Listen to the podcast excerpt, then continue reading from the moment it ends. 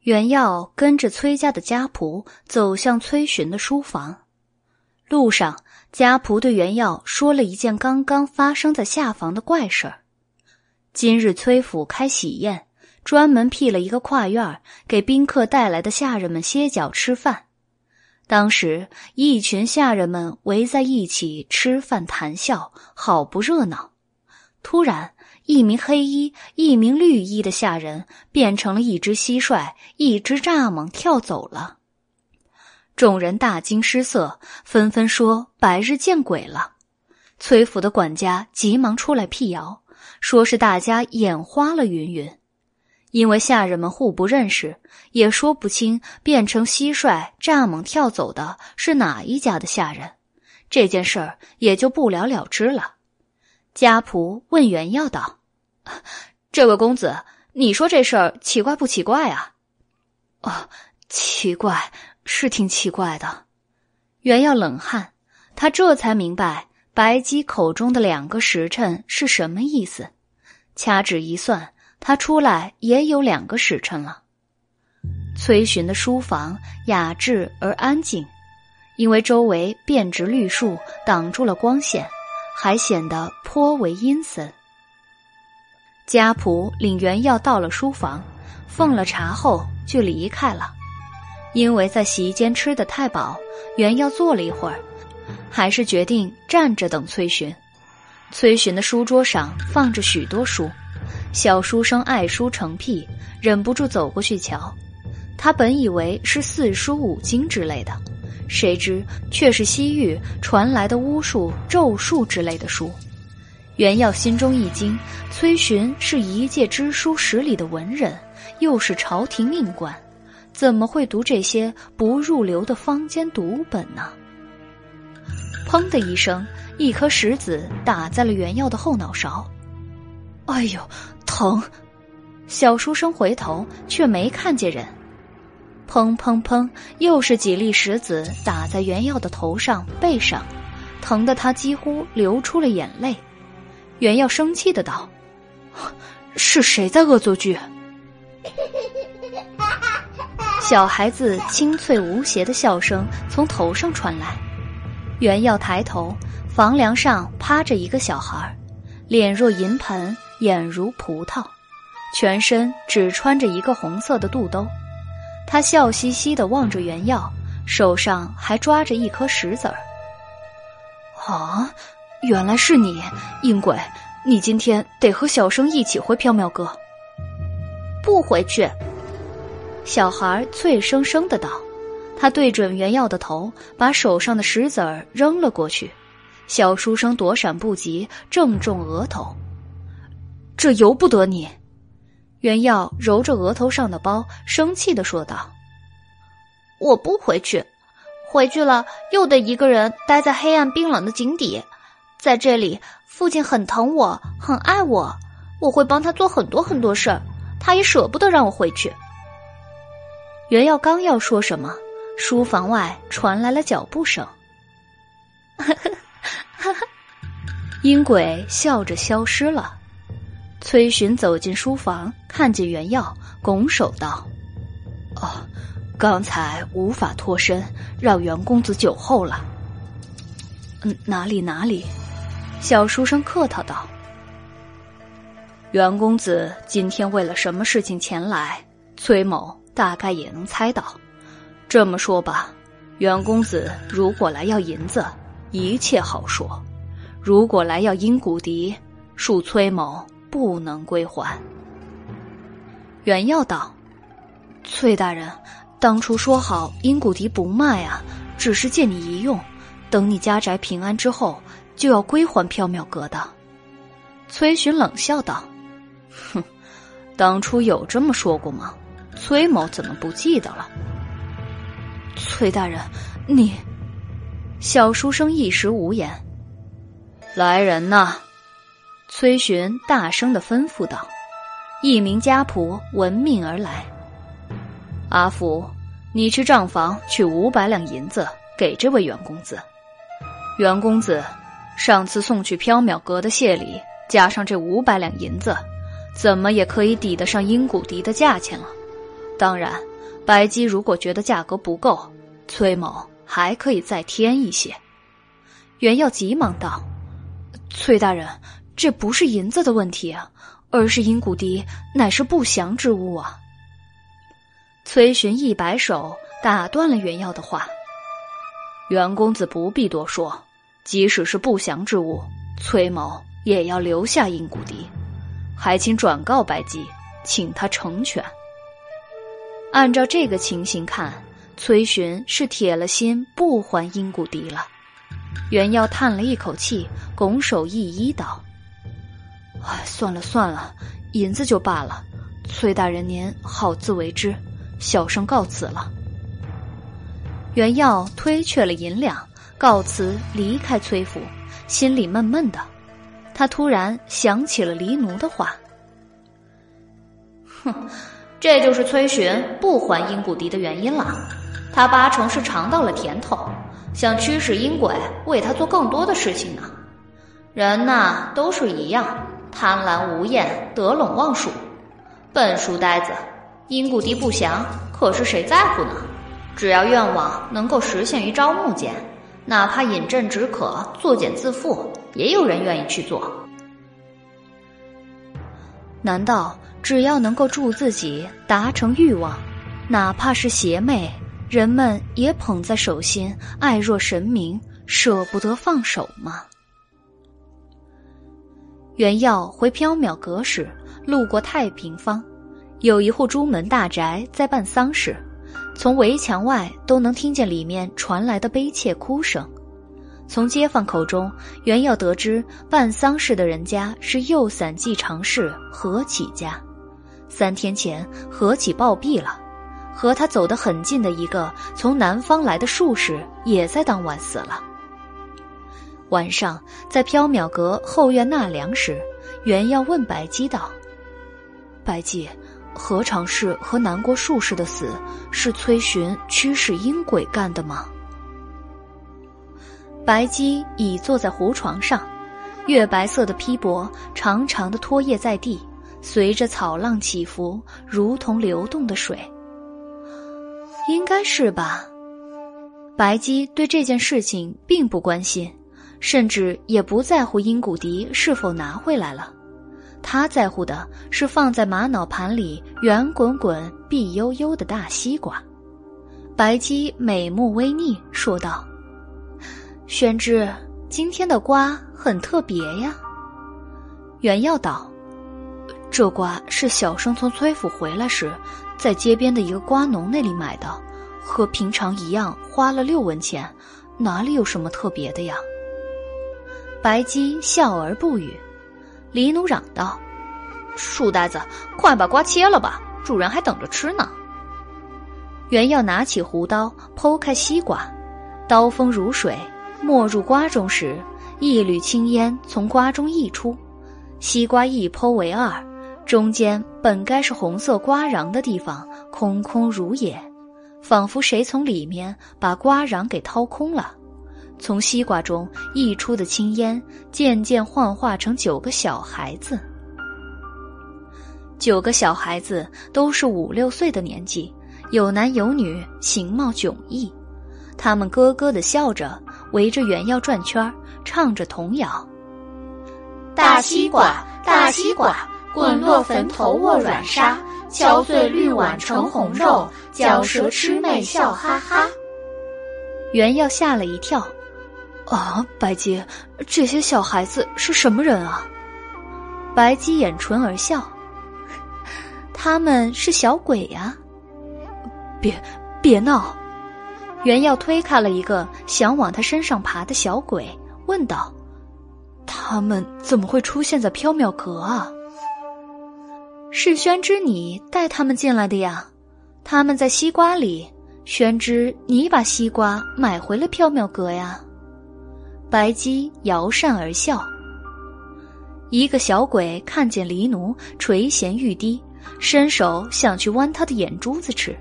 黑猫炸毛，腾的一下，身形变大了数倍，形如猛虎，身姿矫健，尾巴变成了九条，在身后迎风舞动。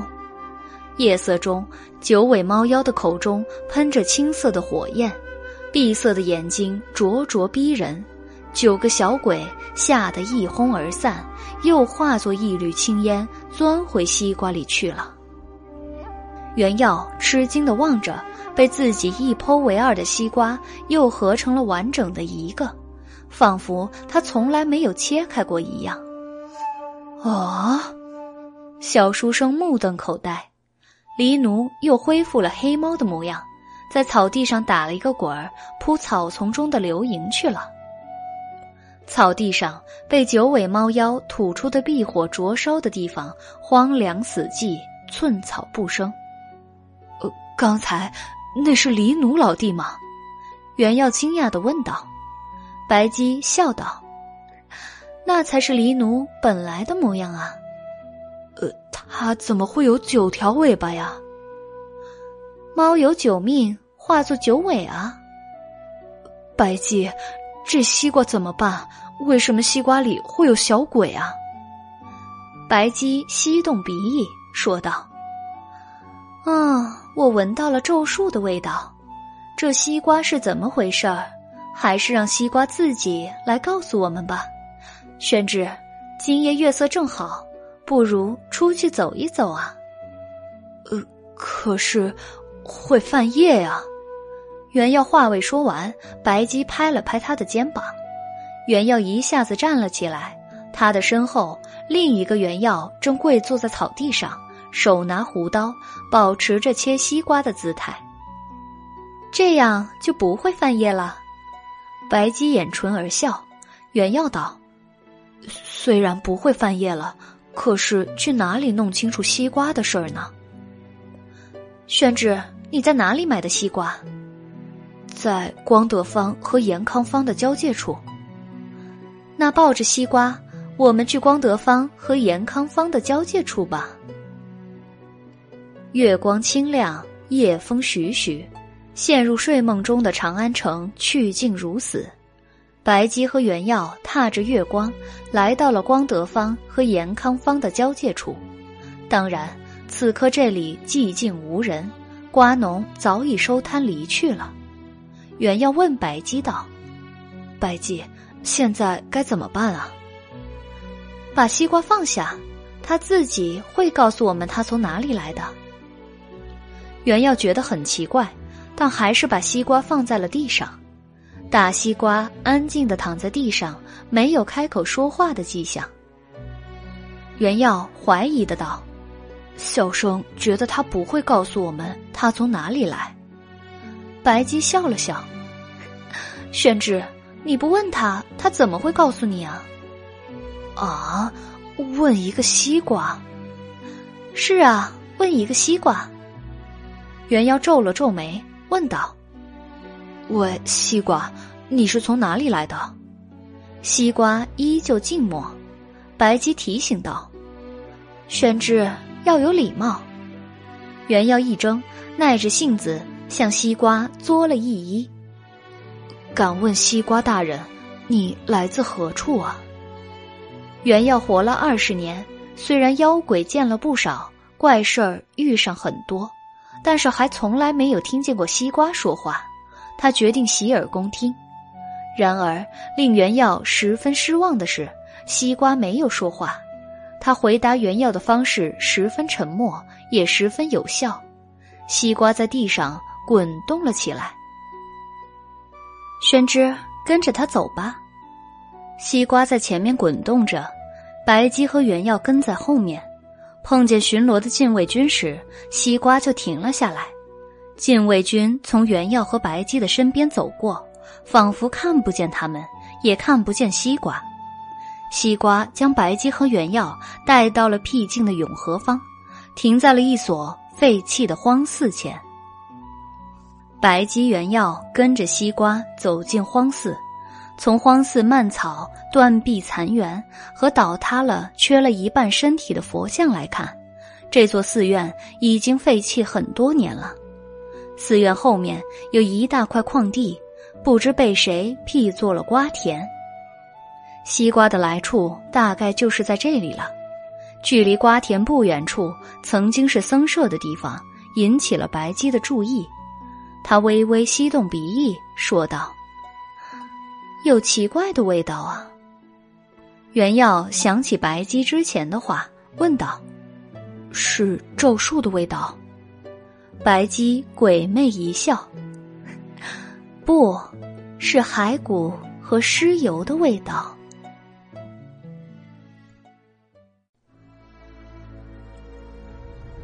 袁耀吓得双腿发软。啊，白姬，你你不要吓小生啊！白姬走向僧舍。袁耀想了想，还是决定跟上，因为一个人留在原地，他更加害怕。白姬在僧舍前大约十步远的地方，蓦地停住了脚步。袁耀走的惶急，没有刹住脚步，径自走了过去。可明明眼前什么也没有，他却似乎撞上了一堵墙壁，被弹了开去。哎，怎么回事儿？袁耀奇怪的问道。白姬道：“术士的结界，宣之退后。”袁耀赶紧退后几步，站在了白姬的身后。白姬伸出手，轻轻的触碰结界，虚空中的结界在他的手底渐渐显现出神奇的脉络，无数原要看不懂的文字和符号化作光般旋转流动。白姬口中念着一句不知道是什么的咒语，原要听见虚空中传来冰层破裂般的声音，那些旋转流动的文字和符号顷刻间暗淡了光亮，继而消失不见了。白姬继续往前走，原要跟上，这一次前方没有了透明的墙壁。白姬来到僧舍前，伸手推开了腐朽的木门。吱呀一声，门开了，一股难以言喻的恶臭扑鼻而来，原耀胃中一阵翻涌，几欲呕吐。白姬皱了皱眉，走进了僧舍中，原耀捏着鼻子跟上。由于屋顶年久失修，月光从瓦缝中漏入，依稀可以看见室内的情形。屋内的青龙方位供奉着一尊阴沉的佛像。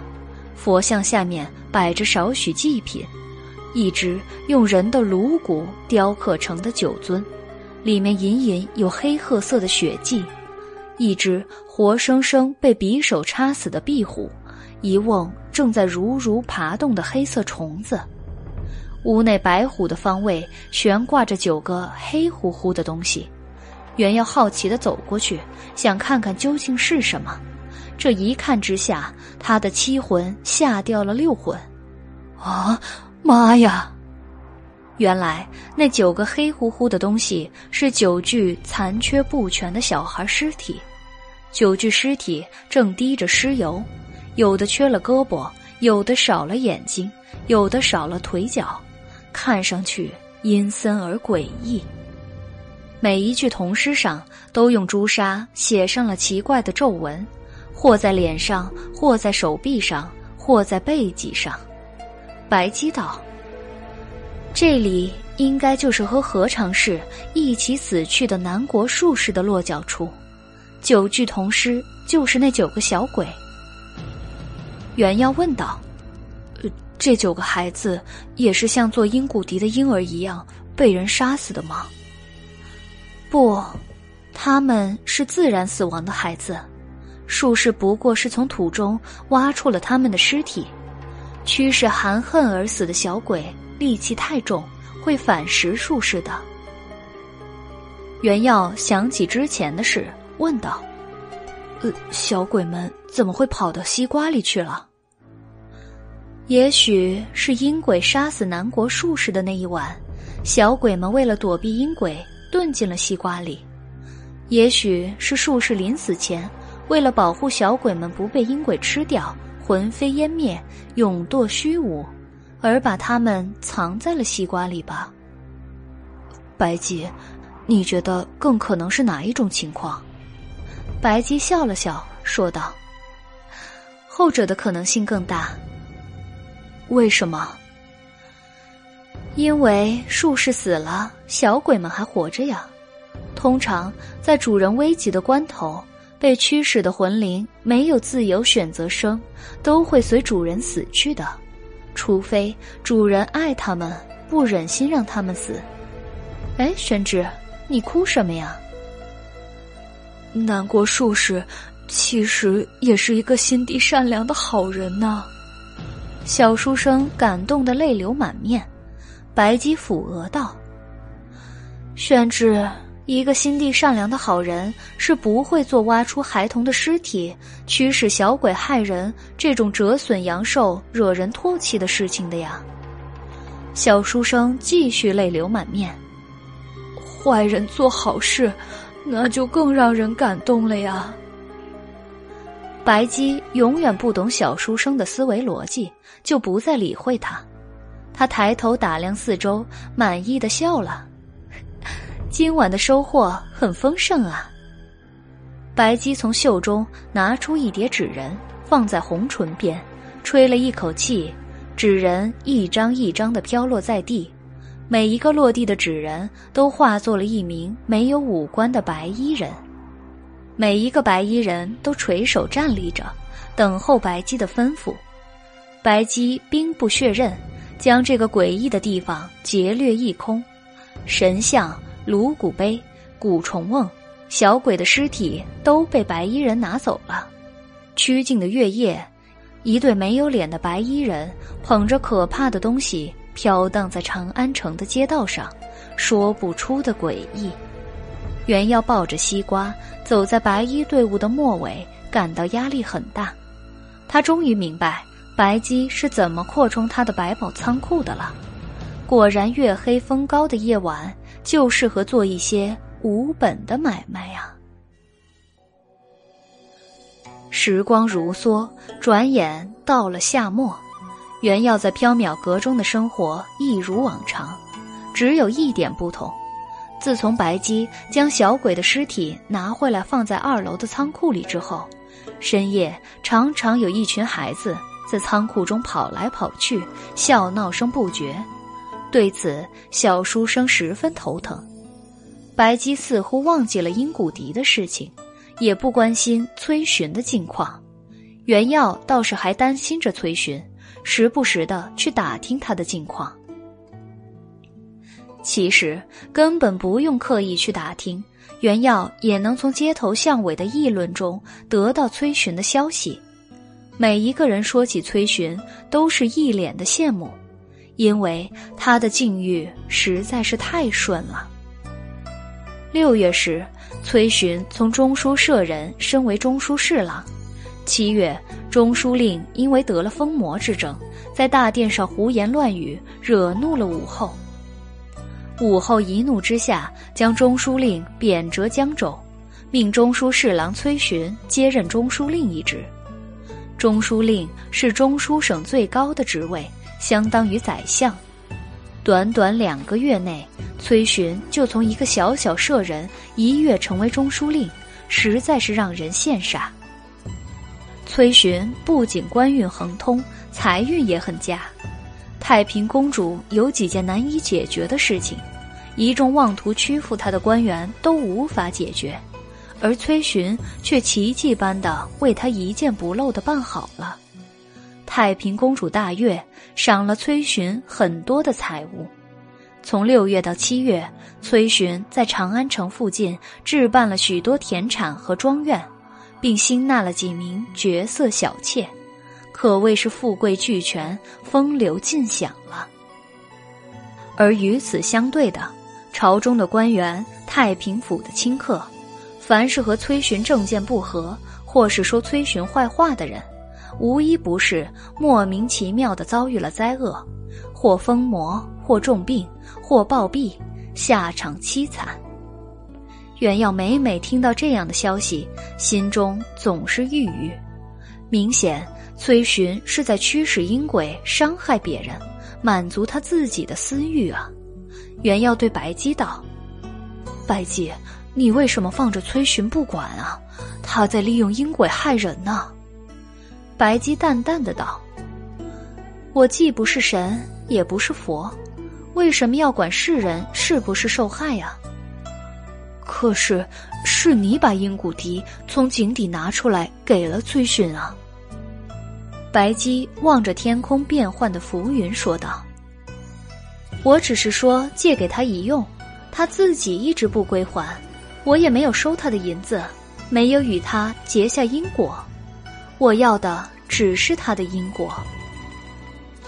可是，他这么做坏事，总觉得被他害的人很无辜啊。”小生看不下去了，小生要去崔府向他要回阴谷笛。小书生义愤填膺，就要去崔府。白姬拦住了袁耀：“玄之，你不能去。为什么？”白姬的表情有些可怕。因为我不许，任何人，无论是谁，都不可以破坏我要的因果。这是我经营缥缈阁三千年来唯一的意义。原耀从来不曾见过白姬露出这么凝重可怕的神色，心中一耸，不敢再去崔府。但是他还是心有不甘的问道：“难道就这么一直放任崔寻害人吗？”白姬淡淡的道：“物极必反，天道循环。”没有人会一直顺风顺水下去的，害人者终会被人所害。阴鬼再强大，也会遇见比他更强大的事物。袁耀听不懂白姬的话，难道他的意思是放任崔寻继续害人吗？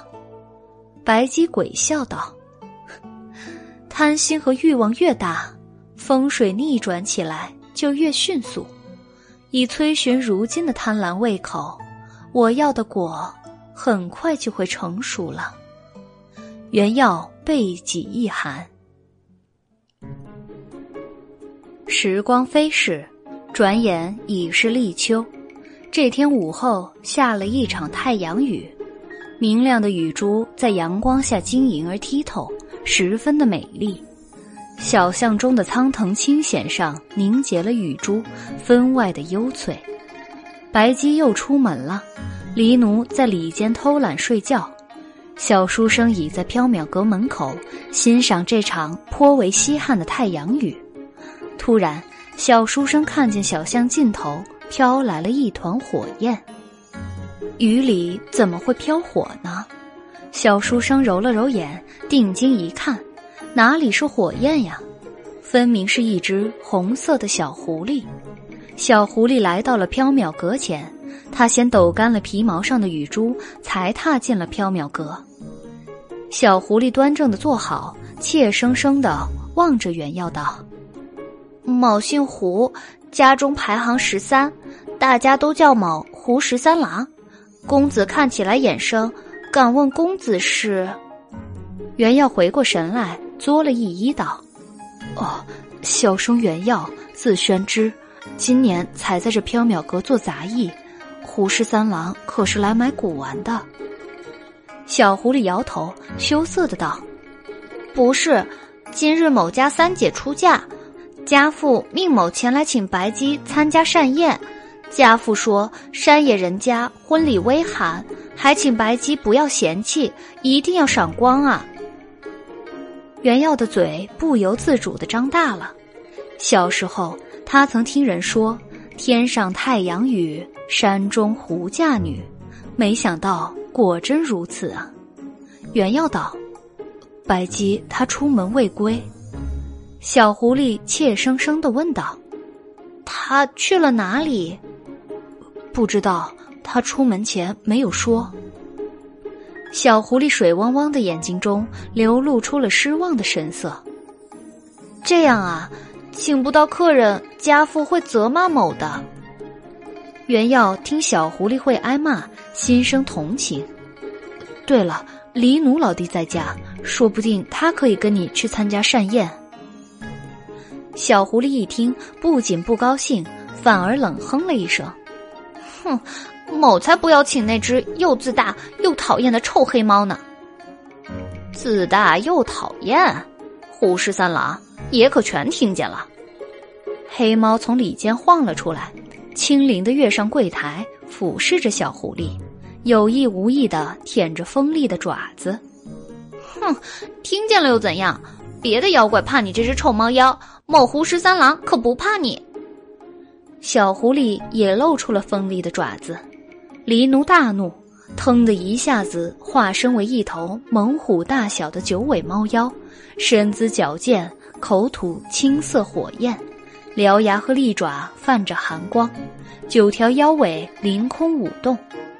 虎十三郎，今天也要吃了你！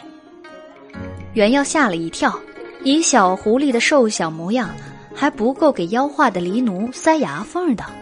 虽然原耀害怕黎奴，但还是挺身挡在了可怜巴巴的小狐狸身前。呃，黎奴老弟，你冷静一点。十三郎是客人，你吃了他，白姬会生气的。袁公子，你且让开，让某来好好教训教训这个不知天高地厚的猫妖。袁耀觉得身后有些不对劲儿，因为胡十三郎的声音不是从下面传来，而是就在他的耳边。袁耀回头，又是一惊，那只可怜兮兮的小红狐狸不见了，在他身后的庞然狐兽体型竟然比黎奴还要大一些。火狐尖嘴獠牙，额绕白纹，眼睛赤红如血，口中喷出红莲业火。身后摇动着九条巨大的狐尾，小书生只觉得双腿发软，眼前发黑。黎奴龇牙，猛地扑向十三郎。哼，爷最恨除了爷之外，还有长着九条尾巴的东西。毛也看不惯，除了九尾狐族以外，还有东西长着九条尾巴。火狐一跃而起，张口咬向黎奴。原要软倒在地，黑猫和火狐在他头上打得激烈，一会儿黑光闪过，一会儿红光闪过，两人喷出的妖火烧焦了原耀的头发。哎呀，黎奴老弟，十三郎，你们不要打了，不管几条尾巴，也当以和气为贵啊！原耀抱着头，苦苦的劝道，可是没有人理他。哗啦一声，原耀的衣袖不知被黎奴还是被十三郎的利爪撕破了。原耀吓得一头冷汗，觉得这一爪要是再往上半寸，他可能就身首异处了。哎呀，危墙不可立，危地不可居啊！原耀抱着头，连滚带爬的逃出了缥缈阁。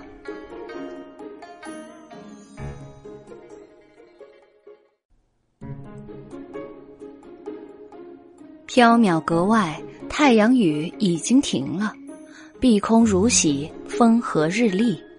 原要匆匆走在小巷中，打算出去避一避，傍晚再回来。他实在没有想到，那只怯生生的小狐狸打起架来竟然如此生猛。哎呀，看来不仅人不可貌相，妖更不可貌相啊！砰的一声，原要闷头走路。冷不防在巷口和一个走得很急的人撞了个满怀，原要抬头，又是一惊。哎呀，哎，崔大人，来人正是崔寻。崔寻比之前胖了一圈，但脸色很憔悴，眉宇间有难掩的愁苦、焦虑和惊慌。崔寻一见原耀，一把拉了他，急忙说道。袁公子，快带我去见白姬，否则我就活不下去了。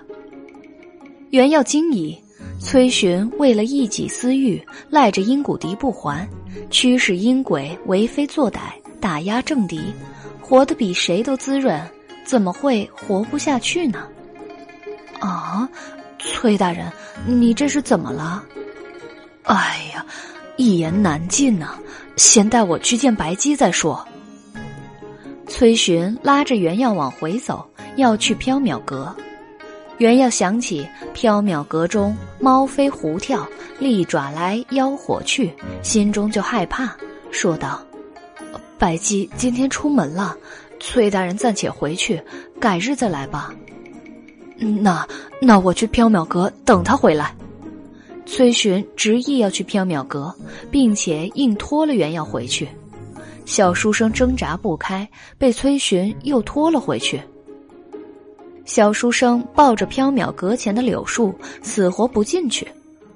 崔大人，今天不宜进缥缈阁啊！一只猫和一只狐狸正在里面打架，恐怕要遭误伤啊！崔寻不信，硬拖着小书生进缥缈阁。袁公子，不要开玩笑了，崔某真的有急事儿要见白姬啊！别说是一只猫和一只狐狸在里面打架，就是一只老虎和一只狼在里面打架，崔某也要进缥缈阁。袁耀没有崔寻力气大，被他硬拖进了缥缈阁。袁耀进入缥缈阁，微微吃惊，两只恶斗的凶兽不见了，白姬正跪坐在凶兽相斗的地方，他的脸色十分不悦，左手拎着一只黑猫，右手拎着一只小狐狸。黑猫在白鸡手中挣扎，似乎还想去挠小狐狸。小狐狸则安静而羞涩地垂着头，似乎知道自己不该在别人的地盘撒野。缥缈阁中几个货架被推倒了，珍宝碎了一地，墙上的几张古画也被烧焦了。袁公子，不是说白鸡不在吗？崔寻责怪的望了袁耀一眼。呃，小生，袁耀语塞。白姬抬起头。望了崔寻、袁耀一眼，笑了笑。崔大人怎么来了？真是难得。我刚回来，想是和宣之差过了，他并不知道我回来了。崔寻尴尬一笑，道：“哦，崔某这次前来是为了归还上次的阴骨笛。”原要一怔，崔寻如今官运亨通，既富且贵，全是借了阴鬼之力啊。他怎么突然想起归还阴谷笛了？难道他终于醒悟了，知道驱使阴鬼害人有损德行，而决定改过自新了？白姬深深的望了崔寻一眼，说道：“崔大人先去里间稍坐，待我将这两只不听话的小东西关好就进去。”好，崔寻拱了拱手，先进里间去了。白姬将黑猫和小狐狸放下，小狐狸怯怯地坐着，黑猫龇牙咧嘴，又要扑上去撕咬。白姬呵斥道：“李奴，不许无礼，还不快去给崔大人送茶！”黑猫不敢忤逆主人，夹着尾巴走了。临走前，他狠狠地剜了小狐狸一眼。小狐狸怯生生地望着白姬道：“对不起。”都是某不好，把缥缈阁弄得一团糟。白姬摸摸小狐狸的头，似乎并不在意一团糟的缥缈阁。十三郎今天怎么会来缥缈阁呀？原耀后来才知道这条奸诈的白龙不计较的原因，原来他早把这一笔损失记在了黎奴的头上。黎奴因为今天的九尾之争，在卖身契上又加了五百年。啊，差点忘记了！小狐狸伸爪一拍头道：“今天某家三姐出嫁，家父让某来请您赴膳宴。家父说山野人家婚礼微寒，还请白姬不要嫌弃，一定要上光。今天缥缈阁有客人，恐怕我不能去了。”白姬歉然道：“他起身走到柜台之后，拿出一个朱漆小盒。白姬将朱漆小盒给了小狐狸。这是一对鸳鸯点翠步摇，替我送给三娘，祝她与夫君百年好合。”小狐狸礼貌的道：“某先替佳姐谢过白姬，既然缥缈阁有客人，那某就先告辞了。”小狐狸行了一个礼，叼起了朱漆小盒，离开了缥缈阁。哎，妖怪也会婚丧嫁娶吗？原耀呆呆的看着小狐狸走远，乍舌道：“白姬掩唇而笑，妖和人一样，都有七情六欲，都有天伦手足夫妇之情啊，自然也有婚丧嫁娶了。”白姬和袁耀来到里间，崔寻跪坐在清月案旁，喝着黎奴端上来的茶。黑衣少年神色郁郁的侍立在一边。白姬来到崔寻对面，跪坐下来。黎奴去把外面清扫干净。是主人。黎奴躬身退下。崔大人，您刚才说您要归还阴谷笛。白姬望着崔寻道。崔寻放下茶盏，从袖中摸出一个笛匣，放在青玉案上。他打开笛匣，有些尴尬的道：“这个阴谷笛已经断了。白森森、光秃秃的阴谷笛已经断作两截，原来是弄断了才还回来的呀。”原要对崔寻有些失望。这是怎么回事儿？白姬问道。崔寻咬了咬牙，决定。和盘托出。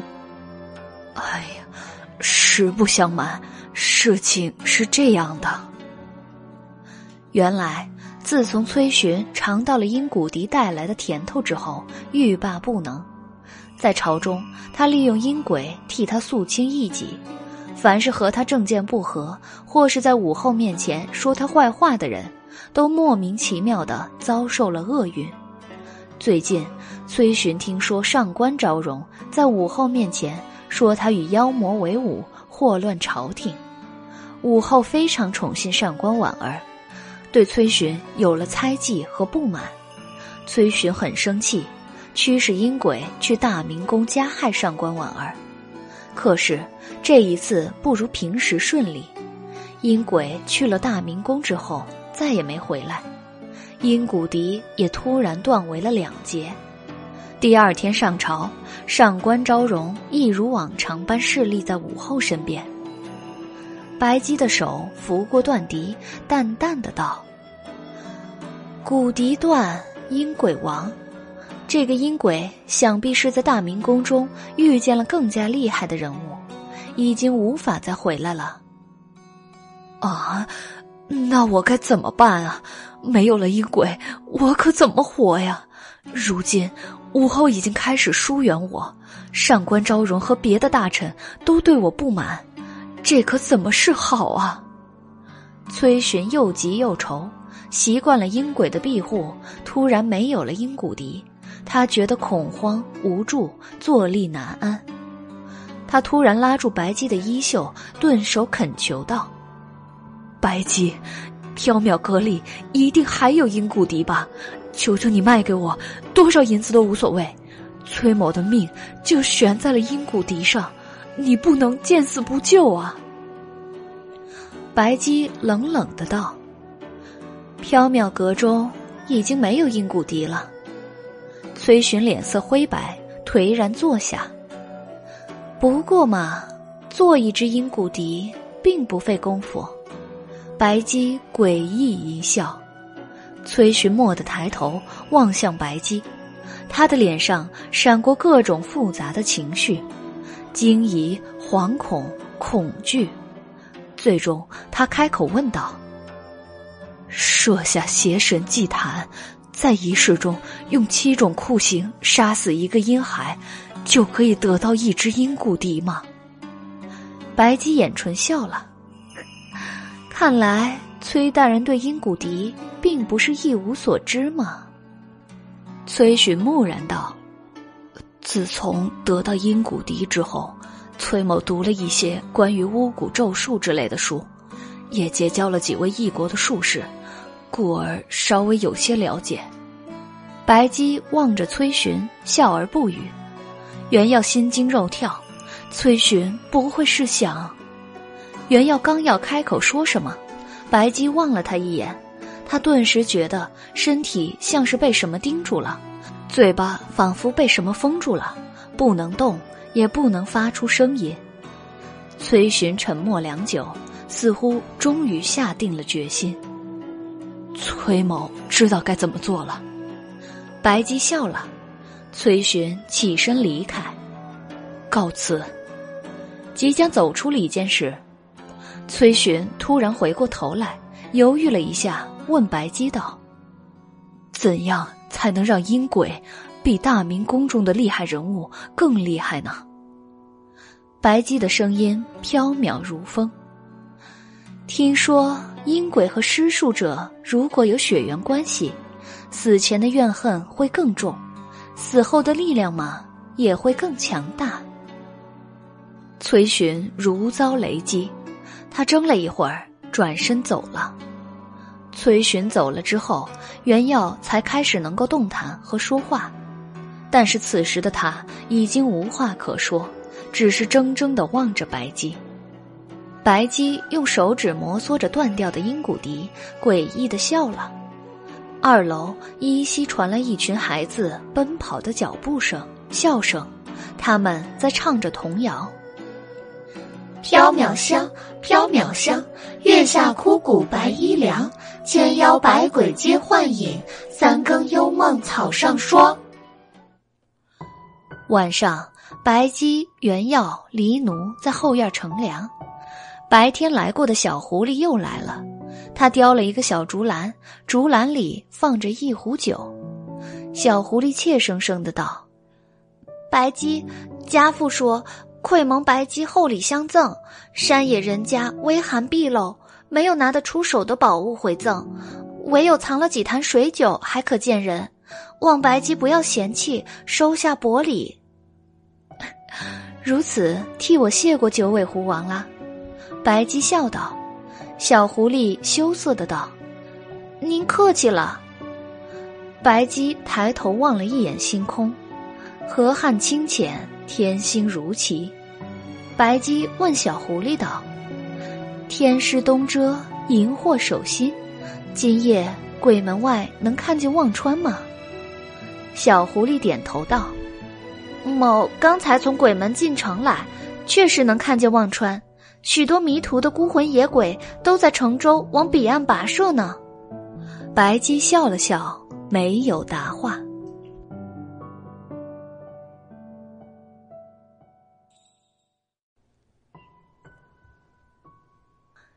送回礼的使命完成，小狐狸起身道：“那么就告辞了。”小狐狸离开之后，白姬突然对袁耀道：“宣志。”忘川陷于鬼门之外，可是百年难得一见的事情呢。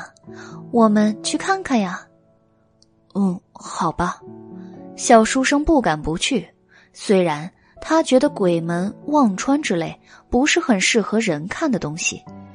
白姬将仓库里的九具铜尸用白绢包成一个大包袱，让袁耀背着，自己挎了一只柳条编制的篮子。篮子里放着小狐狸送的酒，两只玉杯，一盒朱砂，一支毛笔，还有那只断掉的阴骨笛。袁耀背着包袱，哭丧着脸道：“去什么鬼门，看什么忘川也就罢了，为什么还要背着尸体去啊？”白姬笑了：“人多更热闹一些嘛。”袁耀很生气的道。除了小生，哪里还有人啊？小生最近总在怀疑，这个世界上除了小生，是不是就没有人了？自从踏入了缥缈阁，袁耀就一只脚踏在人间，一只脚踏在幽冥，颠倒了昼夜，错置了阴阳，千妖聚万象，百鬼皆化形，连世界都有如幻梦般不真实。玄之啊，看来你得去为府住几天了，不然你可能真的会模糊了人界和非人界的边界呢。白姬淡淡的道：“无论如何，人和非人不是同类，原耀不可能永远待在缥缈阁，终有一日他会回到人群中，再也看不见缥缈阁，看不见白姬，看不见黎奴了。”白姬原耀走到通化门，夜深人静，通化门紧紧关闭，有禁卫军在守夜。白姬带着原耀避开正门，来到一处僻静的城墙边。原耀以为白姬又会要他爬墙，抬头望了望数丈高的城墙，连连摆手道：“这一次，打死小生，小生也爬不上去了。白姬从柳篮中取出朱砂、毛笔，他用毛笔蘸着朱砂，在城墙上画了一扇门。白姬用手一推，门竟然开了。走吧，炫之。白姬走出城外，袁耀吃惊，急忙跟上。白姬和袁耀朝东北走了约半里远，一片鲜艳而诡异的血红色花海和一条缓缓流动的河流出现在两人眼前。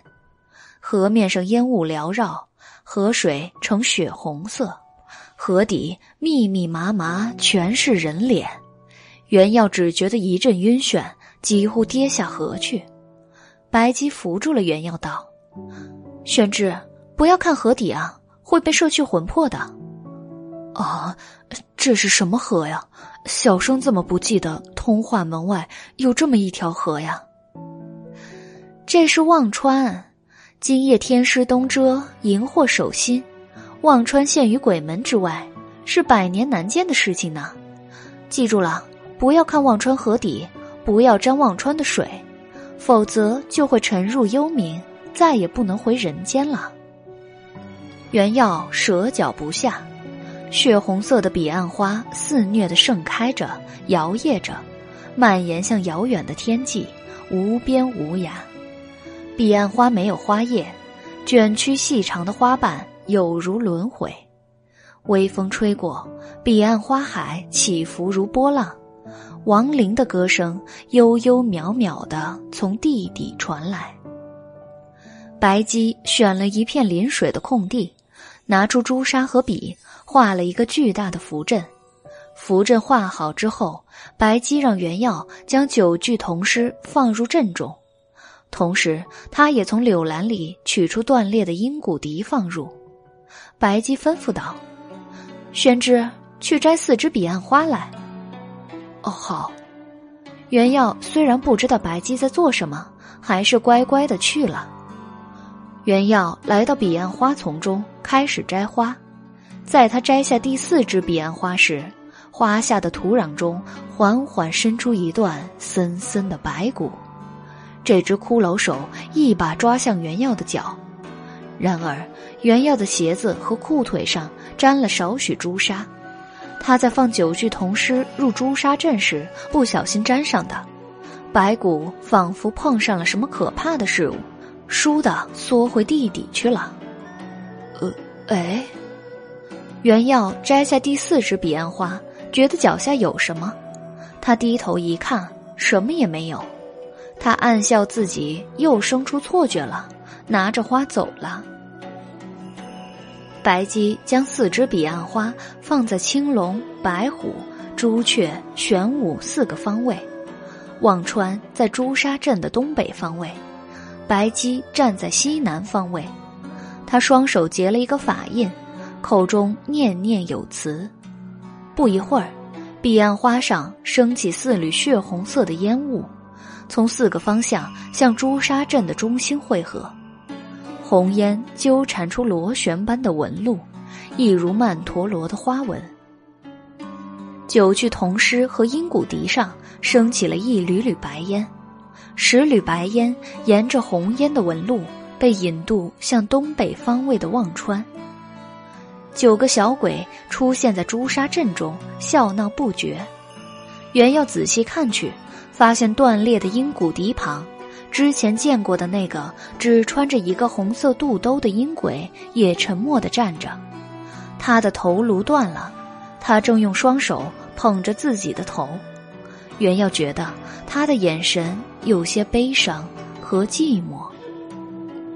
不知何时，从忘川的上游飘来一叶浮舟，十个孩子走向忘川，登上浮舟，沿着河水漂流而下。彼岸花随风起伏，亡灵在夜空中唱歌。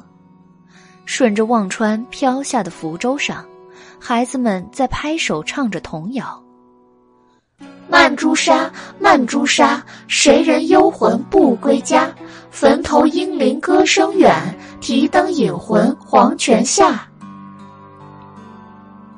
袁耀望着福州渐行渐远，再也看不见了。一阵风吹来，朱砂阵中的九具骸骨和一只阴骨笛都灰飞烟灭，消散无痕了。白姬松了一口气，擦了擦额上的汗珠。白姬一向悠然自若，袁耀从来不曾看见他露出如此吃力的神色，不禁有些奇怪。他自然无法知道，解开不能进入轮回的魂灵的禁锢，引渡背负罪孽的阴鬼和小鬼们去往彼岸，进入六道轮回。即使借助今夜的天时和地利，也还是需要耗费很大的妖力的。白姬，他们去哪里了？彼岸。彼岸在哪里呀？玄之，你踏进忘川就知道了。白姬鬼笑：“哦，不不不，小生还不想去彼岸。”袁耀赶紧道。白姬在朱砂阵中坐下，玄之，给我倒一杯酒吧。哦，好。袁耀来到柳兰边，拿出小狐狸送的酒，酒壶很精巧，不过七寸高。袁耀暗暗觉得小狐狸一家子真小气，这一点酒能够倒满一杯吗？淡碧色的醇酿从壶中倾出，倒入玉杯之中。散发出醇厚且清新的酒香，哎，居然倒满了。原耀将酒递给白姬，白姬品了一口，展颜而笑道：“九尾狐族藏的美酒可是世间极品，连天界的神仙都喝不到呢。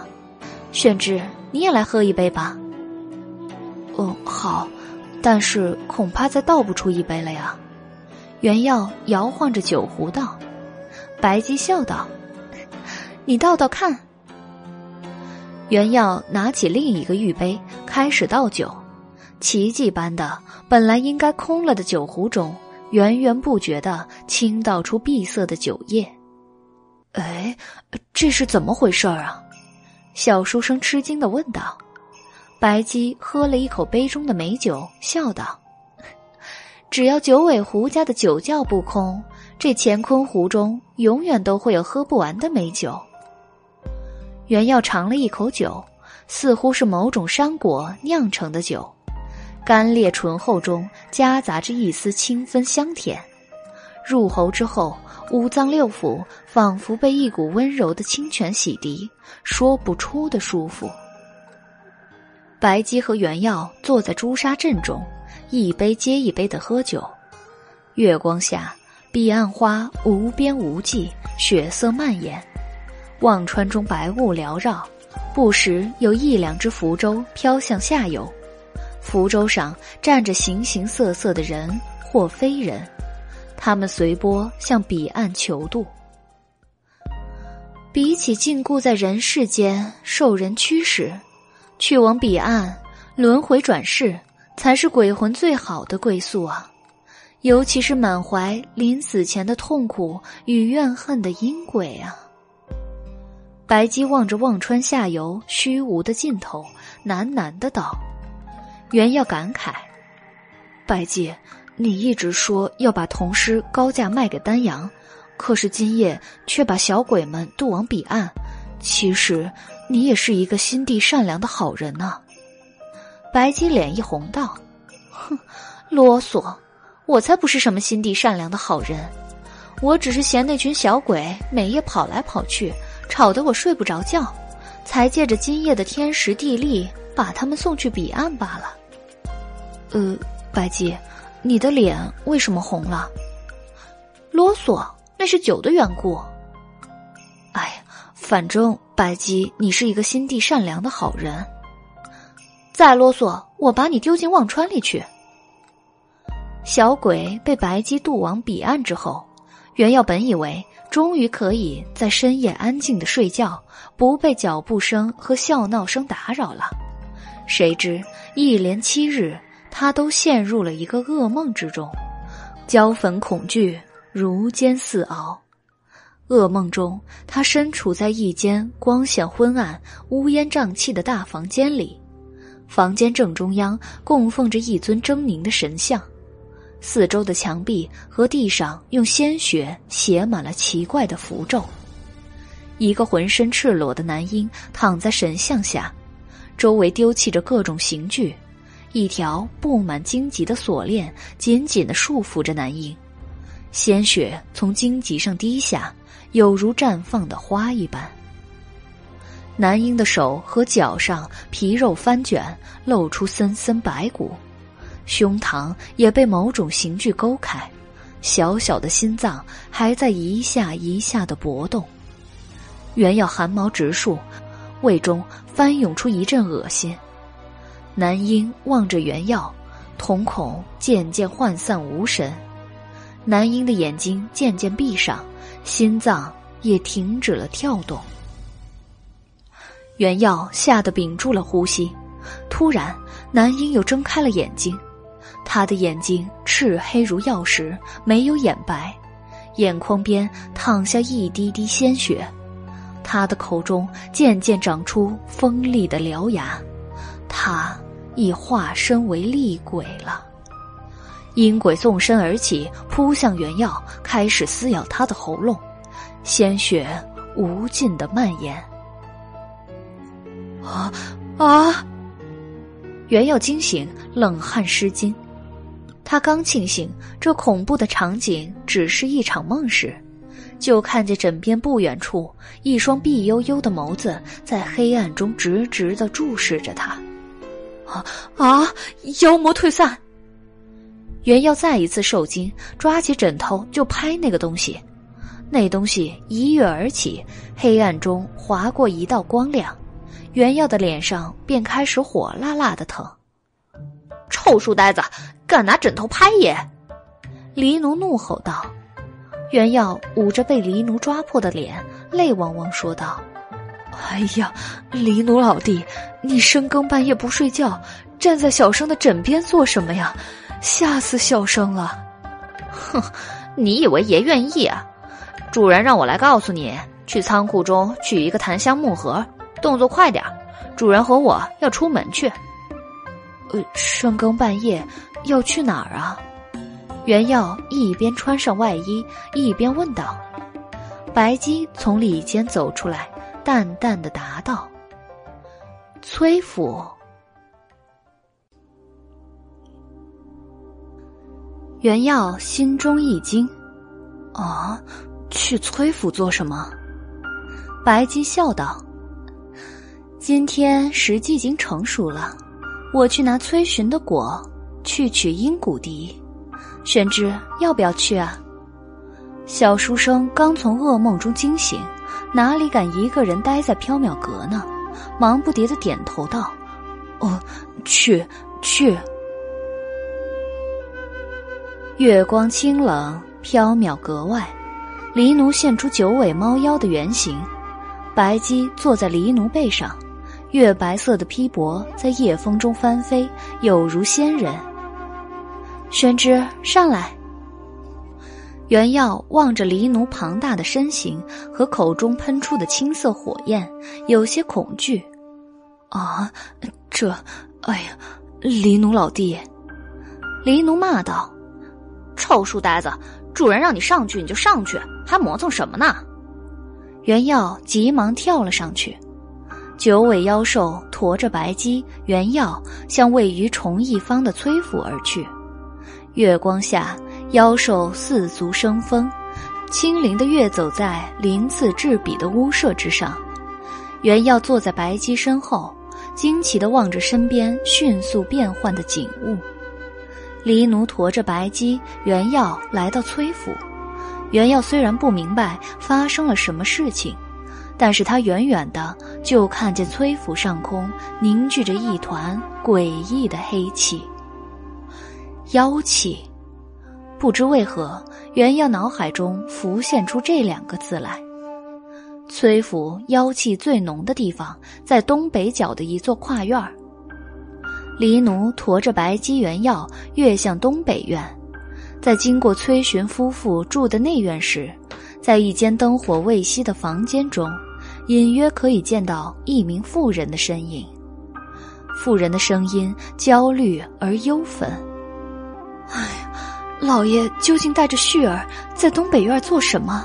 这都已经七天了，他朝也称病不上，中书省也不去，也不让下人们靠近东北院，真是叫人担心啊。”一名丫鬟安慰道：“夫人，您不要担心了。老爷想必是带着小公子在斋戒父神。听说老爷在东北院还设了祭坛呢，还是让人放心不下。明天我怎么都得进东北院看看。夫人，请安心，明天再说吧。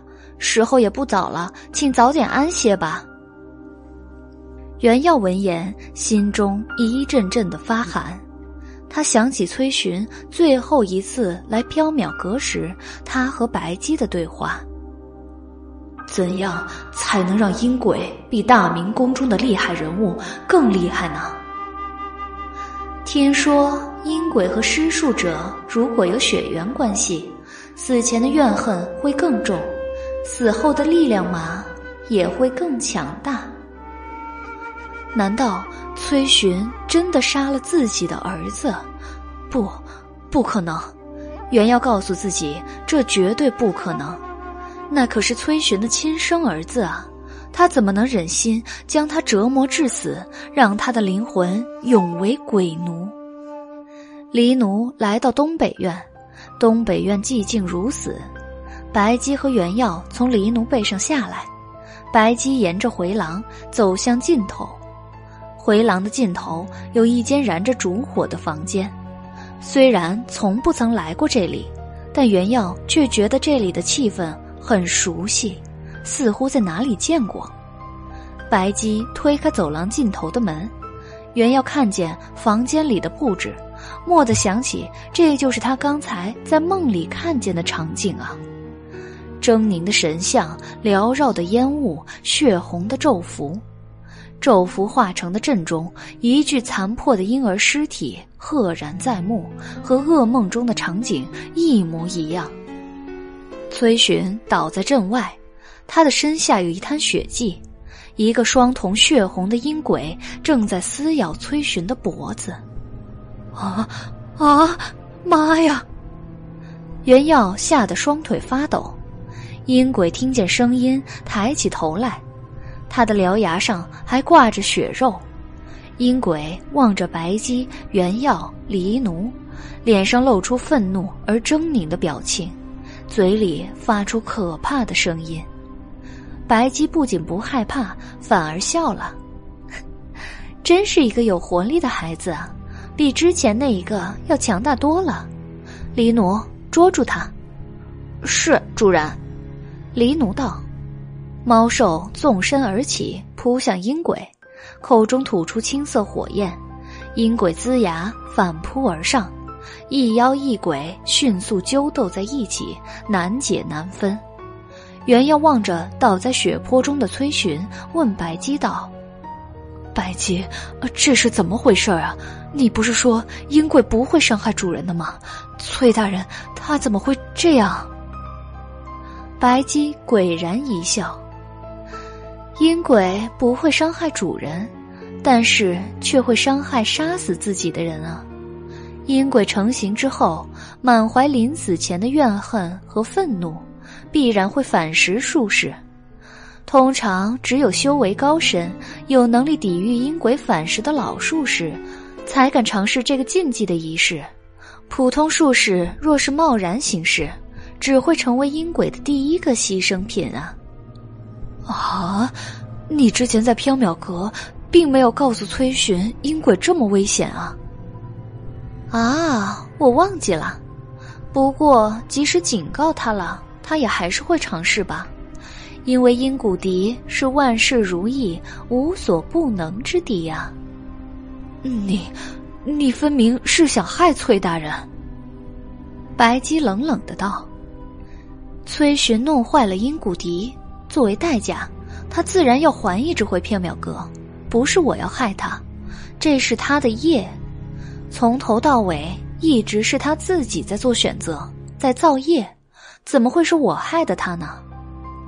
是啊，从头到尾一直是崔寻自己在做选择。如果他在驱走小鬼、家宅平安之后，按约还来阴谷笛；如果他不利用阴鬼为非作歹、满足私欲；如果他能够收敛贪婪，不遣阴鬼去大明宫加害上官昭容；如果他没有贪恋欲望、丧心病狂，为了再得到一只鹰骨笛虐杀儿子，那么今天的一切。就不会发生。袁耀壮着胆子去看崔寻是不是还活着。崔寻身体冰凉，形状可怖，已然死去多时了。阿弥陀佛，阿弥陀佛！小书生吓到了，急忙放开崔寻的尸体，口中连连念佛。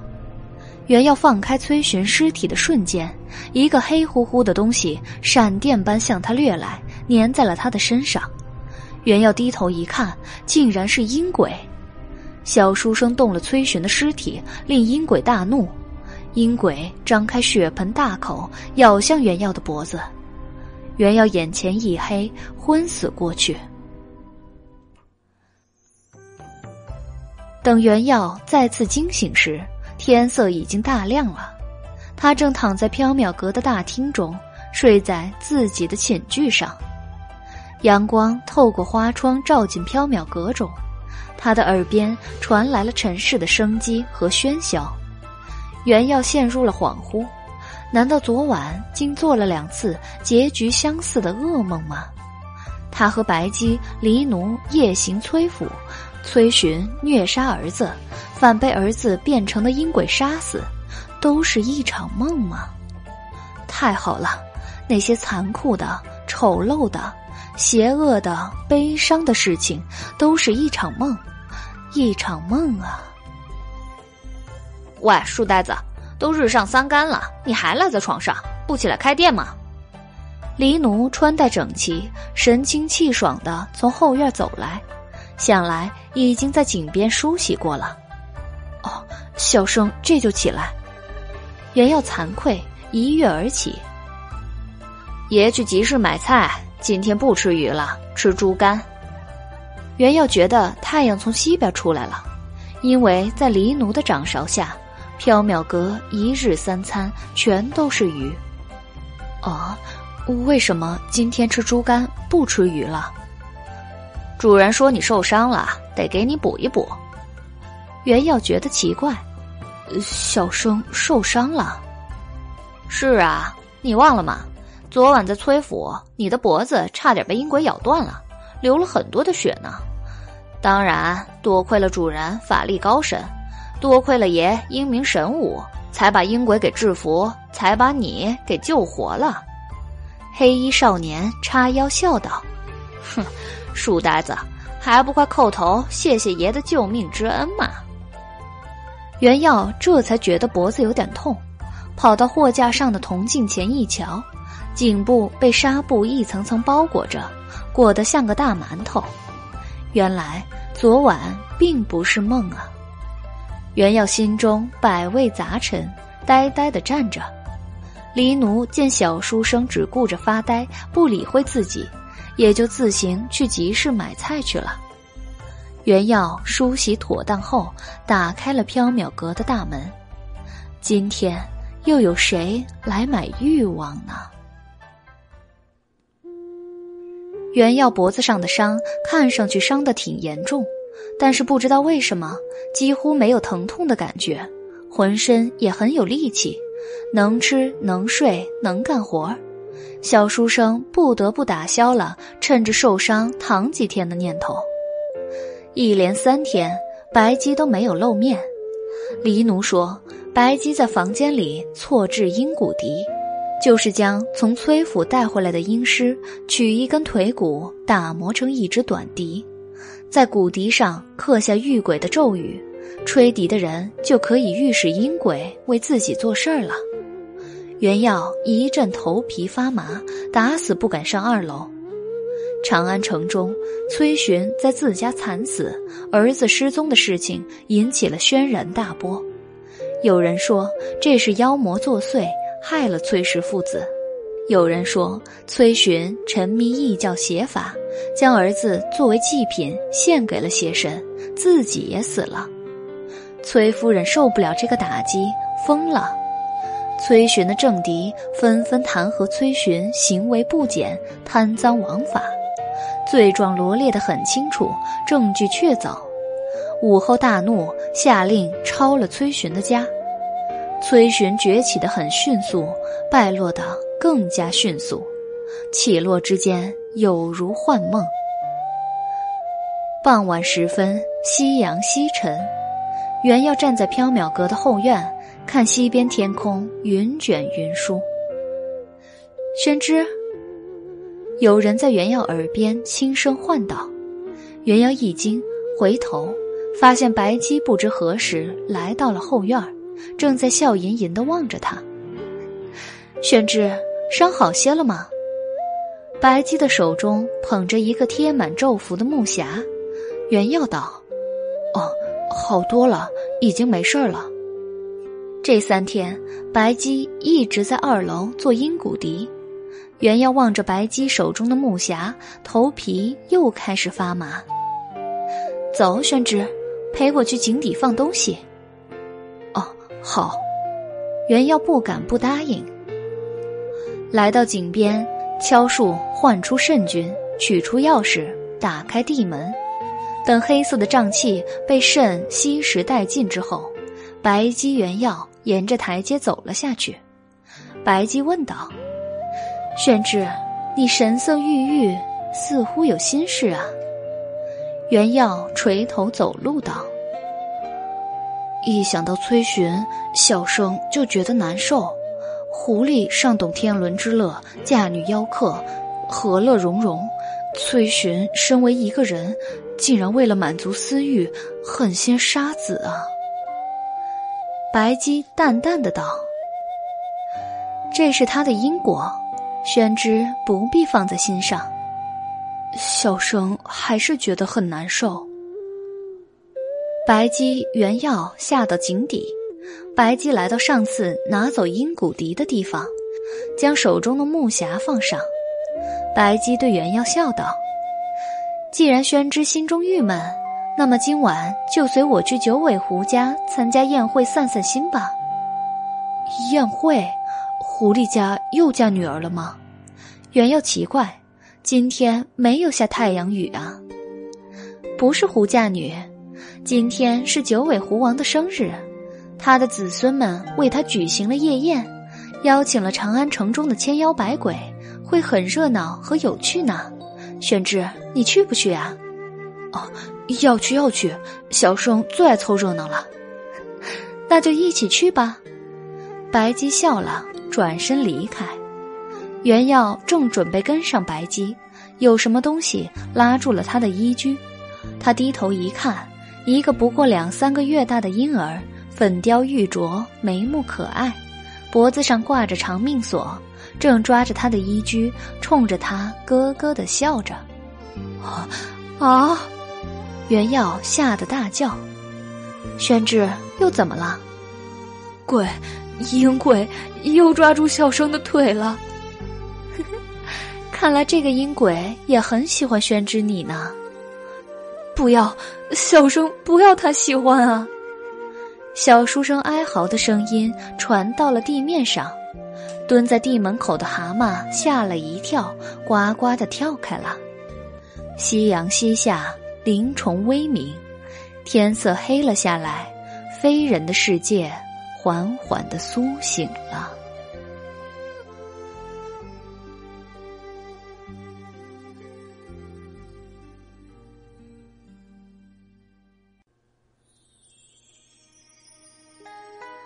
缥缈提灯卷，第三者，竹夫人。长安郊外，曲江芙蓉园内，仲春时节，熏风如沐。曲江畔有许多游人正在踏青赏花。一座八角玲珑亭中，几名华衣公子正在吟诗品花，谈笑风生。在这堆人中。一名衣衫朴素的书生和一名白衣僧人比较显眼。书生正是袁耀，他今天去韦府送韦燕买下的西域蜜香，韦燕正要去芙蓉园赏花，就硬拉了他一起来。袁耀叹了一口气，等回到缥缈阁后，黎奴又要骂他偷懒了。韦燕喝了一口杯中的美酒，笑着对袁耀道：“哎呀，宣之，眼前的景致这么美，你怎么唉声叹气呀？”袁耀小声的道：“小生怕回去后挨骂。”韦燕一展折扇，皱眉道：“白姬还真是苛刻啊！即使宣之你卖身为奴了，他也不能成天使唤你吧？一天假也不给你啊？”韦燕似乎完全忘记是他将小书生卖进缥缈阁的了。另一边，几名华衣公子正在看白衣僧人写字。白衣僧人很年轻，容貌英俊，气质脱俗。袁耀也走过去看，但见僧人的字遒劲飘逸，风骨神俊，心中不由得赞叹：这名僧人名叫怀秀，是青龙寺的住持。也是长安城中最有修为的僧人。据说，他从小就受戒出家，天资聪颖。八岁通读经典，十岁明晓佛意，十三岁时在无遮大会上辩佛，博得几名得道高僧哑口无言。十五岁时，他就成了青龙寺的住持。怀秀心地慈悲，行止端正，大家都很喜欢他。他智慧通彻，学识渊博，大家也都很崇敬他。怀秀写得一手好字，长安城中的人常常向他求字，因为仿佛只要将他的墨宝悬挂在镜室中，就能从中悟出禅理的智慧。今天韦燕等士族子弟在芙蓉园踏春，恰好怀秀经过，大家就拉着他求墨宝。怀秀从不拒绝结善缘、度众生，也就留下给众人写字了。定慧等持意中清净，静心守志断欲无求，修心不二则天去思，形还非真天地易幻。怀秀一一给众人写了下去，原要被轮到了最后，大概是词句穷了，又或者是写的乏了。怀秀随手提笔写下了“色即是空，空即是色”，送给小书生，字迹流畅，一气呵成。多谢怀秀禅师。小书生捧着墨宝道谢。阿弥陀佛，善哉善哉。怀秀双手合十，回礼道：“韦燕看见原耀的墨宝，一展折扇笑了。哎，玄之。”这是怀秀禅师对你的真言啊！你可不能被白姬的美色迷惑了，当心被他吃的骨头都不剩啊！袁耀脸一红道：“丹阳，你不要胡说。”就在这时，八角玲珑亭外走过两名妖娆美丽的女子，杨柳纤腰，风情万种，一众青年男子都忍不住转头去看，神魂颠倒。直到看不见女子仙鸟的背影了，听不见女子盈盈的笑语了，大家才回过头来。袁耀发现只有怀秀没有去看，他静静的站着，似在垂手念佛。袁耀不由得暗赞怀秀的品性和修为。宴会下午才散，袁耀抱着墨宝回到缥缈阁时，已经是傍晚了。从夕阳西下到弦月东升，黎奴絮絮叨叨的将小书生骂了一个狗血淋头。小书生不敢辩驳，默默的忍受。掌灯之后，袁耀闲来无事，摊开了怀秀的墨宝观看。色即是空，空即是色。袁耀轻轻的念着：“ 宣之，你想出家啦？”一个轻婉的女声从背后响起，吓了袁耀一跳。袁耀回头一看，白姬手持团扇，笑着站在他背后。白姬今天一天都不在缥缈阁，不知道干什么去了。原耀道：“哪里？小生还不想出家呢。不想出家，那你念什么禅语啊？”白姬走到货架边，从衣袖中拿出一个东西，放在了一块端砚的旁边。原要定睛望去，那是一个竹制的碧鸽，通体碧绿，纹刻牡丹。小巧而雅致。今天小生得到一幅墨宝，是青龙寺的怀秀禅师写的。白姬，你来看看。怀秀，那个长安城中最有德行的年轻和尚吗？白姬走过去观看怀秀的墨宝。嗯，是啊。怎么样？他的字看起来有一种超尘脱俗的意境，想来也是一位超尘脱俗的人吧。白姬凤目微睨，红唇一挑，未必。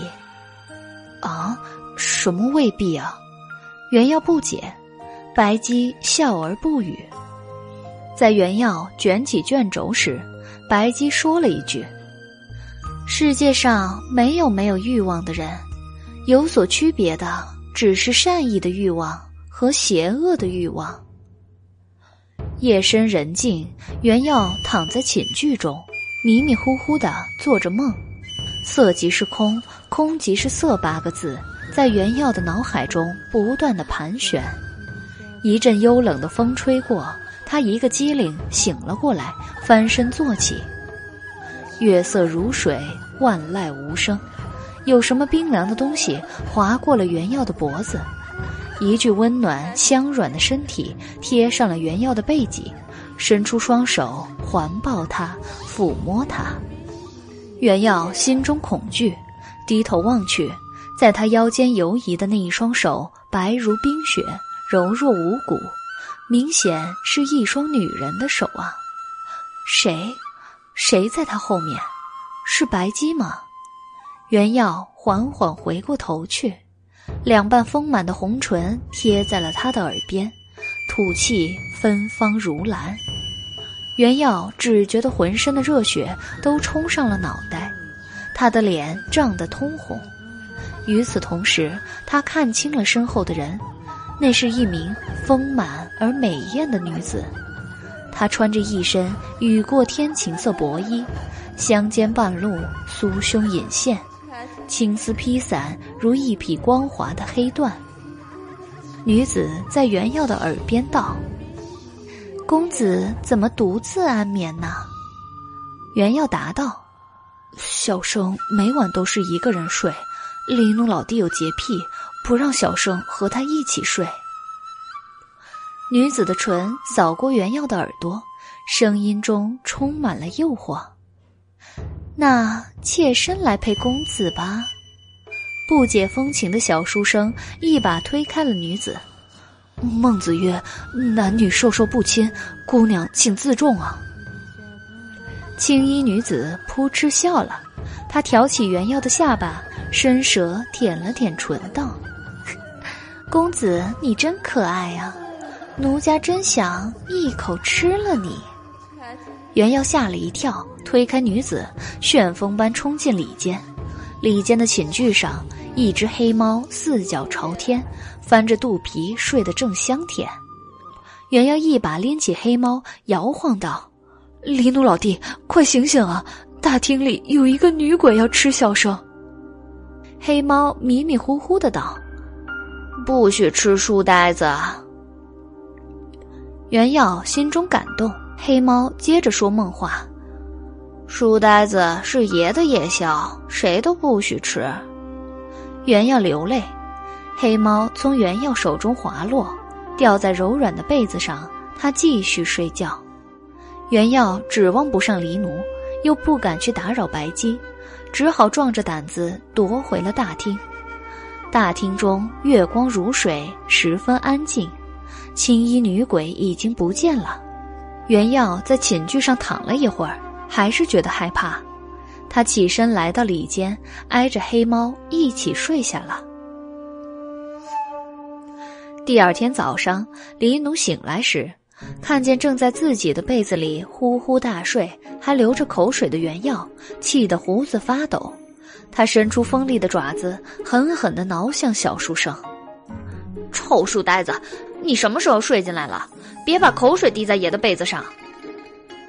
吃过早饭之后，在殿中闲来无事时，原耀向白姬说起了昨晚遇见女鬼的事情。白姬问道：“那女鬼长得什么模样？”原耀挠头：“长得很美，穿着一身青色的衣裳。青色的衣裳。”白姬的手抚过货架上的竹制壁歌，红唇挑起一抹鬼笑。宣志，你昨晚睡觉时一定在想空和色的问题吧？袁耀奇怪，哎，你怎么知道？他昨晚确实在琢磨怀秀的墨宝。宣志，以人类的寿命来算，你的年纪也不小了，也到了该成亲的年纪了。不如你就和昨晚见到的竹夫人成亲吧，她一定很喜欢你。袁耀的脸涨得通红，不要胡说，小生怎么可以和女鬼成亲啊？你不喜欢女鬼，那就一定是有意中人了。说吧，宣之，你看上哪家的姑娘了？我去替你做媒，将她娶来缥缈阁。当然，聘礼得从你的工钱里扣。袁耀红着脸道：“不要胡说，小生哪里有意中人？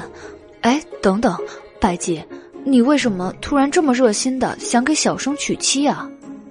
白姬眼唇鬼笑道：“因为宣之你娶妻生子之后，我就会有许多小宣之可以使唤啦。等小宣之们长大之后娶妻生子，我又有许多小小宣之可以使唤啦。”黎奴伸出粉红色的舌头，舔了舔嘴唇，道：“嗯，小书呆子和小小书呆子一定比书呆子更加美味。”袁耀一身恶寒，他暗暗发誓，宁愿出家为僧，也绝不让这两只妖怪的如意算盘打响。今天缥缈阁中的生意又十分冷清，白姬在后院晒太阳。黎奴倚在柜台后面吃鱼干，袁耀拿着鸡毛掸子给古董掸灰。突然，有人走进了缥缈阁，袁耀侧头看去，原来是韦燕。韦燕还带着一名神骨秀逸的僧人，正是怀秀。韦燕看见袁耀在掸灰，一展折扇笑了：“哎呀，玄之真勤劳啊！”黎奴笑着迎了上去。韦公子，您今天又想买什么宝物啊？韦燕笑道：“啊，今天不是我买东西，是这位怀秀禅师想买一方好砚台。白姬去哪儿了？怎么不出来迎客呀？”黎奴笑道：“主人在后院呢，我这就去请他来。韦公子和怀秀禅师，请先随便看看。”黎奴虽然这么说了，但自己却不动，只是对原耀使了一个眼色。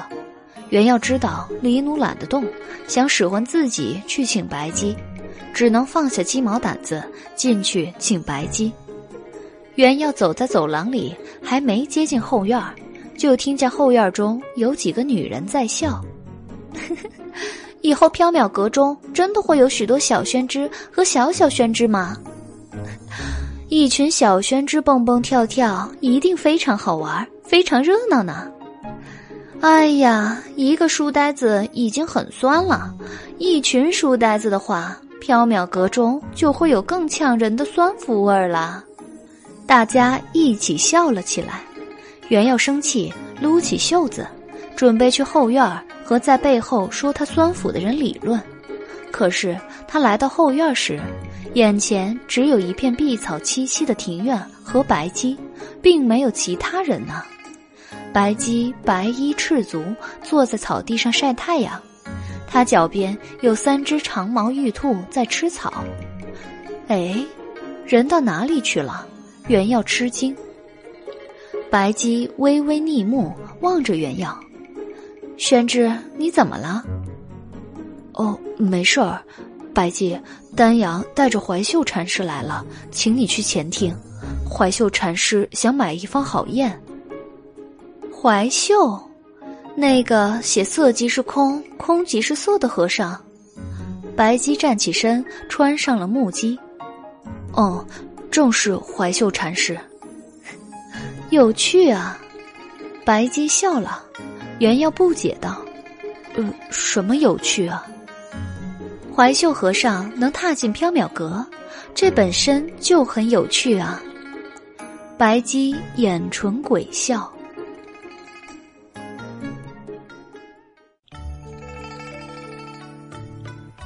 白姬和袁耀来到大厅时，韦燕和怀秀正在货架边看砚台。怀秀的目光盯着砚台边的竹制壁鸽，久久没有移开。白姬看在眼里，他笑着走过去说道：“不知道怀秀禅师想要一方怎样的砚台啊？”怀秀回过神来，他双手合十，垂目道：“阿弥陀佛，贫僧想要一方能写出经文的砚台。”白姬笑了：“难道怀秀禅师的砚台写不出字吗？”阿弥陀佛。贫僧在为七天后的无遮大会做准备，想抄写一份《妙法莲华经》供佛，可是不知道为什么，贫僧无论用什么砚台来磨墨，总是写不出字来。毛笔蘸上墨之后，写在纸上就变成了水，水干之后了无痕迹。大家都说这是妖魅在作祟，但是贫僧念经复邪之后，还是写不出经文。眼看。无遮大会就要开始了，贫僧很着急。听韦施主说，缥缈阁中贩卖各种奇珍异宝，贫僧就来寻一方能够写出经文的砚台。白姬的笑容更深了。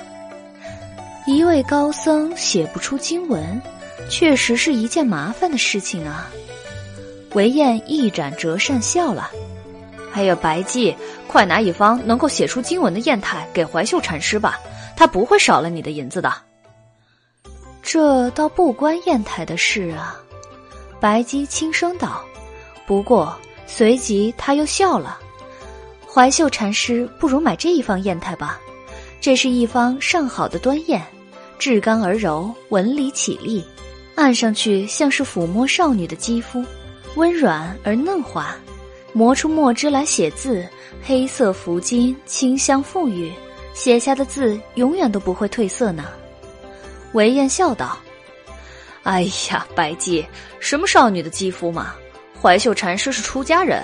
再说了，怀秀禅师要买的是能够写出字的砚台，不是写出的字永不褪色的砚台啊。”白姬笑了，说道：“这端砚当然能够写出字了。”怀秀禅师可以先试一试吗？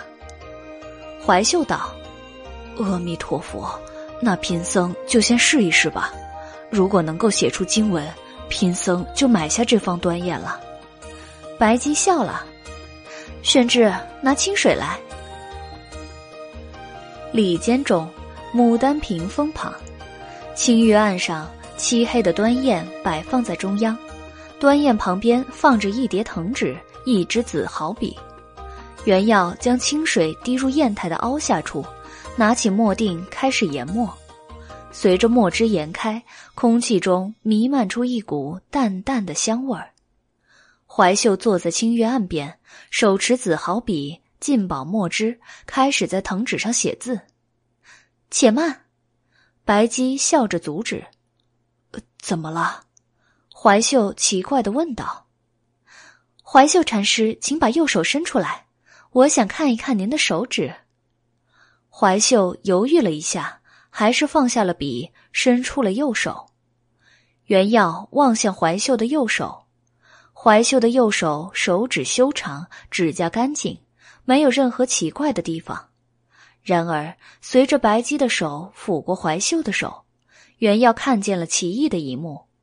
怀秀的手上缠满了头发一样透明的细线，细线将他的五根手指缠成了五个茧。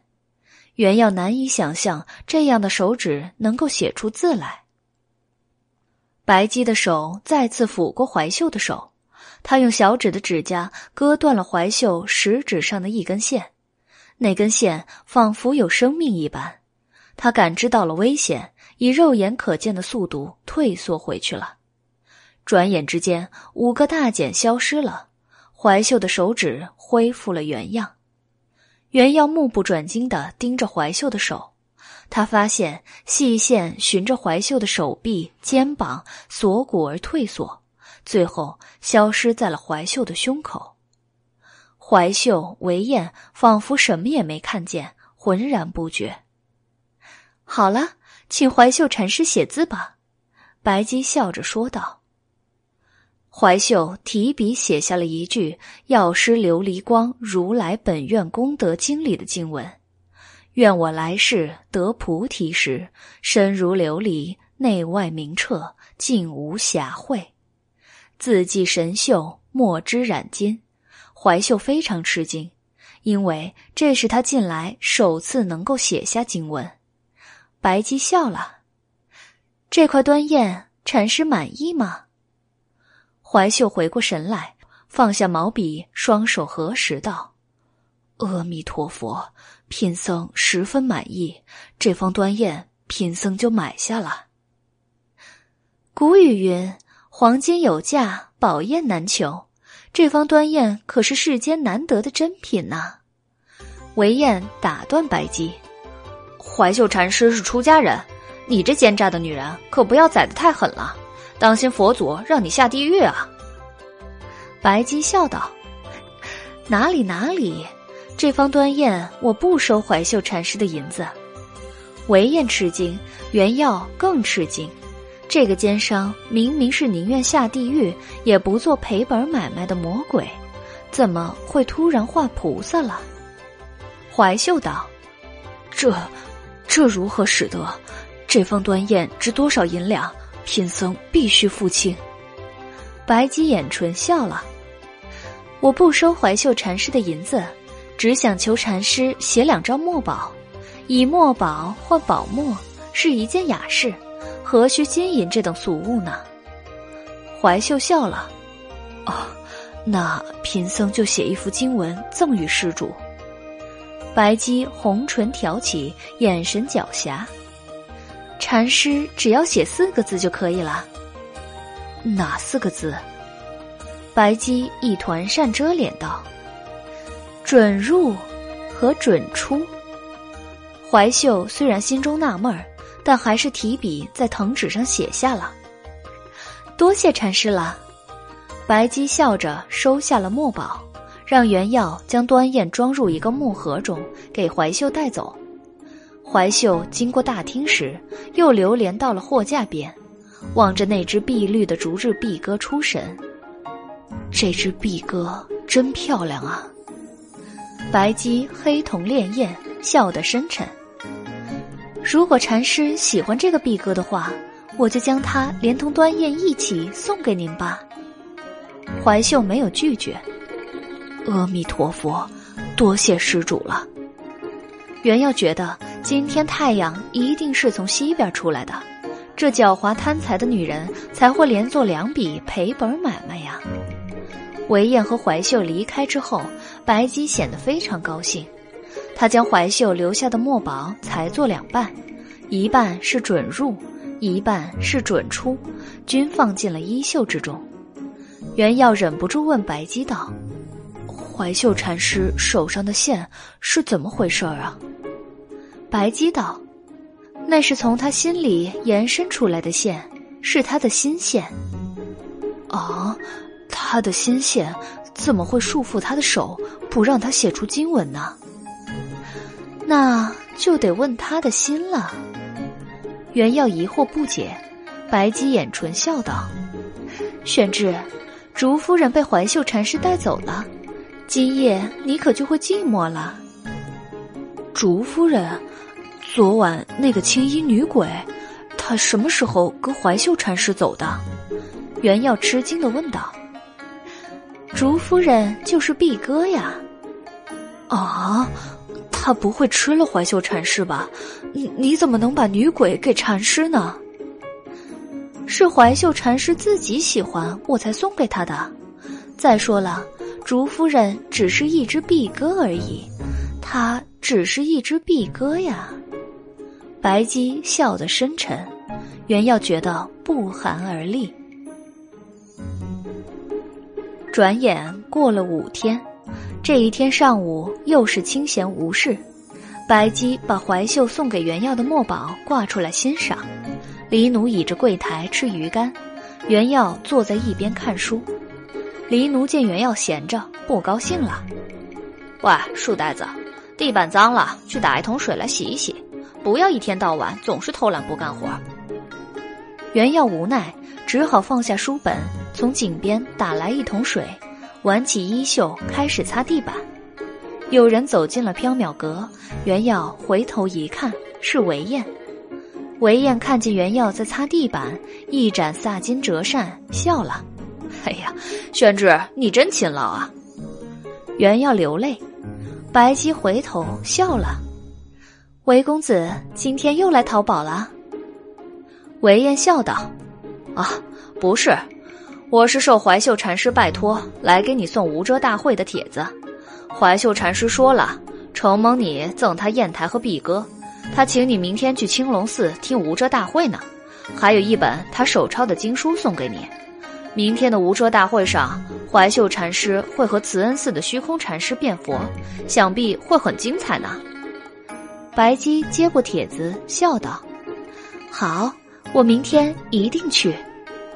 哦，另外今天把宣之借给我一天吧。你要宣之干什么？”我和几位朋友要去芙蓉园开诗会，人太少了，拉他去凑个数。白姬笑了，没问题，借宣之一天十两银子。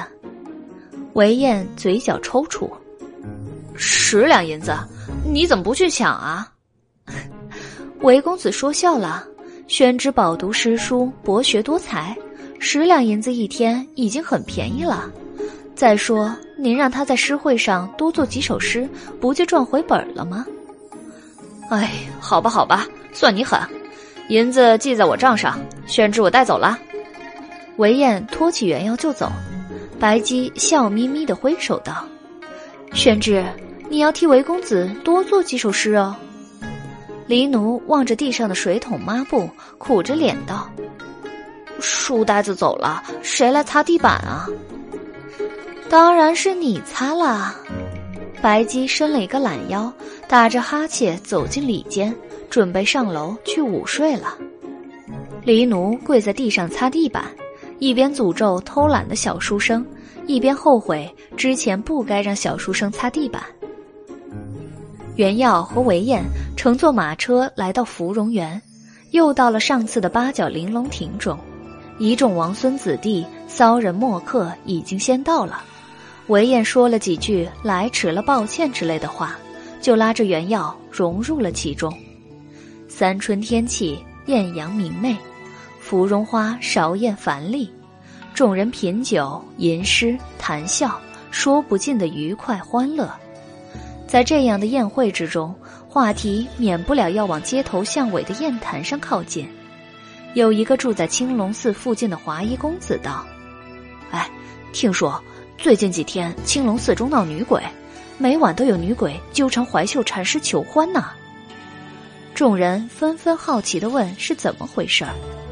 华衣公子接着说道：“据青龙寺的僧人说，怀秀禅师抄写经文时，总有一个美艳的青衣女鬼坐在他身边，替他研墨，诱惑他交欢呢。”众人更加好奇了。啊！怀秀禅师是什么反应？他被诱惑了吗？哎，怀秀禅师是得道高僧，怎么会被女鬼诱惑把持不住呢？他每晚只是全神贯注的抄写经文，心无旁骛。女鬼觉得无趣，也就退了。哎呀，怀秀禅师如此定力，坐怀不乱，真是得道高僧啊！众人纷纷赞道。原样目瞪口呆。美艳的青衣女鬼，难道是竹夫人吗？白姬不是说竹夫人只是一只碧鸽而已吗？为什么他看见了青衣女鬼，怀秀禅师和青龙寺的僧人也看见了青衣女鬼呢。哎，宣之，你发什么呆啊？韦燕碰了一下原药，原药随口道：“哦，小生在想青衣女鬼。”韦燕一展折扇笑了：“ 原来宣之你有这个癖好啊，喜欢艳鬼。”原耀脸红了，分辨道：“哎呀，丹阳，你不要胡说，小生才不喜欢女鬼呢。”傍晚，原耀踩着宵禁的鼓声回到了缥缈阁。白姬和黎奴已经先吃过饭了。黎奴因为擦了一下午的地板而生气，只给原耀留了两条鱼尾巴。原耀用筷子夹着鱼尾巴，拉长了苦瓜脸，道：“黎奴老弟，这鱼尾巴怎么下饭啊？”黎奴挥舞着拳头，气呼呼的道：“哼，你出去逍遥快活，赏花饮宴，爷在缥缈阁替你擦了一下午地板，累得腰酸背疼。”你的活儿爷替你干了，你的晚饭爷当然也要替你吃了，留给你鱼尾巴已经算是对你不错的了。小书生不敢辩驳，只好啃着鱼尾巴吃了两碗饭。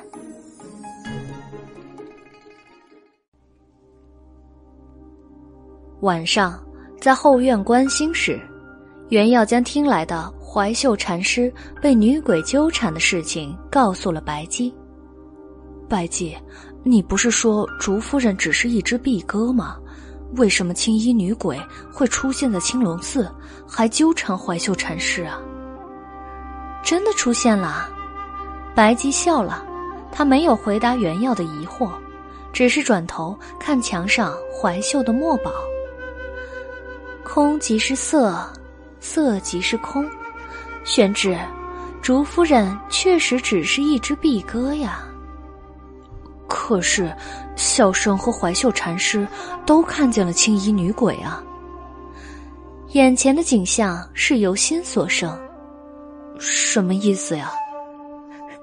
玄之，早点睡吧，明天去青龙寺参加五遮大会，你去听听禅理，也许就会明白这句话的意思了。哦，好吧。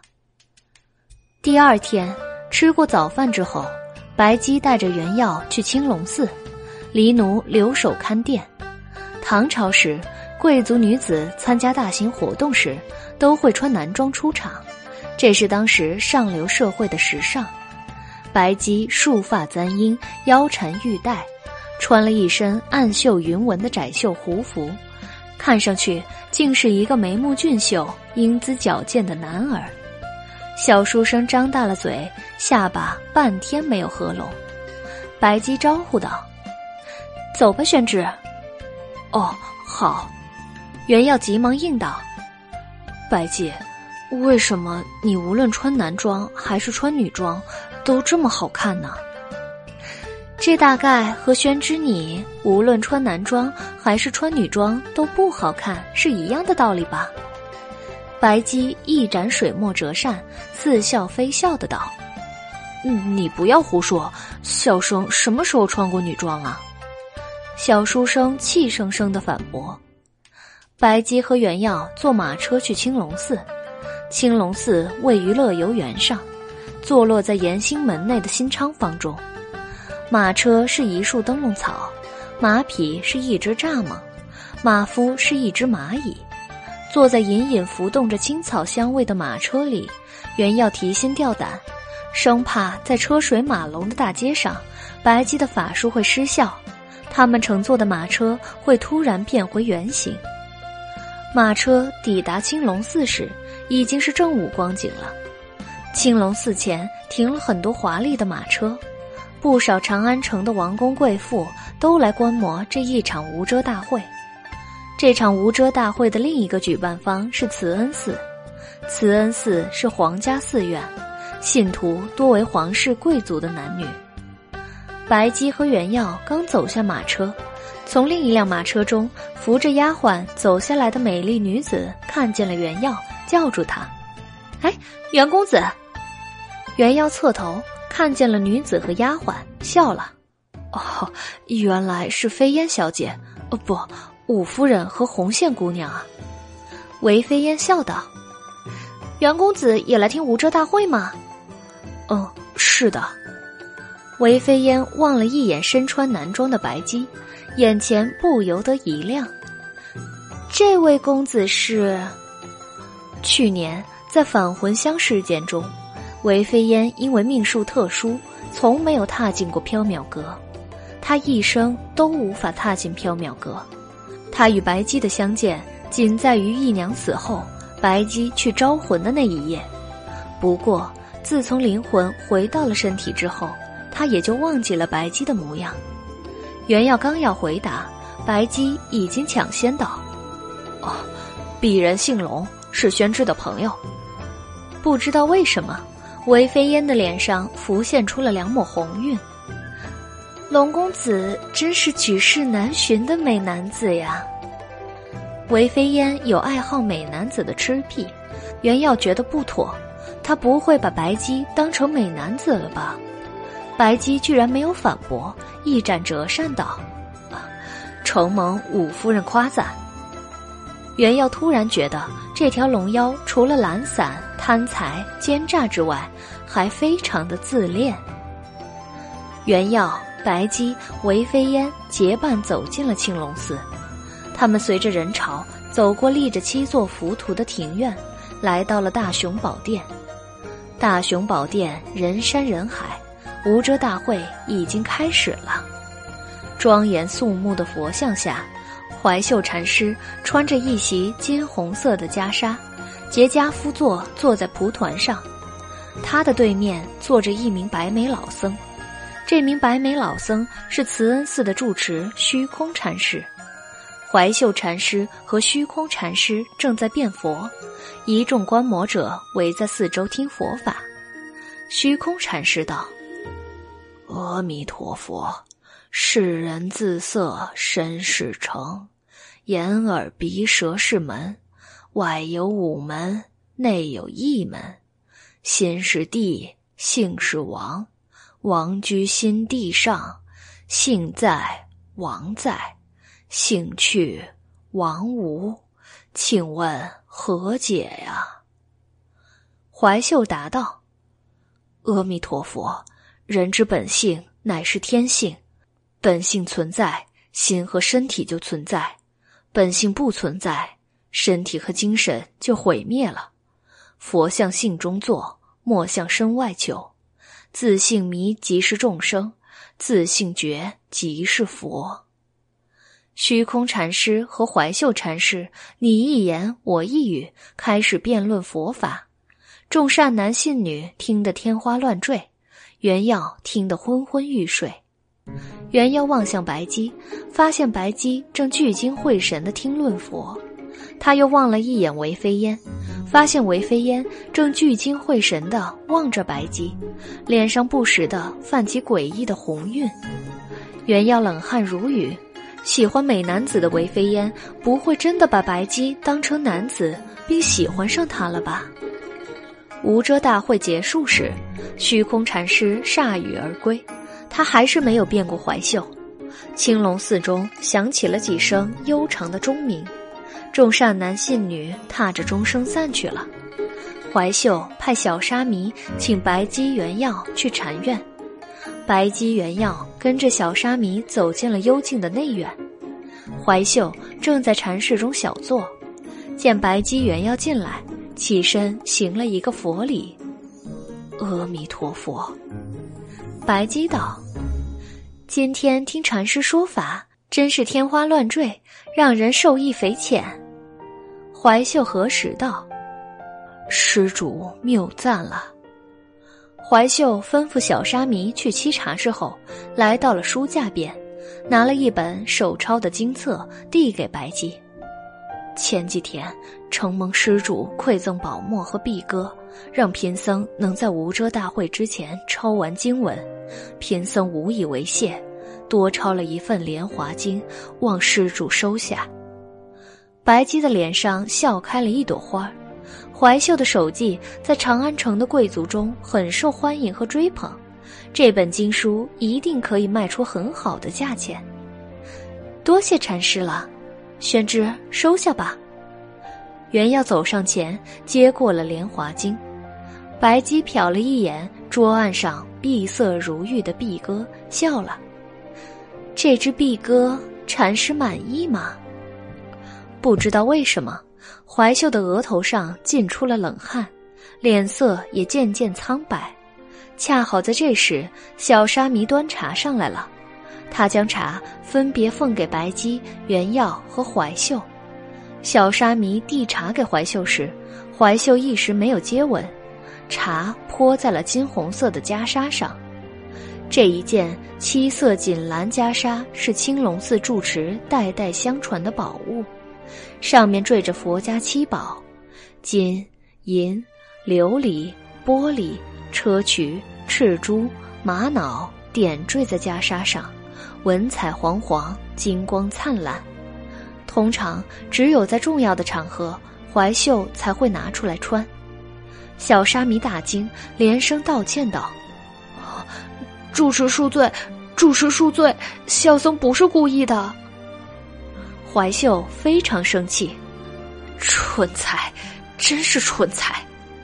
小沙弥垂手道：“请住持将七彩锦兰袈裟脱下，小僧这就去打井水换洗污渍。”怀秀皱了皱眉：“罢了罢了。”这七彩锦兰袈裟岂能用井水换洗？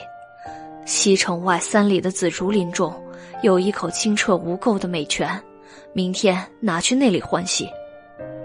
怀秀脱下了七彩锦兰袈裟，让小沙弥仔细的叠好放好。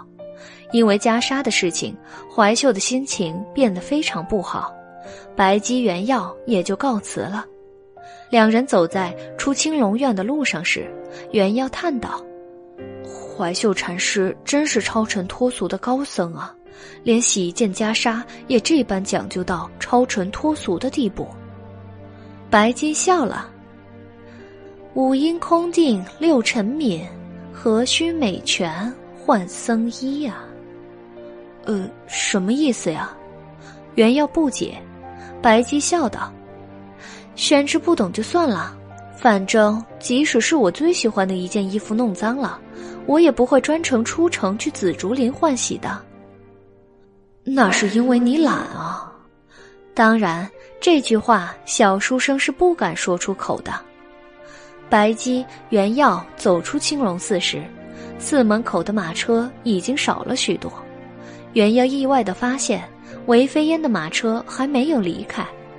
韦飞烟站在马车前，似乎在等什么人。韦飞烟看见白姬，眼前一亮：“哎，龙公子！”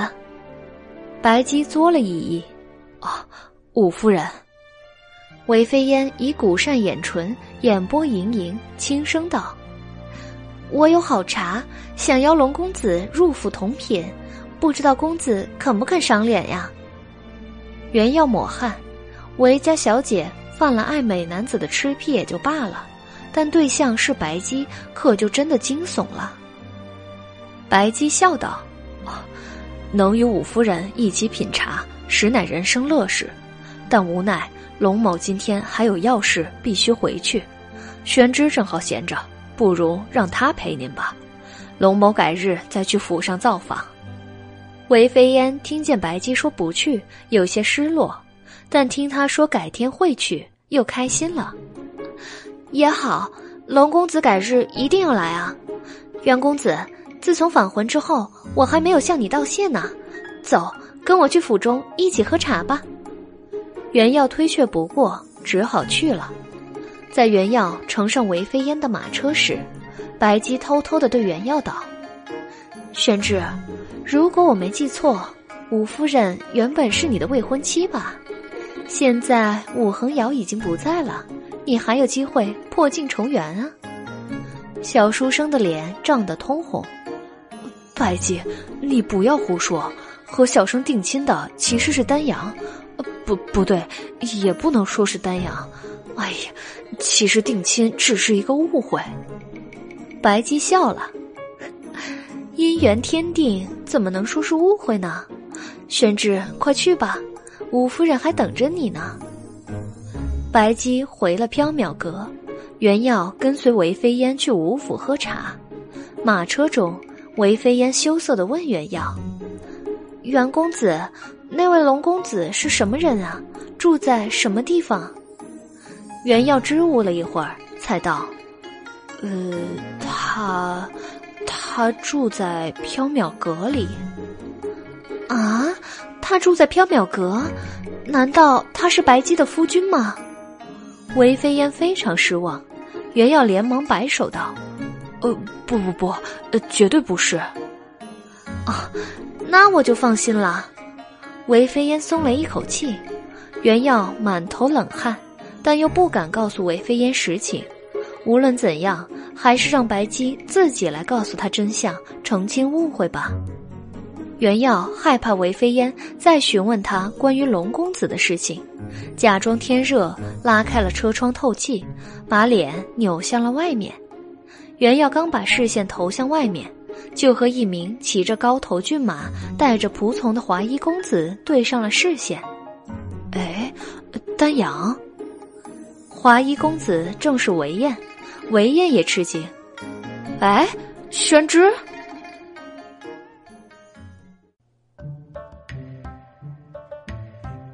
韦飞烟也探过了头，看见韦燕不冷不热的叫了一声：“兄长。”韦燕和韦飞烟兄妹一向不和睦，从小就是敌人，互相看彼此的笑话。他们的命数也截然相反。韦燕即使没有欲望，也可以随时踏进缥缈阁；韦飞烟即使有强烈的欲望，也无法踏进缥缈阁。韦燕不高兴了，哎，妹妹，你这是想把宣之拐到哪儿去啊？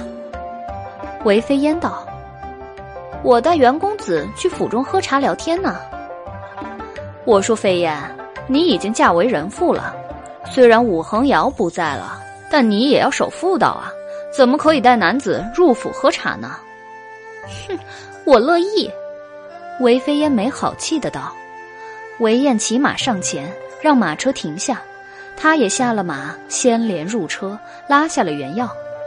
宣志，不要和他一起胡闹，走，跟我去燃溪楼饮酒。韦飞烟不让原药走，下了马车也拉住了原药。袁公子，不要跟他走，跟我去吴府喝茶。韦燕生气，使劲的拉小书生。飞燕，你放手。韦飞燕也生气，使劲的拉小书生。韦燕，你放手！韦燕非常生气，拼命的拉小书生。甚至，你不要跟他走啊！韦飞燕也非常生气，拼命的拉住小书生道：“袁公子，不要跟他走！”袁耀被韦氏兄妹拉扯的忽左忽右，晕头转向。突然，哧啦一声，他的袍子被扯成了两半，韦飞烟跌倒在地。韦燕用力过猛，和袁耀抱成一团，跌倒在地。围观的路人大笑，红线赶紧去扶韦飞燕。小姐，你没事吧？韦飞燕俏脸通红，以袖遮面。袁公子，下次再约你一起喝茶吧。说完，韦飞燕扶着红线，两人回到车中，径自去了。哦哦，好。袁耀懵懵懂懂的应道：“韦燕和袁耀狼狈的坐在地上，随从们赶紧过来扶起两人。韦燕很开心的道：‘宣之，我总算把你抢过来了。’袁耀垂头望着破损的长衫，泪流满面。他就这一件春秋天外穿的袍子，不知道缝不缝得好呀。”韦燕带着袁耀去往韦府，在燃溪楼里喝酒对弈。吟诗作对，一直到下午光景。袁耀知道他今天偷了一天的懒，黎奴又只会给他鱼尾巴吃，干脆在韦府吃饱了才回缥缈阁。袁耀回到缥缈阁后，果然又被黎奴教训了一顿。黎奴今天没有给袁耀留吃的，袁耀反正已经吃过晚饭了，也不太在意。掌灯之后，袁耀找白姬讨来针线。试图缝补扯破的衣衫，可是他根本不会穿针引线，手指上扎的全是血，衣衫也没缝好。二楼仓库中，白姬和黎奴不知道在找什么东西，依稀有翻箱倒柜的声音传来。袁耀觉得这件袍子没有办法缝好了，起身去二楼找白姬，打算预支月钱让他给买一件新衣。袁耀走进二楼的仓库时，黎奴正在搬箱子。白姬哗啦一声，抬手抖开了一件极其华丽的锦袍，灯火太微暗。看不清那是一件怎样的袍子，只能看见缎面上隐隐浮动着黄色的水纹。白姬转过头道：“宣之，怎么了？有事吗？”袁耀苦着脸道：“小生的袍子今天被扯破了，没有办法缝好了，想买一件新袍子。”白姬笑了，招手道：“何必去买新袍子呀？”这里恰好就有一件，来，宣之，过来穿穿看吧。袁耀走过去，看清了袍子时，吓了一跳。啊，这这这这是龙袍啊！袍子是金黄色的缎面上面纹绣着栩栩如生的龙，闪花了小书生的眼睛。拜见，穿龙袍是要诛九族的。不不，私藏龙袍，罪同谋逆，也是要诛九族的。白姬，难道你想谋逆吗？你可不能坑了小生和黎奴老弟啊！黎奴白了袁耀一眼，哼，真是没出息的书呆子。如果主人做了皇帝，我可就是威风凛凛的大将军了。书呆子，你也可以捞一个丞相做一做嘛！袁耀连连摆手。呃，不不不，这样的丞相打死小生，小生也不做。白姬笑了，我做皇帝多没意思呀！如果让宣之做皇帝，一定很有趣。袁耀觉得不寒而栗，他觉得比起做皇帝来，这条奸诈的白龙一定更喜欢站在看不见的地方操纵皇帝，把皇帝当成玩具来玩。白姬。这龙袍你是从哪里来的？白皙回忆道：“嗯，这是贞观年间太宗穿过的。他晚年时用这件龙袍从缥缈阁换走了一件东西。来，宣之，穿穿看合不合身？”小书生连连摆手道：“不，小生可不敢。”白姬掩唇笑了：“ 宣之。”今天晚上你穿上龙袍，陪我出去办一件事情。事情办成了，明天我就给你买一件新袍子。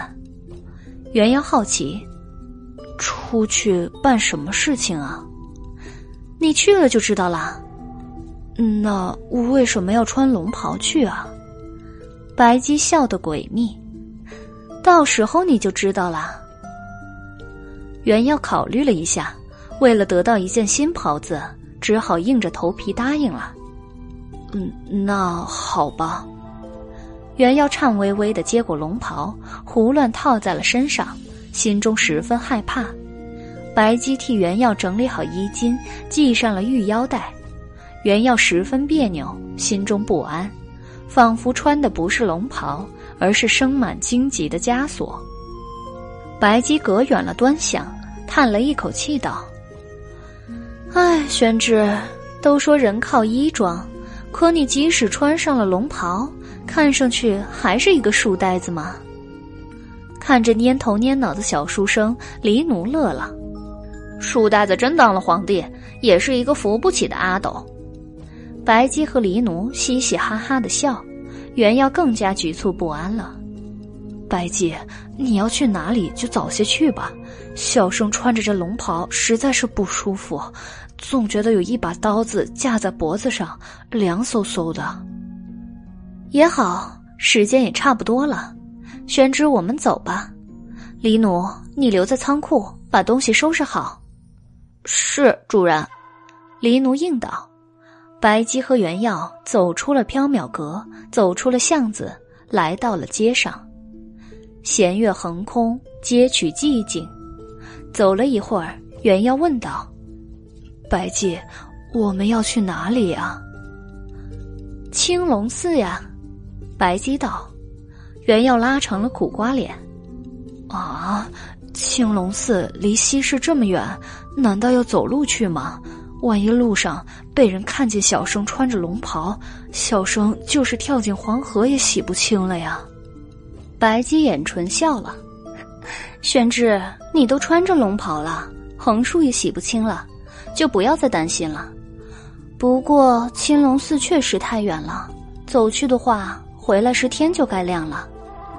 袁耀提议道。哎，不如小生去叫李奴老弟来，让他驮我们去吧。白姬鬼笑：“你不怕被他吃了的话，就去叫吧。”小书生不作声了。白姬、原耀路过一户朱门石兽的住宅前时，原耀因为穿着厚重的龙袍，走路费力，实在走不动了，靠在石兽上，大口大口的喘着粗气。哎，呃，小生。小生实在走不动了。喂，小子，你是谁？怎么穿着太宗的龙袍？一个雄浑沉厚的声音突然响起，原要以为是巡逻的禁军，吓得急忙躲到了石兽背后。喂，小子，你踩到老夫的尾巴了！那声音生气的道。原要低头望去。发现自己踩到了一截像是鹿尾巴的东西，他循着尾巴向上望去，看见了一只神奇的动物，对上了一双灯笼般的眼睛，那是一只有着龙头、马蹄、狮眼、虎背、熊腰、蛇鳞的动物。啊啊！猿妖向后跳开，倒吸了一口凉气，他靠着的麒麟石像怎么活了？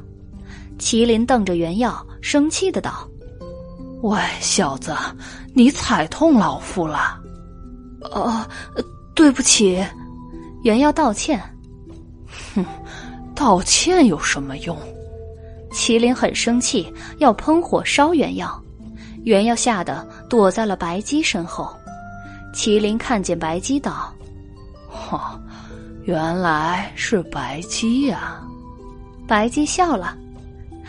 这是我新买的奴仆，他总是笨手笨脚的，请麒麟圣君不要见怪呀。白鸡从袖中拿出一只白玉错金乾坤圈，递给麒麟道：“我这里有一只白玉错金乾坤圈，正好可以与圣君您的鹦鹉之姿相称，请您收下，算作赔礼。”麒麟很喜欢这只白玉错金乾坤圈，他很高兴。却有些不好意思，但还是笑着接了。白姬客气了，无功不受禄嘛。这么贵重的东西，老夫怎么能收呢？白姬掩唇笑了。我正要去青龙寺，无奈路途遥远。老夫脚程快，就驮你走一程吧。麒麟热情的道。白姬笑道。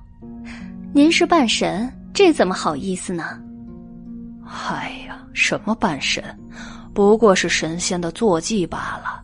白姬不必客气，反正老夫闲着也无聊，就驮你一程吧。白姬笑了，如此，那多谢圣君了。麒麟驮了白姬原药，四蹄踏着祥云，向乐游园的青龙寺而去，耳畔呼啸生风。街景飞速倒退，原耀吃惊的张大了嘴，这还是他第一次乘坐麒麟呢。他害怕摔下去，死命的抠住麒麟的鳞甲。麒麟大怒，转头朝小书生喷火：“哎呀，疼死了！臭小子，你想把老夫的鳞甲都抠掉吗？”延兴门新昌坊内，麒麟停在青龙寺前，悄无声息。白姬原要下了地，麒麟对白姬道：“你来青龙寺，一定是为了藏经阁中的地龙珠吧？哼，青龙寺中不仅有佛陀的结界，藏经阁中还有八大金刚罗汉看守，阻挡千妖百鬼入侵取走地龙珠。妖术强大如你，恐怕也进不去啊。”白姬笑了。无妨，我能进去。那好，老夫在此等着你们。宣之，我们走。白姬带着原药走向青龙寺。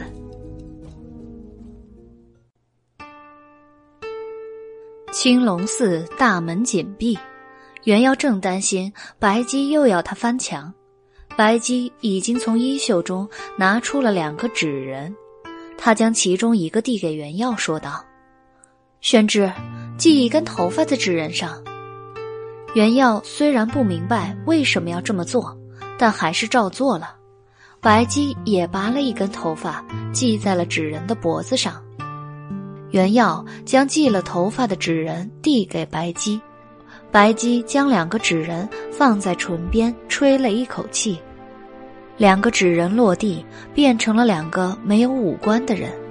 从他们的身形、服饰上看，一个是白姬，一个是原耀。两个纸人走向青龙寺，在接触到寺门的一刹那，两个纸人无火自燃，腾的起火，转眼烧成了灰烬。与此同时，两扇紧闭的寺门开了。白姬举步走进寺中，原耀急忙跟上。白姬带着原耀绕过大雄宝殿，穿过僧舍，来到了藏经阁。原耀站在藏经阁前，隐约觉得这座古旧的阁楼中透着一股说不出的庄穆气氛，似有紫气环绕，祥云爱戴。原耀道。白姬，小生觉得藏经阁里似乎有了不得的东西啊。白姬说道：“青龙寺的藏经阁中有一颗地龙之珠，它汲取地脉精气，凝为归华之宝，非常珍贵。”袁耀想起了麒麟的话，问道：“原来你是来取龙珠的呀？”白姬鬼笑道。我已经觊觎他很久了，不过他是燃灯佛的东西，一直由八大金刚罗汉看守着，千妖百鬼都难以越界。白姬说话的同时，已经和原耀走到了藏经阁的正门前。突然，黑暗中隐隐发出几道金光，八名金刚罗汉浮现出身形，他们魁梧高大，神色威严。手持金杵、禅杖等法器，为首的一名金刚罗汉雷声道：“哪里来的妖鬼，竟敢夜闯青龙寺？”袁耀吓了一跳，这个金刚罗汉看起来凶神恶煞，他和白姬不会被他们打死吧？白姬，我们还是回去吧，他们人多。小书生的话被当做了耳边风。白姬走向了八名罗汉，冷汗滑落原耀的额头。他想干什么？难道想硬闯入藏经阁吗？对方可是佛陀，他只是妖。万一动起手来，他被打回了原形，他还得拖着一条龙回到缥缈阁吗？听黎奴说，白姬真正的龙形非常巨大，从龙头到龙尾可以绕大明宫一圈呢。不知道他能不能拖得回去，还是必须先回去叫黎奴老弟来搭把手啊！白姬笑吟吟地走向八名金刚罗汉，从衣袖中拿出一张纸道：“诸位金刚菩萨，我不是夜闯，而是受青龙寺的怀秀住持邀请而来的。”月亮从乌云中划出，清辉如银。八名罗汉看清了纸上的两个字。准入。哦，是怀秀禅师的字呢。怀秀禅师是青龙寺的住持，他都准入了，我们似乎没有理由阻拦啊。这个只能让他进去了。八名金刚罗汉商量之后，分立两边，让出了一条通道。宣之，走吧。白姬回头，似笑非笑的道。袁耀从胡思乱想中回过神来，急忙跟上。白姬带着袁耀走进藏经阁，沿着木质的楼梯向上走。月光从窗外透入，明亮如水。袁耀感觉自己像是游走在梦幻里，墙壁上画的佛教壁画的人物都活了，诸位佛陀、菩萨、罗汉、圣僧、嘎帝、比丘、优婆夷塞的目光随着白姬原药的步伐而移动，原药甚至能够听见他们的窃窃私语。哎，怎么回事儿？怎么有人和非人闯入了？好像他们被怀秀准许进入藏经阁，金刚罗汉不能阻拦啊！哼，他们一定是冲着地龙珠来的。那是燃灯佛的宝物，怎么能被妖孽拿走？白姬皱眉道：“好吵啊！”元妖战战兢兢的问道：“白姬，他们是佛陀吗？”白姬冷冷的道。真佛只在西方极乐天，这些壁画上的妖灵不过是受了香火之后，沾了一点佛性的非人罢了。可笑的是，他们却以为自己是佛陀。走到三楼之后，四周蓦地安静下来，月光清澈，凉风习习，一排排木质的书架上堆满了泛黄的经卷，空气中隐隐浮动着墨香。金炉不断千年火，玉盏长明万盏灯。西方的神龛上供奉着一尊燃灯佛，宝相庄严，神色慈目。燃灯佛的掌心中托着一枚青色的珠子，光华流转，夜夜生辉。原耀觉得青珠特别美，尤其是环绕其上的冰蓝色火焰，仿佛一朵盛开的千瓣莲花。青珠躺在莲蕊中央，光洁而美丽。原耀忍不住伸出手，他想去触摸那颗青珠，却被白姬制止了。不要用手碰，地龙珠的灵力非常强大，无论人或非人都承受不住这股强大的灵气，会灰飞烟灭。连我都不敢碰它呢。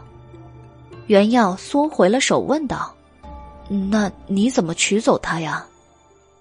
白姬今夜来青龙寺，就是为了取走地龙珠。如果不能碰，他怎么取走它呢？白姬没有回答原耀，他双手合十，向燃灯佛拜了三拜，然后他双手结了一个法印，虚托着龙珠，缓缓上升。原耀身上的龙袍在月光下发出暗金色的光芒。他胸口处纹绣的螭龙威风凛凛，栩栩如生。青色的龙珠移向了原耀，龙珠在原耀的胸口游移时，赤龙突然活了。他张开巨口，衔住了龙珠。一声低沉而雄浑的龙吟之后，含珠的赤龙又变成了纹绣，静止不动了。原耀低头望去，与之前的图文不同。之前闭口的赤龙，现在微微张口，口中多了一颗青色的龙珠。原耀抬头望去，燃灯佛的手中少了一颗龙珠。白姬笑道：“龙珠嘛，自然要衔在龙的口中了。人中帝王乃是地龙，把地龙珠放在太宗穿过的龙袍上，就可以带走了。”袁耀这才明白白姬让他穿龙袍来青龙寺的原因。嗯你自己也是龙，你张嘴衔着龙珠不就好了？干嘛要小声提心吊胆的穿着龙袍到处走啊？当然，这句话小书生是不敢说出口的。好了，宣之，走吧。白姬开心的道。袁耀回过神来，应道：“哦，好。”白姬原要按原路返回，在经过二楼和一楼的壁画时，原耀又听见了佛陀、菩萨、罗汉、圣僧、嘎地、比丘、优婆夷塞的窃窃私语。啊，他把地龙珠拿走了！地龙珠是燃灯佛的东西，他居然敢拿走，太可恶了！不能让他离开。他拿走了龙珠，金刚罗汉一定不会放他走的。可恶的妖孽，不敬佛祖，一定会下地狱的。吵死了！白姬的目光扫过壁画，冷冷的道：“四周瞬间安静下来，壁画上的佛陀、菩萨、罗汉、圣僧、嘎帝、比丘、优婆夷塞立刻闭了嘴，噤若寒蝉。白姬原要继续向外走，来到藏经阁的大门时，八名金刚罗汉挡住了去路，龇牙咧目。你拿走了地龙珠，吾辈不能放你离去。你虽然可以进来，但却不能出去。白姬笑吟吟的从衣袖中拿出了一张纸。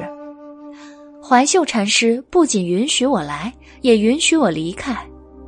八名金刚罗汉看清了“准出”二字，面面相觑。啊，是怀秀禅师的手迹，看来只能让他走了。唉，那就让他走吧。八名金刚罗汉商量之后，让出了一条道路。多谢诸位金刚菩萨了。白姬行了一个佛礼，带着原耀离开了。白姬轻快地飘在前面，原耀走在后面。白姬开心地说道：“和想象中一样顺利。”原耀担心的道：“你拿走了地龙珠，不怕燃灯佛去缥缈阁向你索还吗？”白姬狡黠的笑了：“燃灯佛已经寂灭十劫了，怎么会来向我索还呢？地龙珠名义上是燃灯佛的。”实际上却是无主的东西，得者居之。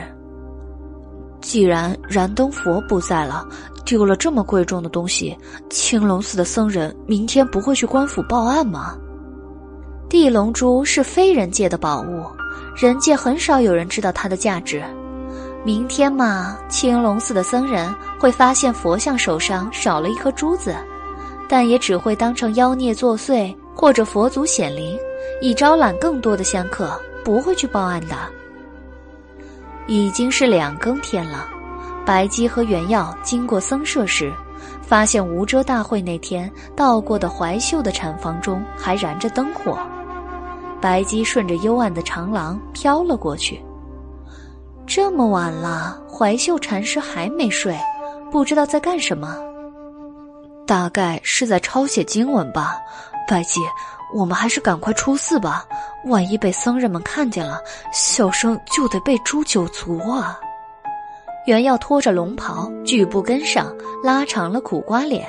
白姬笑了：“ 我们夜来是客，应该去和主人打个招呼呀。”小书生吓了一跳：“哎呀，小生还穿着龙袍呢！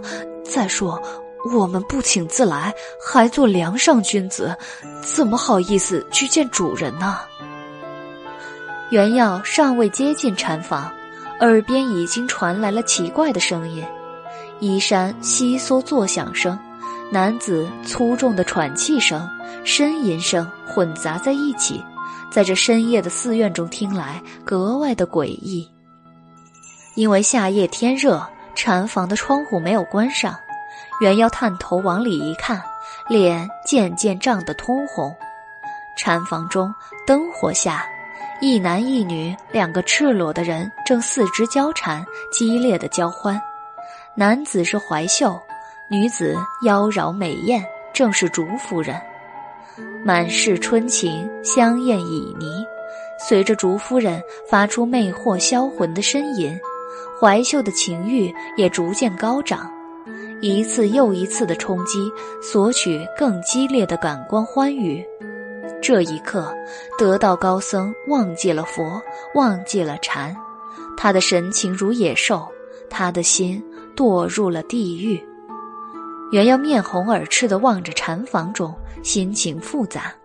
无端的，他想起了怀秀写给他的墨宝：“空即是色，色即是空。”他一直没有参透。怀秀写的这句经文，怀秀自己也没有参透，情难参透，欲难参透，人性更难参透。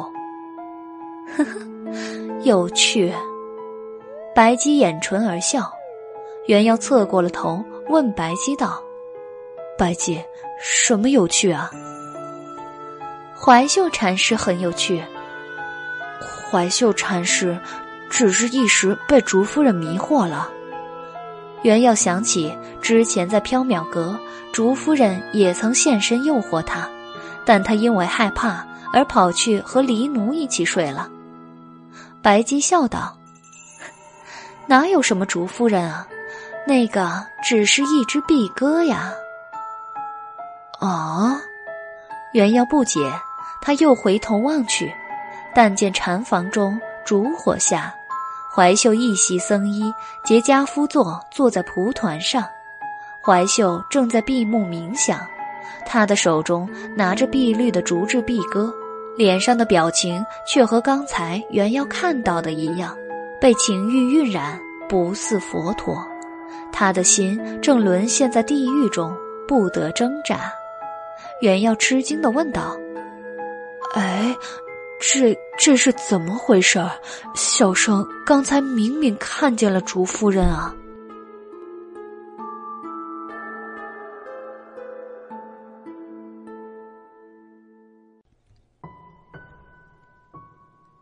白姬笑了：“那是因为宣之你的心里住着一个主夫人吧？”胡说！小生的心里怎么会住着竹夫人呢？走吧，宣之，时候不早了，该回去了。哦，好。可是怀秀禅师他这副样子，不会出什么事儿吧？白姬瞥了一眼怀秀，说道：“那是他的心魔，旁人无法帮他。”白姬带着原耀离开，原耀最后回头望了一眼怀秀。怀秀手中的竹制碧戈翠绿如玉，釉色惑人。白姬得到了地龙珠，非常的开心。他高兴之下，第二天给小书生买了两套新袍子，也没有扣他的月钱。原耀穿上了新袍子，非常的高兴，精神抖擞的干活，摇头晃脑的吟诗。黎奴不高兴了，趁着小书生不注意，偷了他的另一件新袍子去当铺当了。买了两大包香鱼干回来吃，小书生发现了，非常生气的质问道：“李奴老弟，你为什么偷小生的袍子去换鱼干啊？”爷活了一千五百年，也只穿着一身黑袍。哼，书呆子，你最多也就活一百年，哪里穿得到两套袍子啊？面对小书生的质问，黑猫一边悠闲的吃着香鱼干，一边如此解释道。望着黎奴锋利的獠牙和爪子，原耀虽然生气，但却不敢多言。这一晚，小书生在缥缈阁外的柳树上挖了一个洞，流着泪倾诉到二更天才回去睡下。这一天下午，小书生和小黑猫正为了一件小事怄气时，韦燕和怀秀来到了缥缈阁。原耀向怀秀望去。怀秀依旧一袭僧衣，安静的站着，一世独立。不过他的脸色十分憔悴，人也消瘦了许多，精神萎靡不振。原要想起了那一晚见到的情形，心中十分不安。怀秀禅师这般的颓靡憔悴，怎么看都非常的不祥啊！从韦燕、怀秀踏进缥缈阁开始，小黑猫就不说话了。它跳上了柜台，懒洋洋地趴着。韦燕一边拿香鱼干逗弄小黑猫，一边问道：“哎，玄志，就你一个人在吗？白姬呢？黎奴呢？这只小黑猫倒挺精神啊。”小黑猫懒洋洋地趴着，就着韦燕的手吃鱼干。呃，白姬和黎奴老弟都出门了，原耀只好这样说。哎，这么不巧啊！今天怀秀禅师特意来找白姬呢。禅师找白姬有什么事情？原耀好奇的问怀秀。怀秀的内心似乎正做着剧烈的挣扎，他挽着佛珠的手紧紧的抓着竹制碧歌，手心甚至浸出了汗珠。阿弥陀佛，贫僧来归还碧歌。因为一些原因，贫僧必须还回碧歌。韦燕笑道：“禅师，你不喜欢这只碧歌，拿它送人或者丢掉也就是了，何必大老远的跑来还呢？”阿弥陀佛，这碧歌上富有妖孽，无论贫僧将他丢出多远，他都会回到贫僧手中。佛经云：“来处亦是归处。”贫僧只能将他送回缥缈阁了。怀秀虽然这么说了，但是手还是死死的抓着碧哥，不知道是不想放下，还是无法放下。袁耀看着消瘦虚弱、精神萎靡的怀秀，觉得竹夫人实在不宜再留在他身边了。白姬说：“竹夫人只是一只碧哥，但他总觉得碧哥里面住着一个吃人的女鬼。”袁耀伸手去接碧哥，怀秀才松手。袁耀拿过了碧哥，放在了柜台上。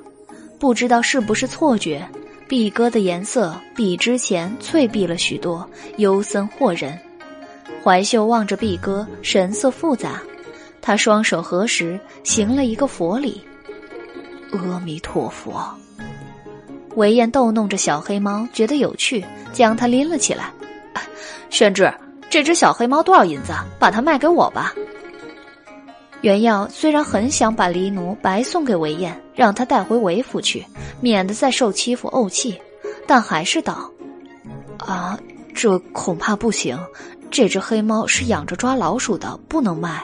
再说了，黑猫不祥，乃是凶兽。丹阳，你不如去后院看看别的祥瑞的宠兽吧。”韦燕放下黑猫，一展折扇笑了。别的宠兽我没兴趣，这只不卖就算了。下次再有黑猫了，给我留一只啊！我就是喜欢不祥的东西。哦，好。小书生擦汗。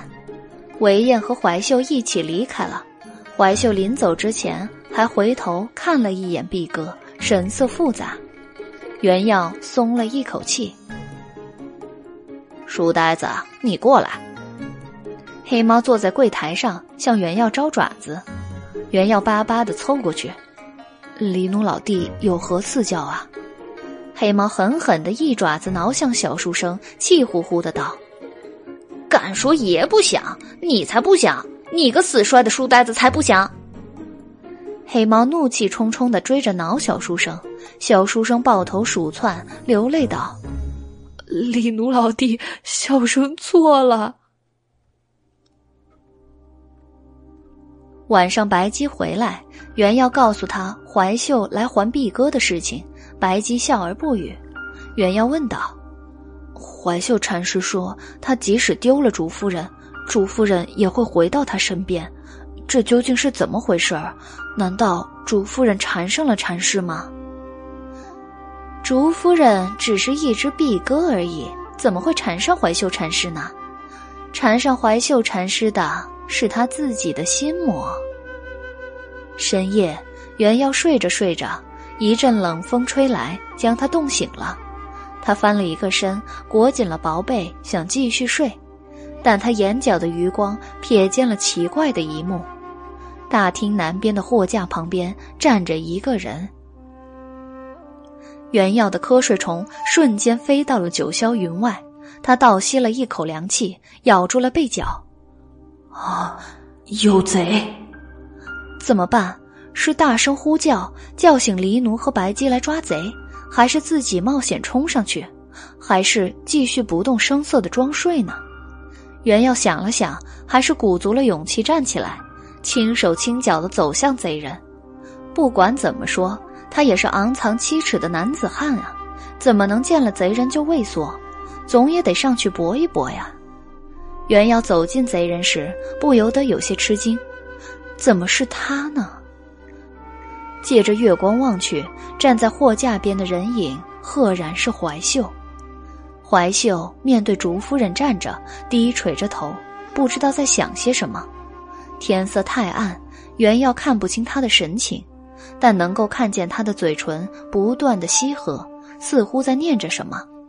原要仔细一听，怀秀竟然在念着：“色即是空，空即是色；色即是空，空即是色；色即是空，空即是色；色即是空，空即是色。”怀秀的语速急促如走珠，这句经文在他的口中带着一种可怕的魔念，而非禅意。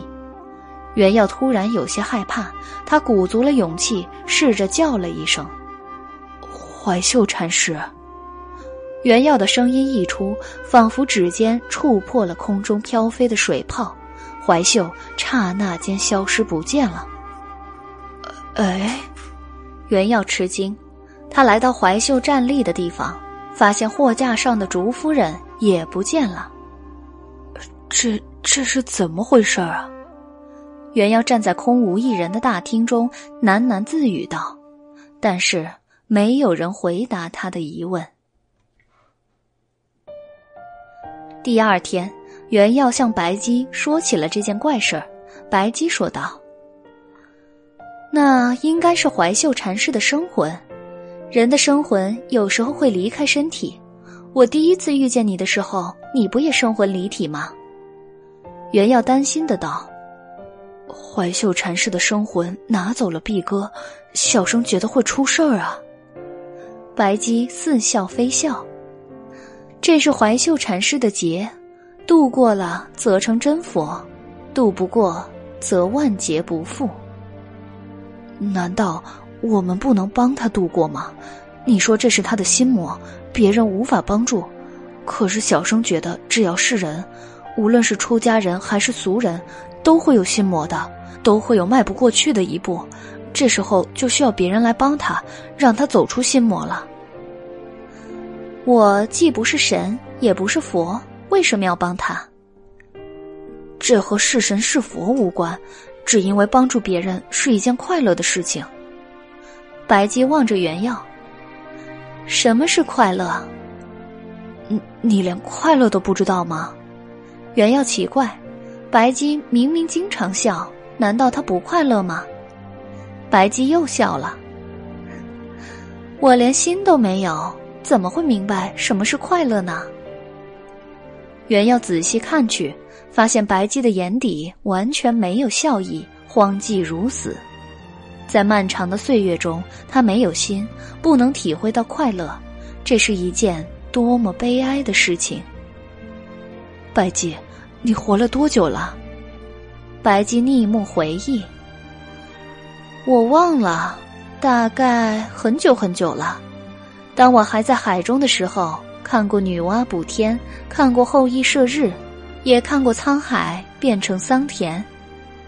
原要啧舌，继而心中涌起莫名的失落。嗯，不知道那时候小生在哪里。那时候玄之大概还在混沌中吧。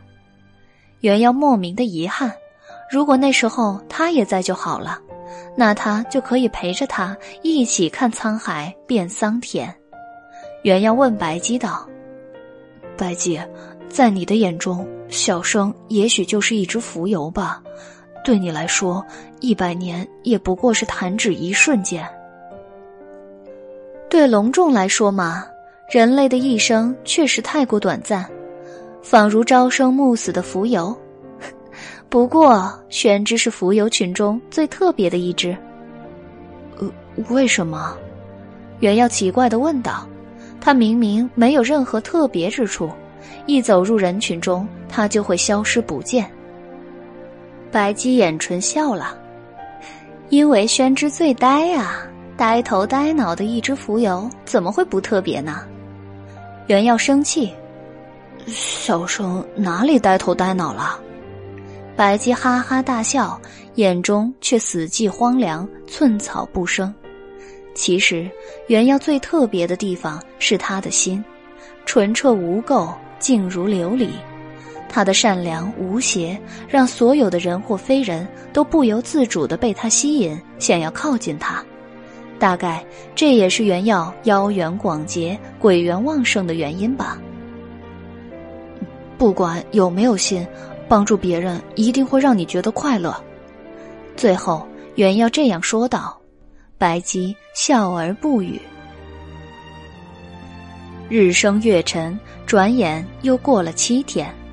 这天上午吃过了早饭，白姬、原耀、黎奴在缥缈阁发呆。白姬倚着柜台喝茶。近来生意真冷清，连结浅缘的客人都很少了。黎奴道：“哼一定都是书呆子的缘故。袁耀拉长了苦瓜脸：“黎奴老弟，这关小生什么事儿啊？因为你不祥。小生哪里不祥了？嗯，你从头到尾都不祥。”袁耀和黎奴正在争吵，韦燕进来了。他看见袁耀正在和黎奴吵架，一展折扇笑了：“ 宣之真有精神啊！”白姬笑着说道：“韦公子，今天想买什么宝物？”啊，我今天不是想买宝物，而是想和宣之一起去青龙寺。袁耀奇怪的问道：“去青龙寺做什么？”韦燕叹了一口气。哎，听说怀秀禅师快不行了，趁着他还有一口气，我们去看看他吧。好歹相交了一场，他还赠了咱们墨宝，终归是情分。啊，怎么回事？元妖大惊。韦燕说道：“据青龙寺的僧人说，是女鬼作祟，迷惑了禅师。禅师茶饭不思，也不念经礼佛，每天只是抱着一只碧鸽冥想。”曾经啊，有僧人从窗外看见怀秀禅师和一个美艳的女子交欢，但进去禅房中，却又只发现怀秀禅师一人静坐。大家都说一定是女鬼迷惑了禅师。禅师日渐消瘦，精神颓废，现在已经卧病在床，气若游丝了。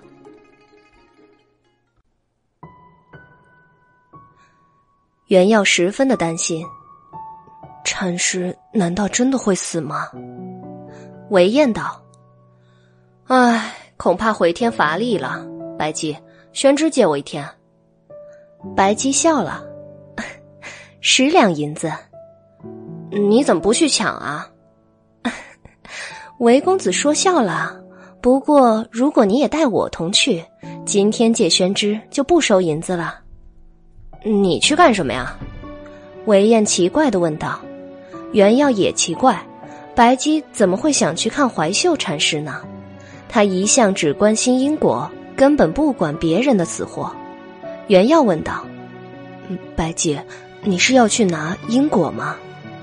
白姬笑了：“不，这次我想去找快乐。”袁耀怔住，他想开口问什么，白姬已经进入里间去了。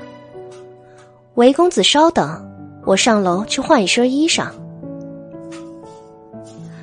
白姬再下来时，已经是一身男装，风姿飒沓。白姬原要乘坐韦燕的马车来到了青龙寺，韦燕说明了来意，知客僧将三人迎入寺中，带到了怀秀的禅房。禅房中，怀秀仰天躺在床上，面如金纸，唇色发白。他眼眶深陷，颧骨突出，整个人几乎已经瘦成了一具骷髅。他的眼睛半睁着，毫无神采，手中还紧紧地握着竹夫人。上次不小心弄脏七彩锦兰袈裟的小沙弥正在照顾怀秀，往他的嘴里灌着米汤，但怀秀牙关紧闭，米汤全都溢出嘴唇，沿着脖子流在了枕头上。小沙弥叹了口气，对韦燕、白姬、袁耀说道：“唉，也不知道是什么妖孽作祟，害得住持变成了这副样子，滴水不进，昏迷不醒，已经七天了。大家都在开始准备住持圆寂的后事了。阿弥陀佛，善哉善哉。”韦燕望着昏迷的怀秀，皱了皱眉道：“看禅师这副模样。”只怕是真的有些回天乏力了。小沙弥又叹了口气，站起身来。三位施主稍坐，小僧去奉茶来。小沙弥行了一个佛礼之后，下去沏茶了。袁耀望着怀秀，十分的担心。他见怀秀还握着竹夫人，就想去替她取下来，可是无论他怎么掰她的手，都取不下来。袁耀奇怪的问道：“喂，怎么取不下来啊？”因为竹夫人被他的心线缠住了，他的心魔已经化作虫了。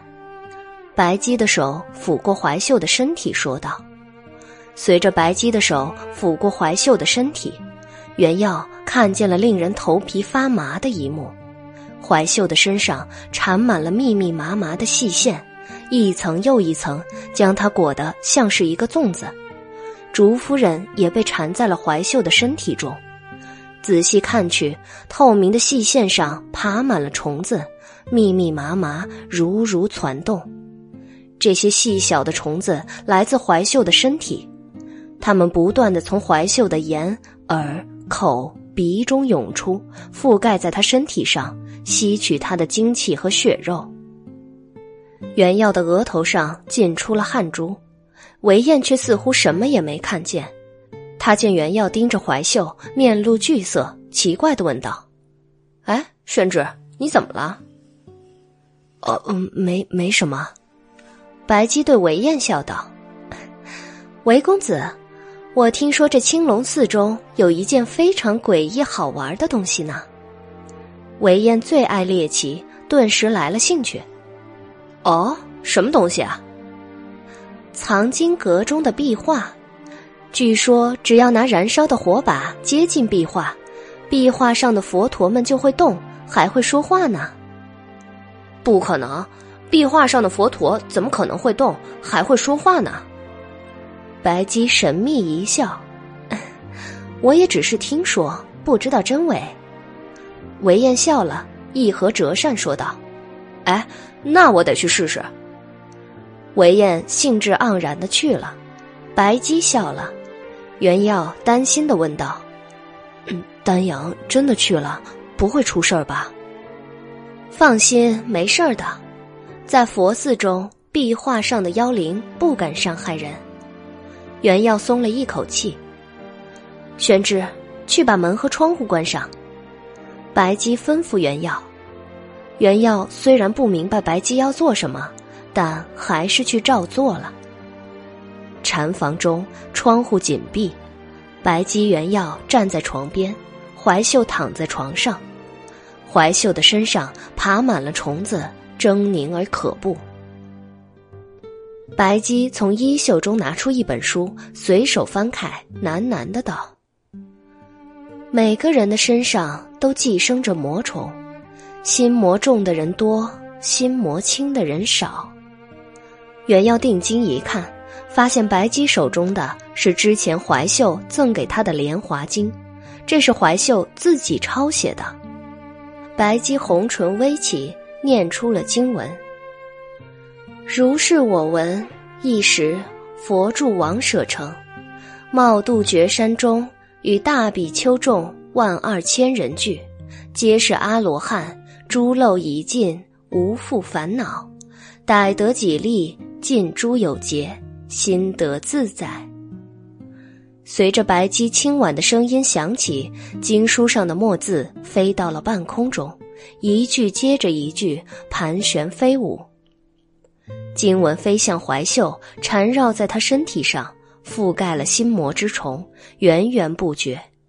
被经文覆盖的魔虫瞬间僵住，原耀发现他们已经被经文缠成了茧。怀秀的身上以肉眼可见的速度结满了黑色的虫茧，密密麻麻。经书完全成为空白的时候，怀秀身上已经爬满了虫茧，甚至连他的眼白上也散落着芝麻般的黑点儿。原要感到头皮发麻，心中恶心。突然，黑茧一个一个的破开。一只只五彩斑斓的蝴蝶钻出了黑茧，振翅而飞。一大片美丽的蝴蝶从怀秀身上飞起，色彩斑斓的尾翅上不时洒下银红色的磷粉，在半空中交织出一道道梦幻般的光晕。蝴蝶们飞入了空白的经书中，在每一页上都定格成栩栩如生的图画。一本《莲华经》转眼就变成了彩蝶会，原要吃惊的张大了嘴巴。最后一只蝴蝶飞入经书中时，怀秀身上已经没有了魔虫，但却还缠着一层一层透明的心线。白姬从怀秀身上抽出了一根线，放入掌心，白线在白姬的掌心旋转，速度越来越快，转眼间裹成了一个线团儿。当线团滚动到拳头大小时，怀秀身上不再有新线纠缠，新线的一端没入了怀秀的胸口，新线微微颤动，上面似乎还连接着一个正在律动的东西。白姬问道：“玄之，什么东西最净澈无垢？”“嗯，大概是琉璃吧。”原耀道。他想起怀秀在缥缈阁试墨时写下的经文：“愿我来世得菩提时，身如琉璃，内外明澈，净无瑕秽。”白姬笑了。那宣之，从那边的七彩锦兰袈裟上取一颗琉璃下来。原耀循着白姬的视线转头，看见了柜子上折叠整齐的七彩锦兰袈裟。他走过去，从袈裟上取下了一颗琉璃。原要将琉璃递给白姬，白姬接过琉璃的同时，拉动心线，拉出了怀秀的心脏。那颗鲜红的、血淋淋的心脏还在突突的跳动，怀秀仍旧昏迷不醒，毫无知觉。白姬将琉璃放入怀秀的胸中，琉璃没入了怀秀的胸膛。白姬将怀秀的心脏放在手中，五指合拢，捏碎了它，笑了。人心不如琉璃净澈，但却比琉璃温暖。白姬的指缝间鲜血淋漓，原耀心中发悚。白姬淡淡的说道：“从今以后，琉璃就是他的心了，他不会再有任何欲念了。”什么意思啊？袁耀问道：“从今以后，他将无喜无悲，无爱无嗔，就像他一直向往的那样。”袁耀觉得无喜无悲、无爱无嗔，并不是一件值得高兴的事情，因为那样会少了许多温暖和快乐。但是如果不将怀秀的心换作琉璃，他就会困死在自己的心魔中，万劫不复。无论怎样，他能活着总比死去好。白姬以法术隐去了血迹和心脏的残片，原要去打开窗户和房门。原要打开房门时，韦燕飞快的跑回来了，一脸的兴奋。哎，果然是真的！我用火把一照，壁画上的佛陀全都哭着抱怨着逃走了。现在墙壁上只剩下一片空白了。白姬诡异的笑了。哎，可惜知客僧说青龙寺的壁画不卖，不然我还真的想买下，天天用火把烧着玩呢。韦燕笑道。白姬笑着提议道：“ 这有何难呀？韦公子在青龙寺落发为僧，不就可以天天待在藏经阁了吗？”韦燕考虑了一下，居然有些心动。袁耀急忙道：“丹阳，白姬只是说着好玩，你不要当真啊。”韦燕笑了：“玄之放心，我才不会出家为僧呢。当和尚多没意思啊，除非你陪我一起当和尚。”袁耀急忙摆手：“嗯，不要不要，小生才不要当和尚呢。”就在这时，小沙弥端茶进来了：“三位施主，请用茶。”三人饮了茶，坐了一会儿，就起身告辞了。小沙弥客气的相送，啪嗒一声，离开禅房时，袁耀听见了一声响动。他回头一看，碧歌从怀秀的手中滑落在地上。希望禅师早点康复啊！袁耀在心中祈祷。韦燕、白姬、袁耀离开了青龙寺，他们在安义坊分手。韦燕回韦府，白姬原耀回缥缈阁。走在路上时，原耀问白姬道：“白姬，将怀秀禅师的心换作琉璃，这样做好吗？”白姬说道：“我不知道好不好，但如果不这样做，怀秀禅师只怕渡不过心魔之劫，会死去的。他有慧根，也有佛缘，只是太年轻了。”还没有经历过红尘百色，还不能明白真正的空，也还没有能够应对劫的智慧和心境。原耀道：“小生不懂你说的话，不过不管怎么样，怀秀禅师能活着就是一件好事。”白姬笑了，他以后大概再也看不到主夫人了。嗯，这也是好事。竹夫人会吃人，太可怕了。白姬扑哧笑了。其实世上哪有什么竹夫人呢？哎，对了，白姬，被丹阳用火把赶走的壁画妖灵不会有事儿吧？哦，那些多嘴多舌的妖灵啊，他们大概会离开壁画几天，飘在半空中，享受不到香火，忍饥挨饿吧。白姬诡异的笑了。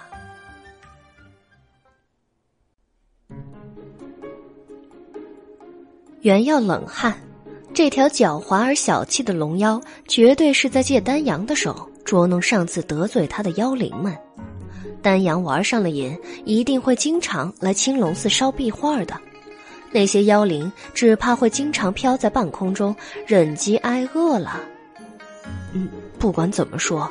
白姬，你是一个好人。”原耀道。白姬望着原耀，鬼笑着说：“我怎么会是好人？宣志，我是妖，不是人。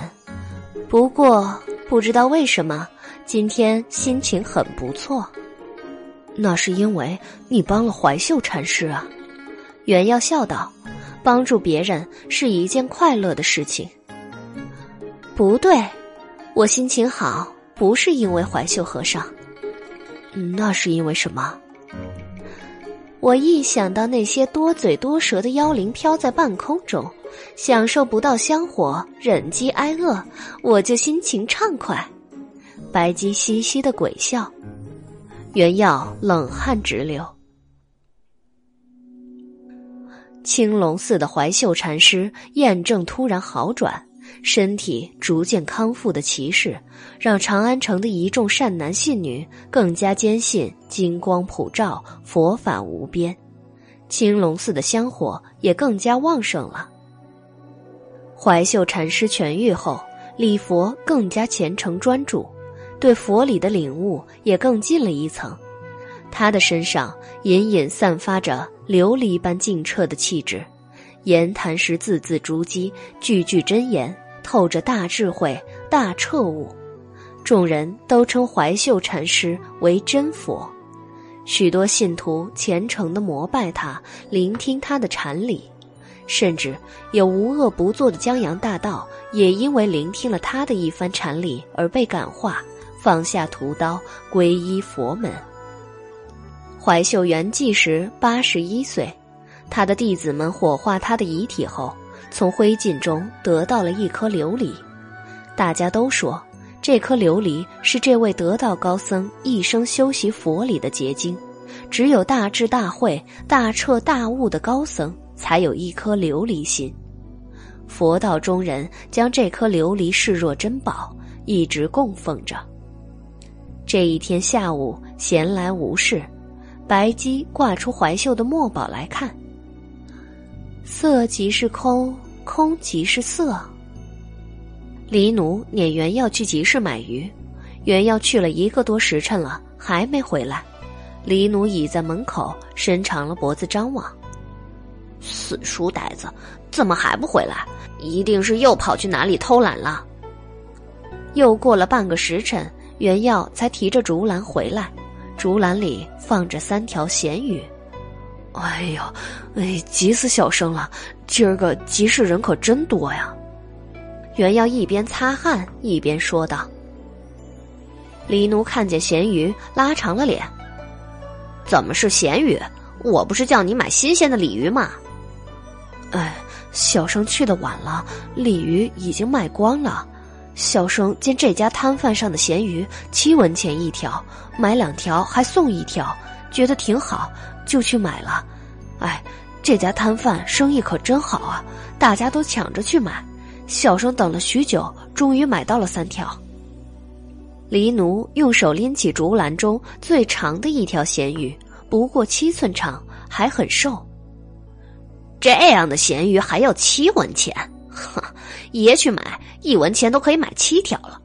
这样的货色，大家怎么会都抢着去买呢？难道大家都和你一样念书念傻了不成？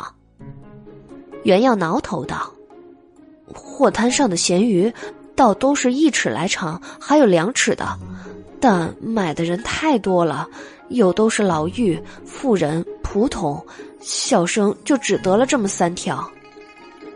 黎奴生气的道：“难道你一个大男人还挤不过老妪、妇人和仆童吗？”白姬扑哧一声笑了，估计宣之是站着等老妪、妇人、仆童都买完了才上去买的吧？小书生摇头晃脑的说道。古语云：“敬老爱幼，礼让为先。”小生乃是一个读书人，怎么能去和老妪、妇人、仆童抢咸鱼呢？黎奴盯着手中的咸鱼，苦着脸道：“这么三条小咸鱼，怎么够吃啊？”白姬伸了一个懒腰：“唉，不如把宣之煮了吃吧。”黎奴瞪了一眼原耀。不要，书呆子比咸鱼还难吃。三人正在吵闹，缥缈阁外来了两个女子，他们在外面徘徊张望，仿佛看不见缥缈阁。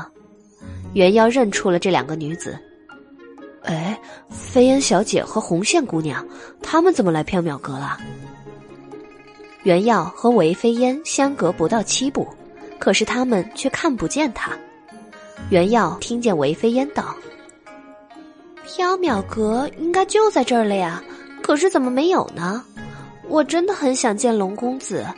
自从遇见他之后，我每夜都梦见他，总想再见见他。”红线说道：“小姐，你不会爱上龙公子了吧？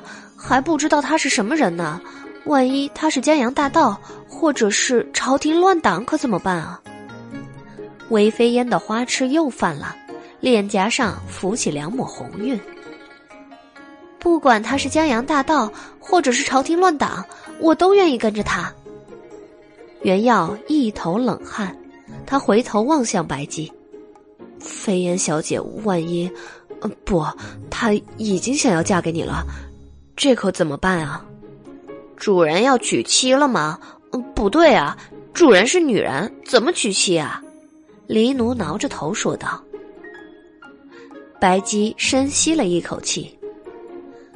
宣志，把怀秀禅师的墨宝拿去送给飞烟小姐，就说龙公子已经离开长安了。哦，好。可是你为什么不去告诉他你是白姬，不是龙公子呢？飞烟小姐命数特异，非人能不以真身真名去见他。”就不以真身真名去见他为妙。放心吧，以飞烟小姐的性情，等过一段时间，遇见更多的美男子时，她就会忘了龙公子的。袁耀摘下了墨宝，卷了起来，准备拿去送给韦飞烟。色即是空，空即是色。袁耀一边走出缥缈阁，一边念道：“唉，色即是空。”空即是色，黎奴拎着咸鱼去厨房，这么念道：“色即是空，空即是色。”白姬倚着柜台，笑得诡异。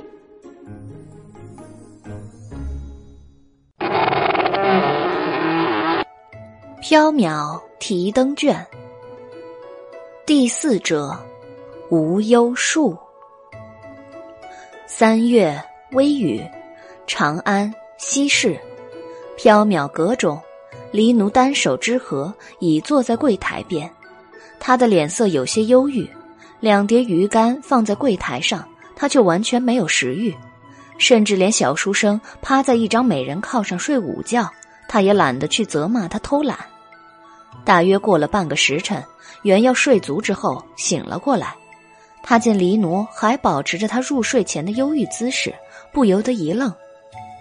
哎，黎奴老弟，你最近怎么郁郁寡欢啊？爷不开心，关你什么事儿？去去去，去集市买菜去，别烦爷了。黎奴生气的道：“哦，好。”袁耀起身去厨房拿了菜篮，又到柜台后取了一吊钱。黎奴老弟，今天要买什么鱼啊？今天不许买鱼，买些青菜、豆腐什么的吧。从今天起，爷要戒斋吃素了。啊？为什么？袁耀奇怪。黎奴瞪眼道：“问这么多做什么？爷说什么，你照做就是了。”自从进了缥缈阁，每天吃的东西除了鱼还是鱼。小生已经好久没吃肉了，趁着黎奴老弟你戒斋，小生去买些肉来，烦请黎奴老弟做给小生吃吧。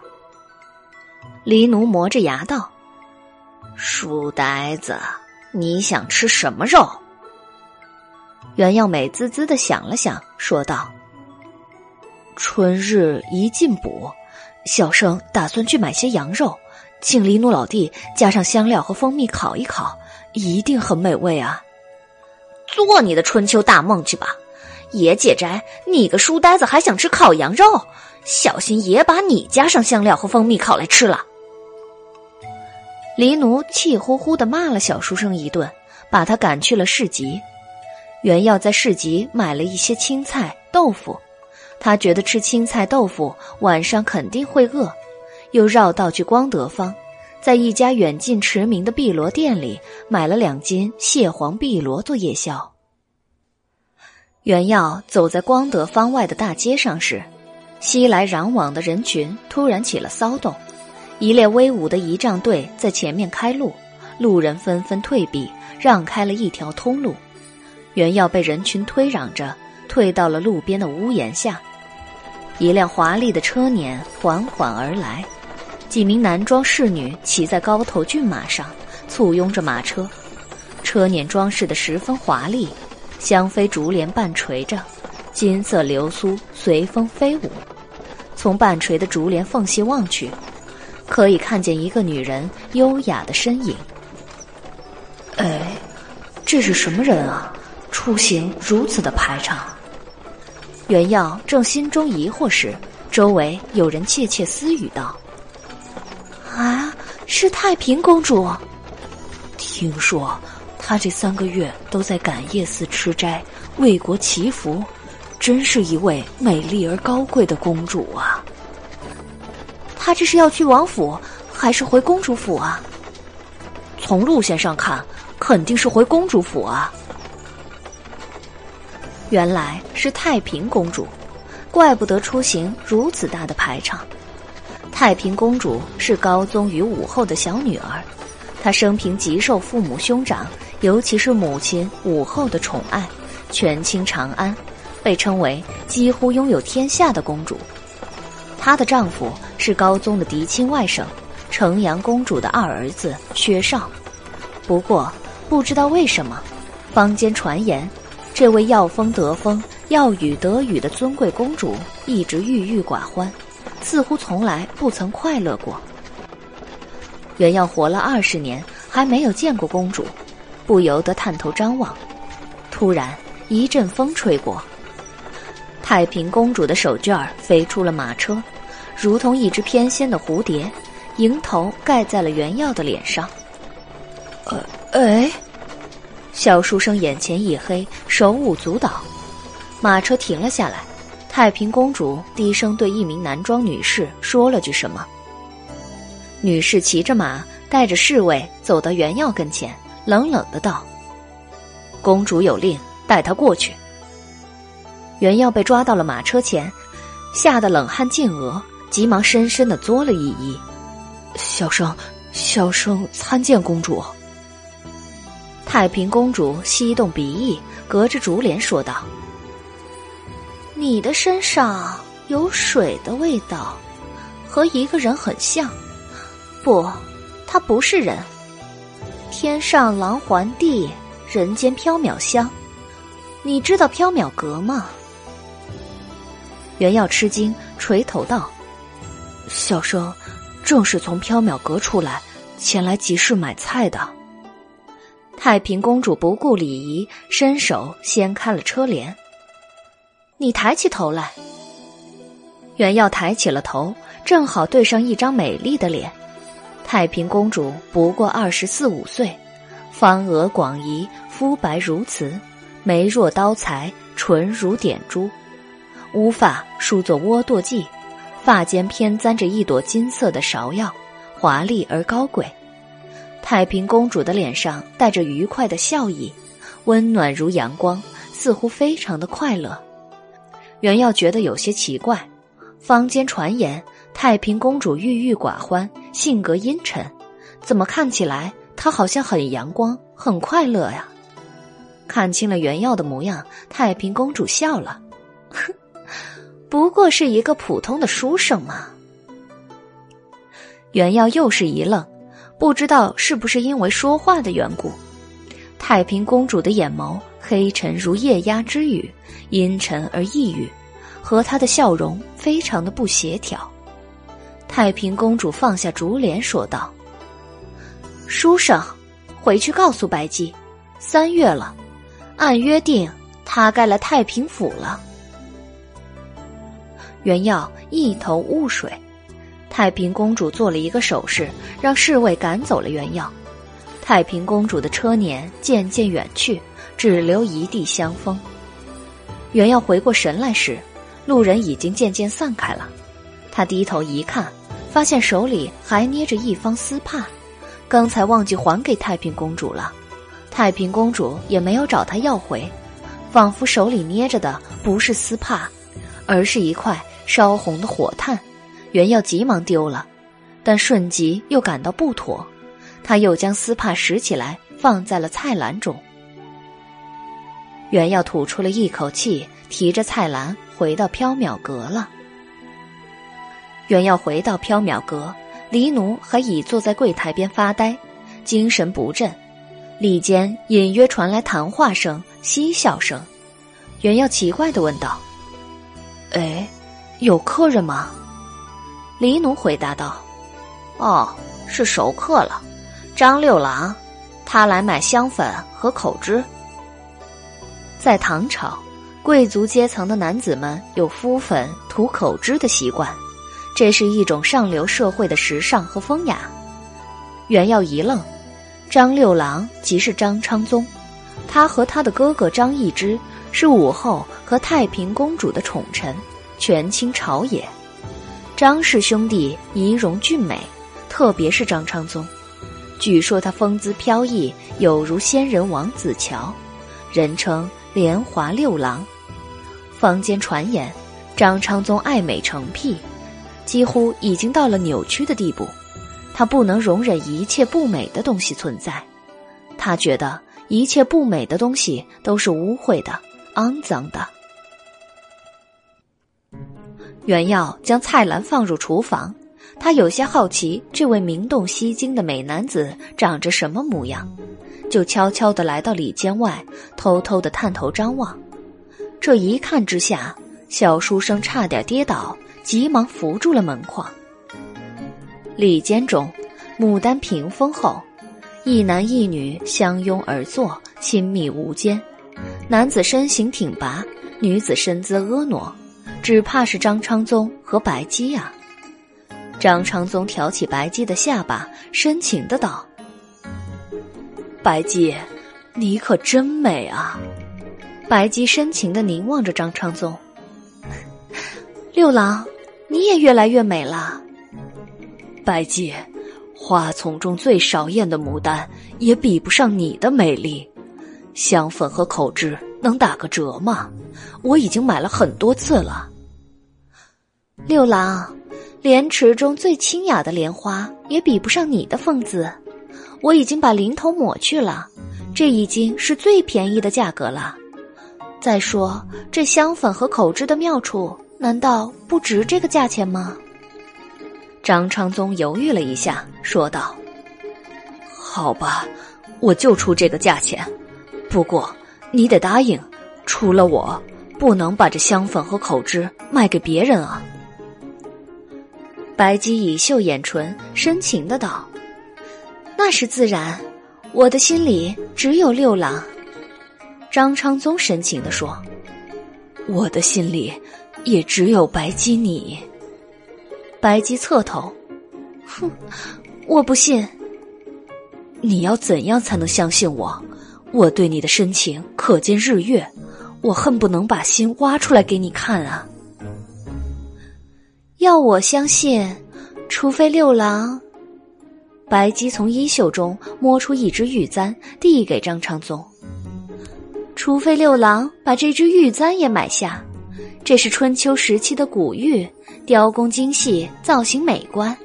六郎这样的翩翩美郎君，用它来簪发，一定更添风姿。多少银子？张昌宗凝望着白姬问道。白姬以秀掩唇，深情地说：“看在六郎对我一片情深的份上，这只玉簪就只收你一百两银子吧。”啊，这也太贵了。张昌宗嘴角抽搐，六郎的心里果然没有我。白姬以袖掩面，侧过了头。哎呀，好吧，我买下了。白姬回过头，深情的望着张昌宗。六郎真好，不枉我天天盼你来缥缈阁望穿秋水呢。张昌宗也深情的望着白姬，挑起了他的下巴。白姬，你可真美啊！六郎，你也越来越美了。袁耀扶着门框，看得一头冷汗的同时，觉得牙根有点发酸。这条龙妖和张昌宗演的这是哪一出啊？袁耀想悄悄的退出去，可是吱呀一声，门被他带动了。宣之，谁？白姬和张昌宗从屏风后探出身来，袁耀冷汗，想要溜走。啊，小生只是经过，你们请继续。白姬说道：“宣之，去拿一方锦缎，将这六盒香粉、口脂替张公子包上。啊，还有这只玉簪。”哦，好。袁耀垂头应道。袁耀拿了一方锦缎。进来包东西时，白姬和张昌宗仍在互相深情的凝望，不着边际的说着情话。一会儿牡丹花，一会儿白莲花，不知怎么的，张昌宗又稀里糊涂的花了一百二十两银子买走了一只羊脂玉瓶。原要偷眼向张昌宗望去，果然是一个俊美倜傥的男子。之前原要以为韦燕已经算是美男子了。不想张昌宗比韦燕更加风标不凡，但见他眉墨飞入鬓，凤目亮如星，梳袍广袖，龙章凤姿。张昌宗见袁耀在看他，皱眉道：“白姬，这是什么人？”啊，宣之是缥缈阁新来的杂役。他可真丑，你也不招一个漂亮些的下人。张昌宗厌恶的说道：“袁耀有些生气，正想和张昌宗理论，白姬却笑了。看习惯了，宣之也挺好看的。”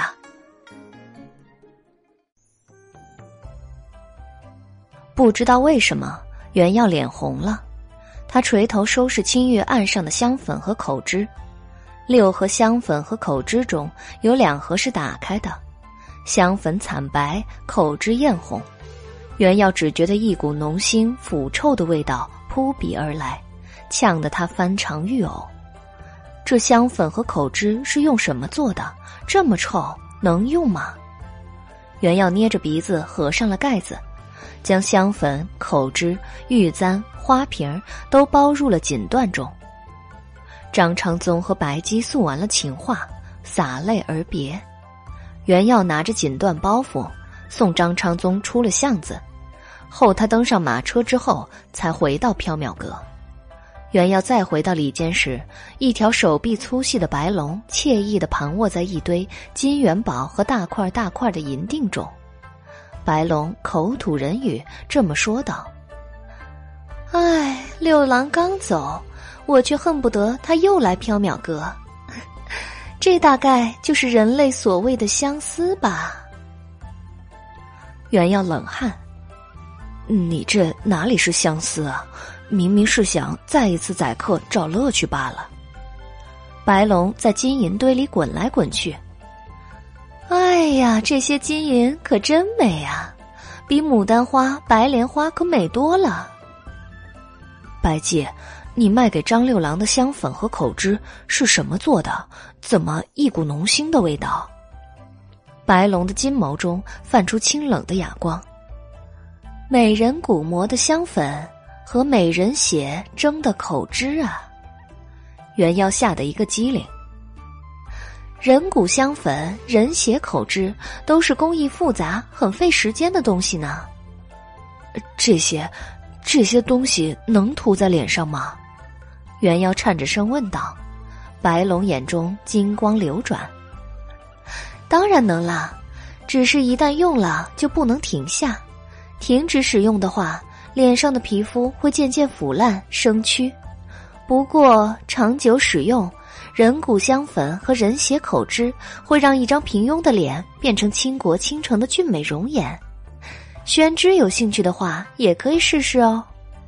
袁耀连连摆手：“不要，不要！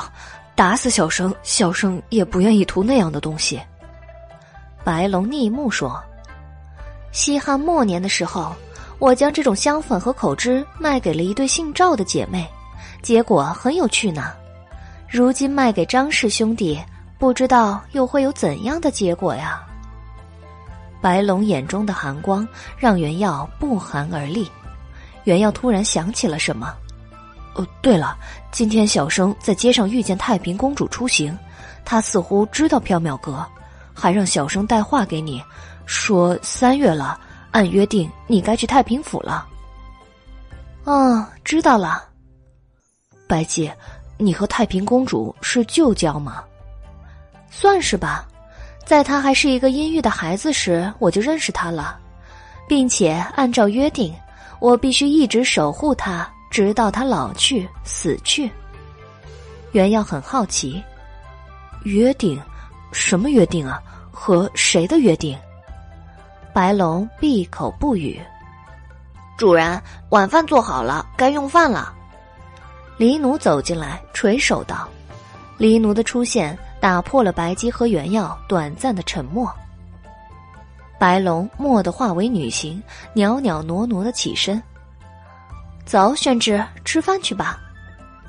白姬、原耀、黎奴坐在后院的回廊中，三人中间摆了一张梨花木案，木案上放着三样菜、三碗米饭，三样菜分别是清汤豆腐、炒青菜和一碟咸菜。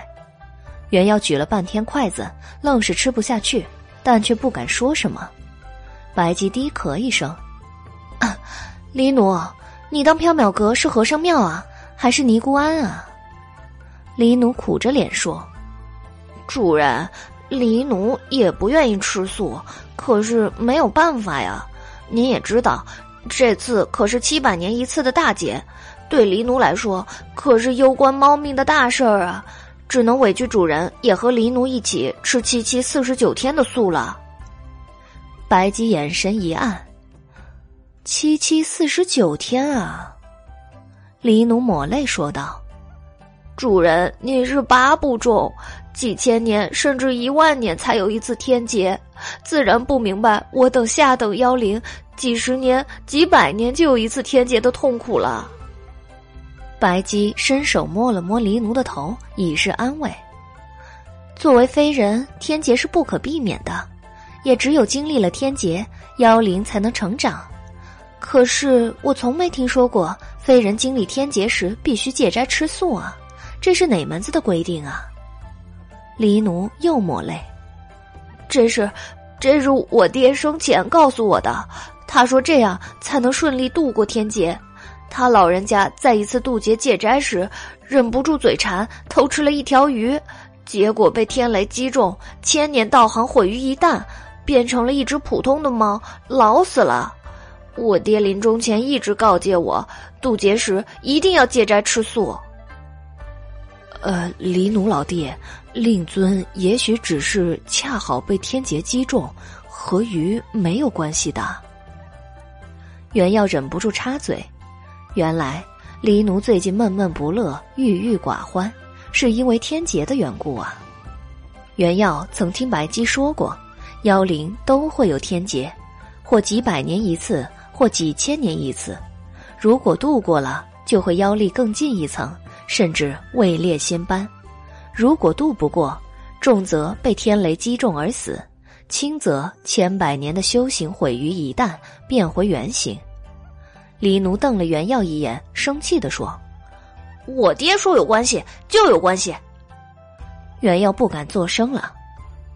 白姬、袁耀、黎奴三人举箸吃饭，因为菜不合口味，白姬、袁耀都没有什么食欲。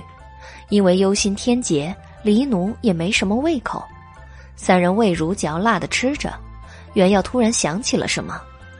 哦，对了，小生在光德坊买了蟹黄碧螺，小生这就去拿来做菜。白姬眼前一亮，黎奴生气地说：“不用去了，我已经扔了。从今天起，缥缈阁不许吃荤腥，只能吃素。”袁耀无力的坐下，小声的说。黎奴老弟，暴殄天物可是会遭雷劈的。白姬叹了一口气，说道：“唉，偶尔一段时间吃的清淡一些也不错，还是主人好。”黎奴笑道，又瞪了一眼原耀，不像书呆子，一天到晚只记得吃。原耀想反驳，但又不敢反驳，只好闷闷的扒饭。因为黎奴要渡天劫，缥缈阁里一连吃了五天的素，白姬吃得奄奄无力，原耀吃得满脸菜色。白姬没说什么，原耀也不敢有怨言。这一天，黎奴向白姬告了假，出门去了，傍晚才回来。黎奴一回来，就又向白姬告假：“主人，今天黎奴去玄武那里算了一卦。”玄武说：“黎奴五行缺土，必须要去山里渡劫才能平安，所以黎奴打算请两个月的假去山里渡劫。”玄武是一只活了一万年的乌龟，它住在曲江边，和一条蛇交不离梦，梦不离交。玄武很话痨，可是和他住在一起的蛇却十分的安静。玄武见多识广，非常博学。尤其通晓星象命数、伏羲八卦，玄武十分喜欢烟火俗事，常常化作一个算命先生，游走在长安城中，和挑夫走卒、三姑六婆口沫横飞的讲八卦，人界、非人界的事情没有玄武不知道的，非人们有了迷惑的事情都会去找他解惑。白姬眼前一亮，啊。没关系，你去吧，去吧。袁耀也傻笑，黎奴一头雾水。哎，主人，书呆子，你们笑什么呀？白姬赶紧收敛笑容。啊，我没有笑啊，宣之，我有在笑吗？原耀也收敛了笑容。黎奴老弟，你就去山里安心渡劫吧，不必记挂缥缈阁。黎奴十分忧愁的说：“我怎么能不记挂嘛？主人不会做饭，书呆子你又君子远庖厨，我走了，谁给你们做饭吃啊？”白姬、原要赶紧安慰黎奴，说他不必记挂太多，渡劫去要紧。再怎么样，他们也不至于会饿死。云云，黎奴忧愁的说道：“哎，那好吧，希望我回来时你们不要饿瘦了。”黎奴做了一顿八道菜的素宴，和白姬、原药一起吃了，算是给自己践行。黎奴抹着泪说道：“我这一去，也不知道能不能回来了。”白姬笑道：“放心，你一定会回来的。世事难料啊，万一我不能回来了，死了的话也就罢了。如果……”我变成了一只普通的猫，主人，你一定要把我带回缥缈阁养着呀！好，白姬只好这么答应。还有，书呆子，那时我没有法力了，你可不能欺负我呀。哦，好，原耀只好这么答应。黎奴一把抱住了原耀，流着泪道：“书呆子，我以前不该总想吃你，总欺负你。如果我能安然回来，一定和书呆子你一起睡里间。放心吧，黎奴老弟，你一定会平安回来的。”原耀安慰黎奴。吃完晚饭，黎奴收拾妥当，打了一个大包袱。里面装着他爹告诉他的能够平安度过天劫的宝物，如锅灰、蒜头、瓦片之类的东西。黎奴踏着夜色挥泪离开了缥缈阁。原要送黎奴到巷口，望着一只黑猫背着一个大包袱渐渐走远，他心中突然有些不舍。老天保佑，愿黎奴老弟能够平安渡劫，早日回到缥缈阁啊！弦乐东升，飞桃盛开。袁耀和白姬坐在后院赏花喝酒。袁耀问道：“白姬，黎奴老弟能够平安度过天劫吗？”白姬神秘一笑：“只有天知道呀。”白姬，那你也有天劫吗？当然有了，不过一万年一次。玄之如果盼着看热闹的话。恐怕是赶不上了。第二天没有黎奴做早饭，袁耀只好去光德坊买了一斤羊肉碧螺和白鸡吃了当早饭。袁耀一边啃碧螺一边问道：“白鸡，午饭和晚饭怎么办？也吃碧螺吗？”白鸡正在思考，一只纸鹤飞入了缥缈阁，停在了白鸡面前。袁耀在缥缈阁待了许久，也见怪不怪了。这只纸鹤不是哪个非人传来的讯息，就是有道行的人传来的讯息。白鸡吃得正欢，不愿意放下碧螺。宣之，打开看看，念给我听。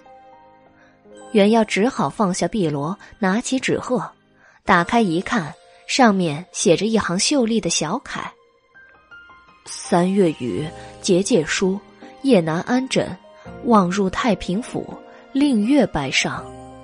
白姬陷入了沉思。袁耀好奇的问道：“令月是谁啊？”太平公主。啊，原来太平公主的方会是令月啊！袁耀啧舌，皇族公主，尤其是太平公主这样尊贵的公主，普通人不能得知其闺名。白姬沉吟了一会儿，对袁耀笑道：“不如今天去太平府吧，太平府的厨师手艺可是一绝呢。我们吃了这么久的素，正好可以去大快朵颐。”哦，好。不过白姬，太平公主是有事相托，而不是请你饮宴吧？这有什么关系啊？办完了事情，自然要饮宴了。太平公主找你办什么事情啊？修补结界。原要不懂，也就不再问了。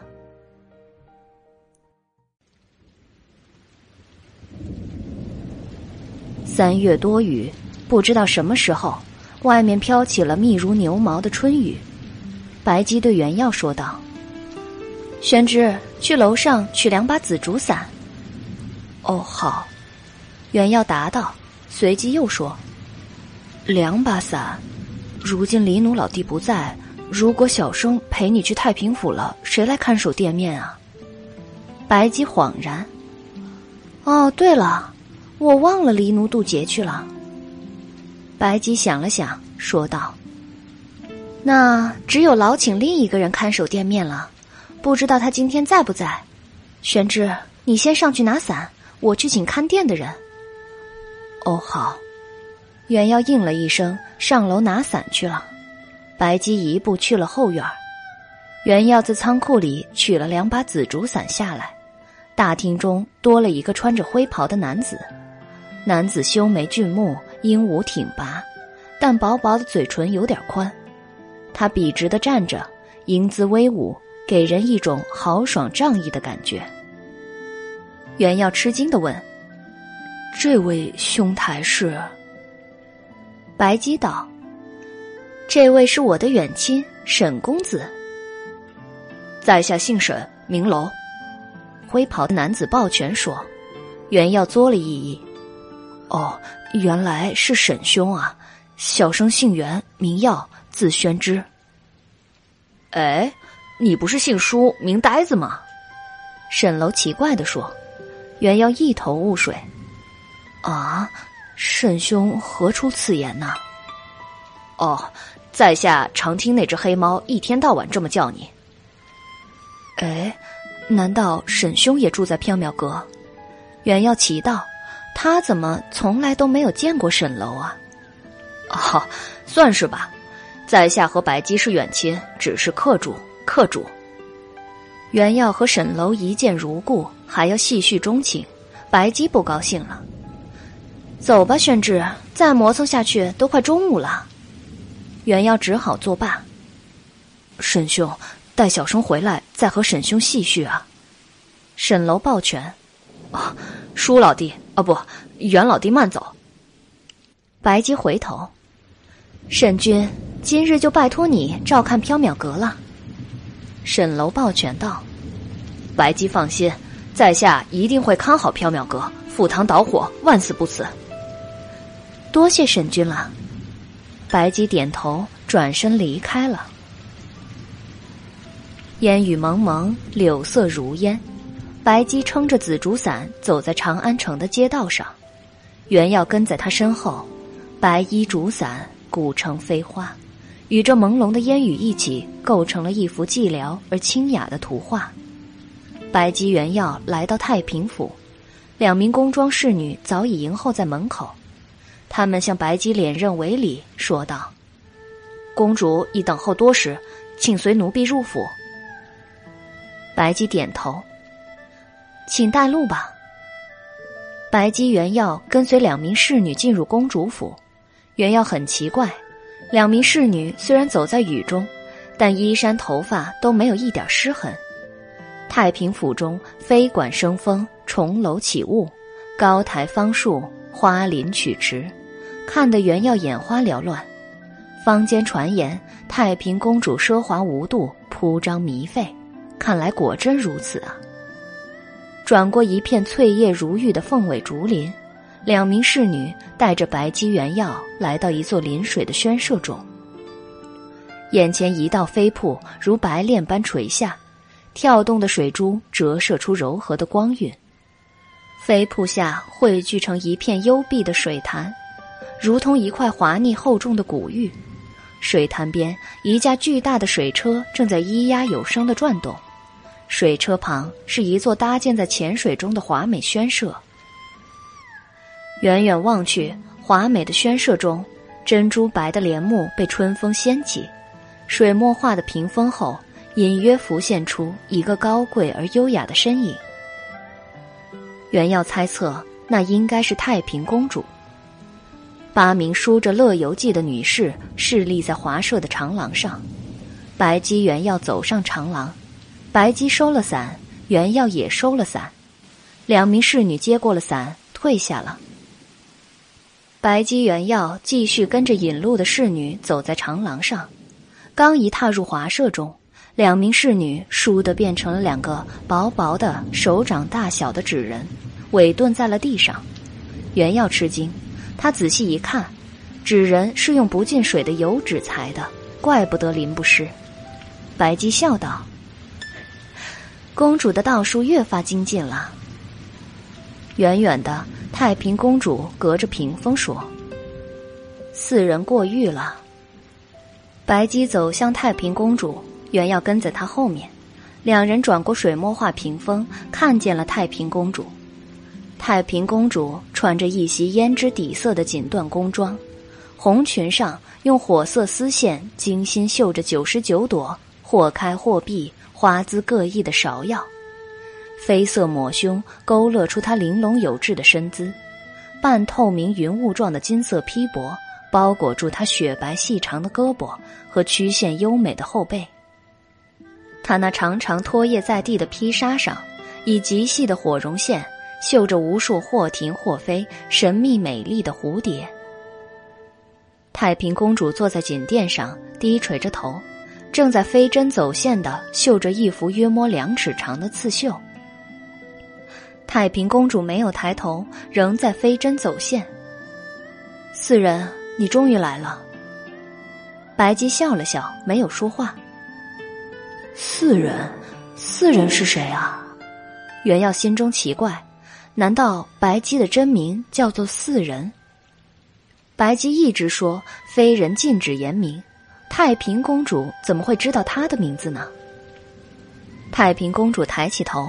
望了一眼白姬身后的原耀，说道：“哦，你是上次的那位书生。”原耀赶紧作了一揖：“小生参见太平公主。你叫什么名字？”“小生姓袁，名耀，字宣之。”太平公主笑了：“原耀，果真是结妖缘的名字啊。”袁耀不敢反驳，太平公主吩咐道：“来人，赐座，看茶。”是公主。两名梳着双罗髻的红裙侍女领命退下。不一会儿，侍女拿来锦垫，端来香茶。白姬元要坐下喝茶。白姬说道：“才雨水时节，公主就召四人来补结界，未免太早了一些吧？”太平公主一边刺绣，一边对白姬道：“其实我叫你来，倒不全是为了修补结界。最近有一件奇怪的事情，让我觉得不安。”白姬一边喝茶一边问道：“什么事情啊？”太平公主抬起头说道：“近来我觉得心情特别愉悦，特别欢畅。”原耀扑出了一口茶，心情快乐难道不是一件值得高兴的事儿吗？太平公主为什么反而觉得不安呢？太平公主说道：“高兴的事情会让我觉得心情快乐，悲伤的事情也会让我觉得心情快乐。不管是什么事情，我都忍不住想笑，哈哈大笑。前几天显哥哥的一位宠妃没了。”我进宫安慰显哥哥，也不知道为什么，我就在满脸泪痕的显哥哥面前哈哈大笑了起来。显哥哥很生气，母后也把我叫去责备了几句。我想这一定是妖怪作祟，一定是恶鬼要来吃我。白姬道：“在长安城，没有妖鬼能够闯入我布下的结界。如果太平府的结界被破坏了，我在缥缈阁中会知道的。”太平公主说：“如果不是在太平府，那会不会是在外面碰上了妖孽呢？年初的时候，我奉母后之命去感业寺吃斋祈福，会不会是在感业寺时碰上了妖魅啊？”白姬问道：“我给你的玉坠，你一直佩戴着吗？”太平公主点点头：“嗯，一直佩戴着，从未离身。”那么就不会是恶鬼妖魅作祟了。白姬望了一眼太平公主，微微皱眉。今天仔细一看，你似乎和以前是有些不太一样了。太平公主奇怪的问：“哪里不一样啊？”母后、薛少、高进和伺候我的侍女们也都说我和以前有些不一样了。白姬淡淡的说。你会开怀的笑了。太平公主一愣，白姬低头望了一眼太平公主正在绣的图，问道：“这是什么？”太平公主这幅刺绣才刚刚开工，还没有轮廓，只依稀勾勒出一点形状，像花，像树，又像鸟兽。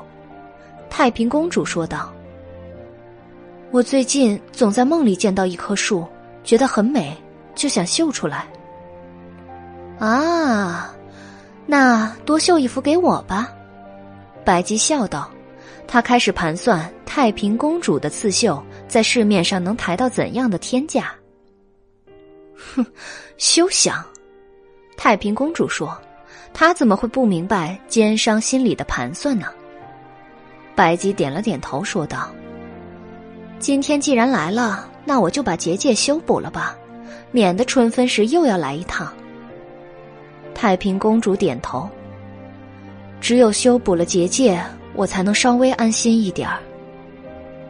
白姬站起身，走到水榭的栏杆边，栏杆下是碧波荡漾的水，烟雨迷蒙中，水色如画。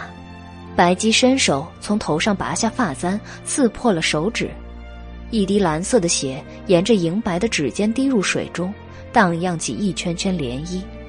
不过弹指间，水潭中的水如同烧沸了一般。水波翻滚，突然，水面哗啦一声破开，四条巨大的白龙从水中飞起，窜上了天空。白龙张牙舞爪，盘旋在半空中，它们周身环绕着冰蓝色的火焰，龙爪坚实锋利如山岳，龙角球节弯曲如镰刀。四条白龙在天空盘旋飞舞，消失在了东南西北四个方位。袁耀吃惊的望着天空，笼罩太平府的结界现出了形状，柔和如水的结界上有奇怪的文字和符号在飞速流动，光滑净澈。四条白龙在结界上游动，渐渐的融入文字和符号之中，消失无形。约莫一盏茶的时间，结界消失不见了。水榭外花树中，仍是重楼飞阁，烟雨朦胧。白姬对太平公主笑道：“结界没有破损多少，看来去年袭击你的妖鬼也变少了。”太平公主脸色苍白，咬紧了嘴唇。只是少了，他们还是会源源不断的来。从出生到现在，我没有一日安宁，一日太平。这是你的命数，没有办法。太平公主望着白姬说道：“四人，你会一直守护我，直到我死去吗？”白姬道：“公主，我会遵守约定，在你有生之年，不让任何非人伤害您。那我就放心了。”太平公主设宴招待白姬和原耀。宴席之上，各色佳肴勾人食欲，金乳酥、玉露团、金鸡玉块、生羊块、飞鸾块、红球脯、凤凰胎、黄金鸡、泥鱼翅、梯履鸡、菊香鸡、驼峰翅、鲤鱼翼等。白鸡吃得很欢快，原药也吃得很欢快。酒足饭饱之后，白鸡原药告辞离去。坐着太平公主安排的马车回缥缈阁了。马车中，原药对白姬说道：“小生觉得我们此行像是骗吃骗喝的神棍啊。”白姬笑了：“ 当神棍也很有趣啊。”白姬，太平公主为什么总是提心吊胆，害怕妖鬼吃她呀？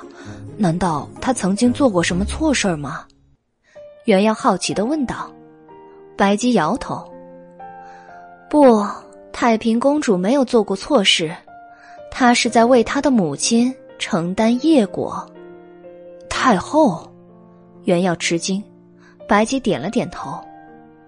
太后，袁耀不敢妄自议论武后的事情，陷入了沉默。白姬笑道：“ 说起来。”太平公主和宣之你很像呢。啊，哪里像啊？袁耀吃惊。你们都和非人有宿缘，不过嘛，太平公主的遭遇是午后的夜报，聚集在她身边的都是怨力的恶鬼，或者为复仇，或者为泄愤，想要杀死她、折磨她。而宣之你嘛，大概是你的名字叫做原耀。所以才这么有妖缘吧？啊，这关小生的名字什么事啊？不过太平公主真可怜，必须为她的母亲承受这么多，怪不得坊间传言她一直都郁郁寡欢呢。袁耀怜悯的说：“从小到大，总是有一堆可怕的恶鬼环伺在侧，伺机杀死自己，折磨自己。这样提心吊胆、步步惊心、如处阿鼻地狱的情形，只是想一想都觉得不寒而栗。怪不得太平公主一直郁郁寡欢，不能开怀。白姬叹了一口气，说道：“唉，太平公主也算是坚强的人类了。她对她的母亲没有任何怨言，反而她的母亲对她却充满了愧疚。”想要保护她，弥补她，所以武后和我定下了契约。我认识太平公主已经二十年了，从来没有看见她开怀的笑过。她是一个不会笑的孩子。袁耀觉得，如果换做他处在太平公主的境地，他也肯定不会笑。一个时刻与恐惧、死亡、幽坟作伴的人，怎么会笑呢？袁耀道：“不过今天太平公主笑了呀。”白姬陷入了沉吟，自言自语：“所以我才有点担心，她自己也觉得不安，但这似乎不像是妖媚作祟的迹象啊。”马车中陷入了沉默，袁耀似乎还有话想问，白姬看穿了他的心思，宣之。有什么问题你就问吧。哦，白姬，四人是你的名字吗？白姬一愣，转头望向车窗外，顾左右而言他。啊，宣之，雨停了。白姬，原来你叫四人啊，好有意思的名字啊。宣之，我们今天晚饭吃什么？啊，不是刚吃过晚饭吗？那明天早饭吃什么？明天再说吧，四人。哎，不要再叫我的名字了。为什么呀？四人很好听啊。因为我讨厌被叫这个名字。为什么？不许再问了，不然明天就吃了你做早饭。不知道是不是有其主必有其仆的缘故，或者反之，白姬的口气突然变得很像黎奴。小书生乖乖的闭了嘴。白姬、原要回到缥缈阁，沈楼正倚在柜台边打瞌睡。白姬见状，轻声咳嗽了一下。沈楼被惊醒了，见白姬、原耀回来了，起身抱拳道：“白姬、袁老弟，你们回来了。”白姬问道：“沈君，今天有客人吗？”“没有。”不过胡家的十三郎来过，他好像有事儿，但听说你不在，又走了。他留了一句话给你，说明天午后再来造访。哦，知道了。白姬说完，他向里间走去，走了两步又回头。今天多谢沈君了，无以为谢。缥缈阁中，沈君喜欢什么就请拿去，不必客气。沈楼急忙推辞。举手之劳，何必言谢啊？白姬笑了，这是你的酬劳，不必推辞。沈楼摸了摸头，说道：“在下是游侠之人，行走四方，没有防身的武器，颇为不便。如果你能把墙上那把青铜剑送给在下，在下感激不尽。”大厅南边的墙壁上挂着一把战国时期的青铜短剑。短剑长约一尺七，宽约三寸，剑鞘上镶嵌着七色宝石。白姬笑道：“沈君喜欢，那就拿去吧。”沈楼欢喜的说：“那多谢白姬了。”白姬笑了笑，转身走进了里间，上楼去了。沈楼得了宝剑，十分欣喜。兴致盎然的拉着袁耀叙说当年游侠咸阳的往事。当年，在下在咸阳游侠时，结识了许多绿林朋友，大家意气相投，情若手足呢。袁耀沏了两杯茶，抱着茶，颇有兴趣的听着。天色渐渐黑了，沈楼一说起当年行侠仗义的事情，就越说越兴奋，干脆留下来和袁耀促膝夜谈。沈楼不知道从哪里弄来了几坛桂花酒，与原耀在烛火下对饮。沈楼慷慨激昂，激斩而歌：“一夕少年初入江湖，侠义在胸，快意恩仇。宝剑兰台，意气峥嵘冲冠怒。饮马长河，侠情摧尾狂笑歌。一襟青云，两袖白雪，仗剑天涯，游踪平寂。”小书生也吟了一首诗。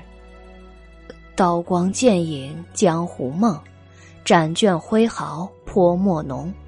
三尺秋水无情碧，十里东风断长虹。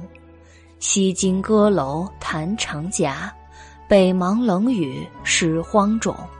古来多少豪侠事，落笔一笑云烟中。两人把盏对饮，相视而笑。言谈甚欢，桂花酒虽然甜淡，但是原药酒量不怎么好，喝了小半坛就昏昏欲睡了。原药打了一个哈欠，睡倒在寝具上。啊，沈兄，明儿再说吧，小生困了。哎，在下正说到精彩的地方，袁老弟你怎么就睡了？沈楼失望地说，他推了推原药。小书生已经开始呼呼的打鼾了，沈楼只好也躺在袁耀身边睡了。可是他心中太兴奋，翻来覆去睡不着觉。突然，沈楼腾地坐起身来，对着黑暗自言自语：“生如浮游寄语，朝为青丝，暮为白发，不可蹉跎。在下要游侠去。”沈楼摇醒了袁耀，说道。袁老弟，人生苦短，不可蹉跎。在下要去游侠，你说可好？袁耀睡得迷迷糊糊。哦，呃，挺好的，去吧，去吧。袁老弟，你可愿意与在下同去？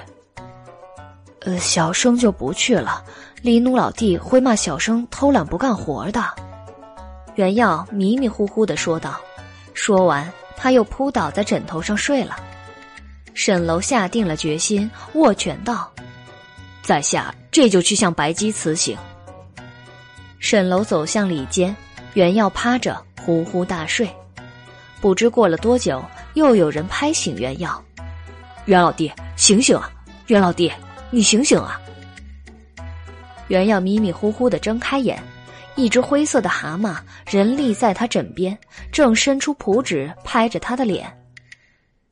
袁耀揉着眼睛坐起身来，蛤蟆背着一柄青铜短剑向袁耀抱拳：“袁老弟珍重，后会有期啊！”哎，袁耀一头雾水，背剑的蛤蟆一蹦三跳，消失在了缥缈阁中。呃，哎，袁耀再一次一头雾水，不过袁耀很困，也懒得理会太多，倒头又睡下了。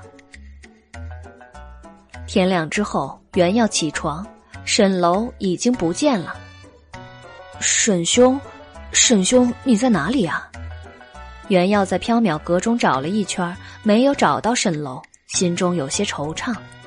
原要回到大厅里，望着酒坛中喝剩的桂花酒，努力回想昨夜的事情，依稀记得有谁在向他辞行，好像是一只蛤蟆。原要洗漱妥当。打开了店门，阳光照进了缥缈阁。吃早饭的时候，原要问白姬道：“白姬，沈兄去哪里了？”白姬抚额：“不是被宣之你撺掇着游侠去了吗？”啊，小生哪里有撺掇沈兄去游侠呀？白姬喝着瓷杯中的桂花酒说：“也许没撺掇吧。”但是他说，和宣之一席畅谈之后，就想去游侠了。生如浮游寄语，春夏秋冬转瞬即逝，想做的事情应当及时去做，不可蹉跎呀。袁耀闻言也颇有些感慨，希望沈兄能够快乐的、尽兴的游侠吧。白姬叹了一口气，唉。沈君是快乐的游侠去了，什么也不管了。可是我怎么向印交代呀？如果印醒来发现沈君不在了，情况就不妙了。印是谁啊？沈兄走了，为什么要向印交代？印是沈君的哥哥，因为某些原因，他不方便露面，一切事情都是沈君帮他处理的。沈君走了，他会生气的。啊，那这该怎么办？既然是宣之把沈君撺掇走了，那就宣之去道歉吧。白姬拿出一柄钥匙递给袁耀，顺便把沈君留下的这柄钥匙交给印保管。呃，这关小生什么事儿啊？袁耀不想去，但见白姬望着他，黑瞳幽森，眼神莫测，只好接过了钥匙。啊，好吧，小生去就是了。印在哪里？井底。井底的仓库里？不是仓库里，是井底。呃，井水里。啊，没错。那个小生不会游泳啊。不会游泳也可以去啊。啊，百姬，印到底是个什么东西啊？肾，什么是肾？简单的来说，就是一只大蛤蜊。那他会送小生珍珠吗？不会，但他会送你一场美梦。真的？嗯，真的。沈兄也是肾吗？不，沈君是一只蟾蜍。不过嘛，他一直认为自己是印的亲弟弟，也是一只肾，所以你千万不要当着他的面提蟾蜍、青蛙和蛤蟆，不然他会很不高兴的。哦，小生知道了。白姬笑了。白姬，小生这就去吗？过几天吧，等月圆的时候，那时候印才会醒来。哦，好。白姬、原耀无声的坐在廊下吃东西，院子中的飞桃树繁花盛开，落英缤纷。白姬喝了一口桂花酒，若有所思的道：“玄之，你好像一直在缥缈阁蹉跎光阴呢，难道你没有什么想做的事情吗？”原耀挠头说：“小生想做的事情啊，啊，好像没有。”小生只想一直待在缥缈阁里。为什么？因为待在缥缈阁很有趣，很快乐。宣之，你可真是一个容易满足的人呐。袁耀笑了，接着又说：“呃，古语云，知足者常乐嘛。那个白姬，如果你能给小生涨一点月钱，小生就会更快乐了。”白姬笑眯眯地说：“休想！宣之，古语云‘知足者常乐’。”小书生闷闷的啃了一口樱桃碧螺，把“真是奸诈贪财的龙妖”这句话连同碧螺一起咽进了肚子里。中午过后，袁耀正拿着鸡毛掸子给古董掸灰时，胡十三郎来了。袁公子，好久不见了。火红色的小狐狸走进缥缈阁，端正的坐下。袁耀笑道：“啊，是十三郎啊，好久不见了。”小狐狸怯生生的问道：“白姬在吗？某昨天约好，今天来见他。”袁耀笑道：“啊，白姬在后院晒太阳，小生带你去。”那有劳袁公子了。小狐狸怯生生地说：“袁耀带小狐狸走向后院，后院中芳草萋萋，三春的阳光如一抹橘色娇羞，明亮却微凉。白姬躺在美人靠上，舒服的眯着眼睛晒太阳。白姬，十三郎来了。白姬回过头，坐起身来，笑了。十三郎怎么有空来缥缈阁玩啊？小狐狸在白姬面前坐下，彬彬有礼的说道：“某不是来玩的，某有一件困扰的事情想向白姬请教。”白姬望了小狐狸一眼，说道：“十三郎的脸色好像有些憔悴呢。”小狐狸伸爪揉脸说道：“啊，某离家出走已经一个多月了，这一个多月里。”某露宿在荒郊坟地，寄居在农人的屋檐下，寺庙的祠堂中，苦不堪言呢。十三郎为什么要离家出走啊？白姬好奇的问道。小狐狸又揉脸。事情说起来话就长了。原要沏来两杯茶，拿来一些点心。十三郎一边喝茶吃点心，一边娓娓道来。九尾狐王年轻的时候，性格就忧郁而多愁善感；年老之后，因为操心九尾狐族的兴衰命运，操心儿女的婚姻归宿，操心孙儿们是否能够健康长大，他更加的郁郁寡欢、闷闷不乐。狐狸们都劝他想开一点儿，儿孙自有儿孙福，不必操心太多。他也不能释怀，仍旧愁闷。去年夏天，胡三娘和夫婿去南海游玩，遇见了一只肾。肾正在做梦，胡三娘踏入了肾梦中。肾梦中仙山飘渺，美如梦幻。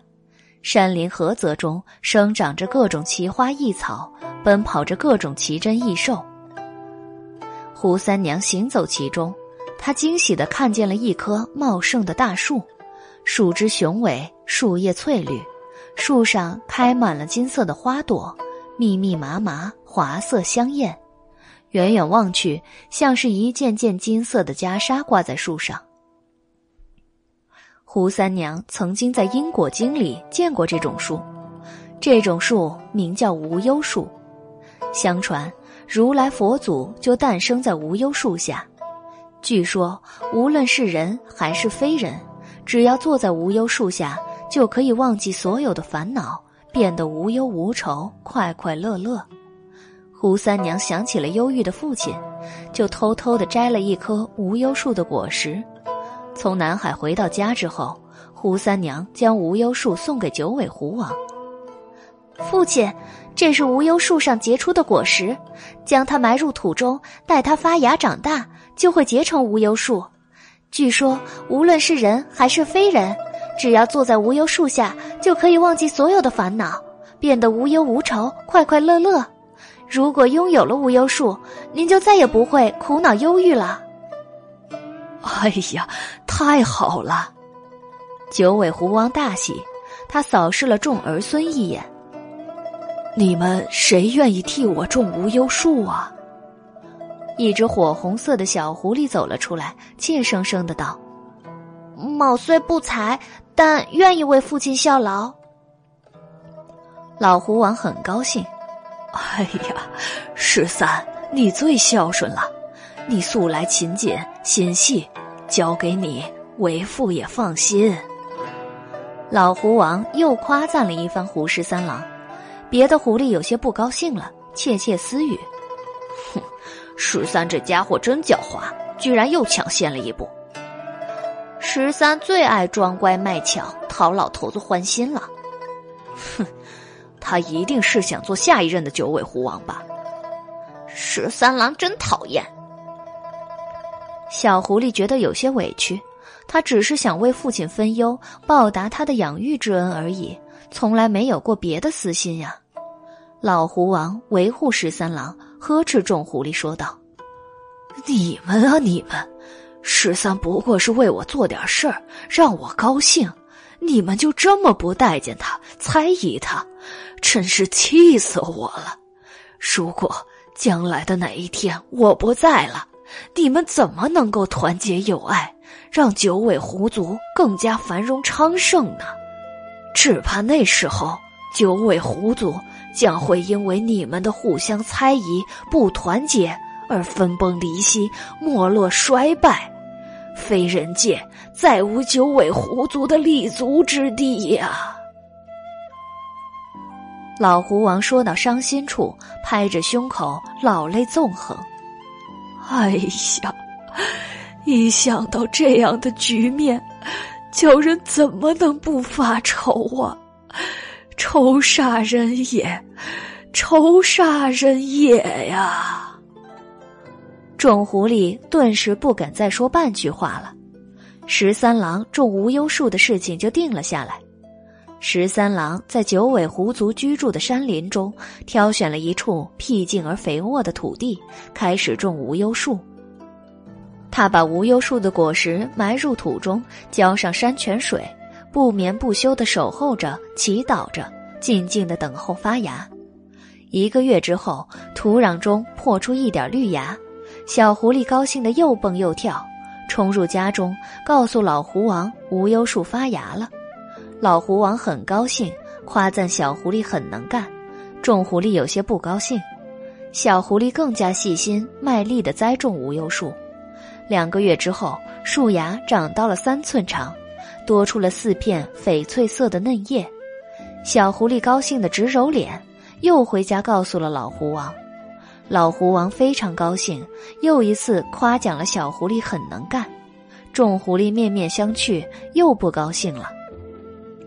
小狐狸继续悉心照料无忧树，可是有一天，小狐狸从紫竹林取来山泉水，准备浇灌无忧树的时候，无忧树不见了。小狐狸很着急，找遍了山前山后、山上山下，都没有找到。最后，小狐狸只好眼泪汪汪的回家，去向老狐王禀报这个不幸的消息。老狐王奇怪的说：“好好的，无忧树怎么会不见了呢？”十三郎怯生生的道：“毛也不知道，恐怕是被谁偷走了。”老狐王叹了一口气，捶着胸发愁：“我九尾狐族的地盘。”居然有人能够神不知鬼不觉的闯入，这还得了？真是愁煞人也，愁煞人也呀！狐狸们纷纷说道：“哼，都怪十三郎玩忽职守，才让人偷走无忧树。我九尾狐族的地盘有九重结界，外人绝不可能闯入，八成是十三偷懒，把无忧树种死了。”他害怕父亲责罚，故意说是谁偷走了无忧树。对，一定是这样。十三，你怎么能说谎呢？不管怎么说，都是十三的错。众狐狸纷纷数落十三郎，十三郎满腹委屈，却是百口莫辩，只能流着泪，小声的解释：“某没有把无忧树种死，无忧树真的不见了。”众狐狸表示不相信，并认定是十三郎把无忧树给种死了。狐狸们吵闹作一团，老狐王见了，捶着胸口叹气：“哎呀，真是愁煞人也，愁煞人也呀！”最后，虽然老狐王相信十三郎没有说谎，但是众狐狸都不相信，明里暗里指责十三郎。十三郎既委屈又生气，一气之下离家出走了。小狐狸揉着脸说道：“无忧树一定是被人偷走了，无论如何，某一定要找回被偷走的无忧树，大家才会相信某没有说谎，家父也才会快乐无忧。”白姬沉吟了一会儿，说道：“你种无忧树的地方是九尾狐族的地盘。”有九尾狐族的结界，无论是非人还是人类闯入其中，你不可能不知道吧？小狐狸耷了下耳朵说道：“事情就是这么奇怪，某完全没有感觉到有人入侵，可是无忧树确实不见了，而且神不知鬼不觉的闯入了结界中的，不是非人是人。”哦，此话怎讲啊？是脚印。事后，某回到种无忧树的地方，仔仔细细的查看了一遍，发现了人类的脚印。小狐狸凝重的说道。白吉奇怪的问道：“人类的脚印？”“嗯，人类的脚印。”白吉喝了一口茶。如果有脚印，那也一定会留下气味啊！循着气味追踪，不难找到窃走无忧树的人。那人没有留下任何气味，怎么会呢？世界上怎么会有没有气息的人呢？真的没有留下气息。某猜测，要么是此人道法高深，如李淳风，要么就是有法力极其高深的飞人隐去了他的气息。这也不可能。小狐狸愁眉苦脸。这些日子以来，某四处奔波打听，连玄武也问过了，始终没有打探到无忧树和贼人的下落，甚至连一点线索也没有，真是愁死某了。百济，缥缈哥能够实现任何愿望，某特意来请你实现某的愿望，替某找到无忧树。白吉沉吟了一会儿，说道：“好，我替你找无忧树。不过，你用什么做报酬呢？”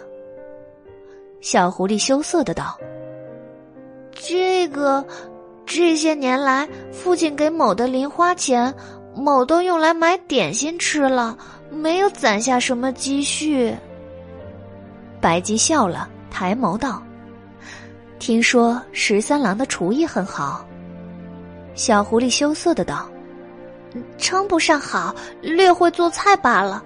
家父对美食很挑剔，常常爱换口味。某为了他能够吃得开心，常常去皇宫中的御膳房、大酒楼的后厨中潜伏，偷偷学做各种菜色，然后回去做给家父吃。”百吉笑眯眯的说：“ 如果十三郎留在缥缈阁做两个月的杂役。”我就替你找到无忧树。小狐狸怯生生的道：“只要您能帮某找到无忧树，某在缥缈阁做一辈子杂役也没关系。只是那只黑猫恐怕容不下某。呃，对了，今天怎么没有看见那只臭黑猫呢？”黎奴去山里了，两个月后才会回来。黎奴一走，缥缈阁里颇缺人手啊。这样啊。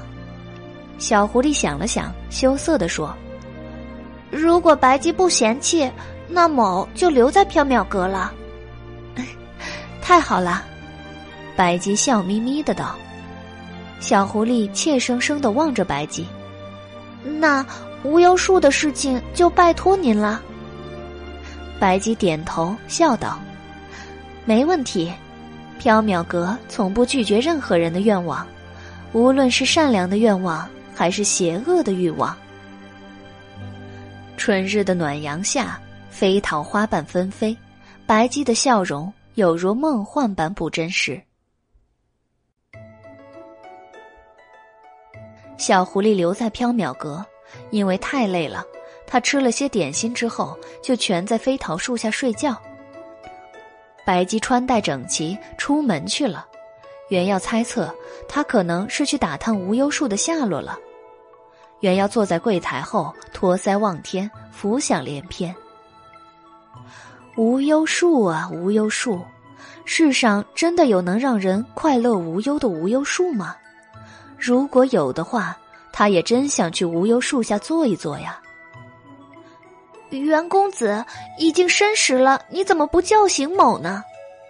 一个怯生生的声音将袁耀从冥想中拉回了现实。袁耀回目一看。空荡荡的大厅中没有人，他将目光下移，才看见了胡十三郎。胡十三郎坐在地上，身边放着一只竹篮。袁耀笑道：“哦，小生见你睡得香甜，就没有吵醒你。”小狐狸揉脸：“某是来打杂的仆役，可不敢偷懒。袁公子，请一定要对某严格一些。刚才某去厨房转了一圈。”发现除了咸鱼，好像没有菜了。集市应该还没散，某去买些菜回来，准备做晚饭。袁公子，请给某一吊钱。哦，好。袁耀赶紧从柜台后翻出一吊钱，放入小狐狸的竹篮里。小狐狸怯生生的问道：“请问，白鸡的口味是怎样的？他喜欢吃重口的还是清淡的？喜欢吃甜的还是咸的？喜欢吃荤菜还是素菜？有没有什么最爱吃的？有没有什么忌口？”袁耀想了想，说道：“白鸡不怎么挑剔食物，没有特定的喜欢和忌口，他什么都吃，你不必担心。那袁公子你呢？小生也是什么都吃，十三郎不必特意费心。那就好，某去买菜了。”小狐狸用嘴叼起竹篮，向缥缈格外走去。袁耀想起了什么，急忙道。十三郎，等一等。小狐狸回头放下菜篮。袁公子还有什么吩咐吗？呃，你你你就这样去市集吗？袁耀觉得胡十三郎就这样去集市，一定会被众人当做妖怪追打。当然，他本来也是妖怪呀。小狐狸一拍脑袋，啊，某差点忘了。去集市要化作人形。小狐狸话音刚落，蓦地化作人形，一个纤细白皙、眉目如画的俊俏少年出现在袁耀眼前。少年足踏乌皮靴，身穿红剃袍，一双丹凤眼，眼角微微上翘，眼神温柔而妩媚。哎，十三郎！袁耀大吃一惊。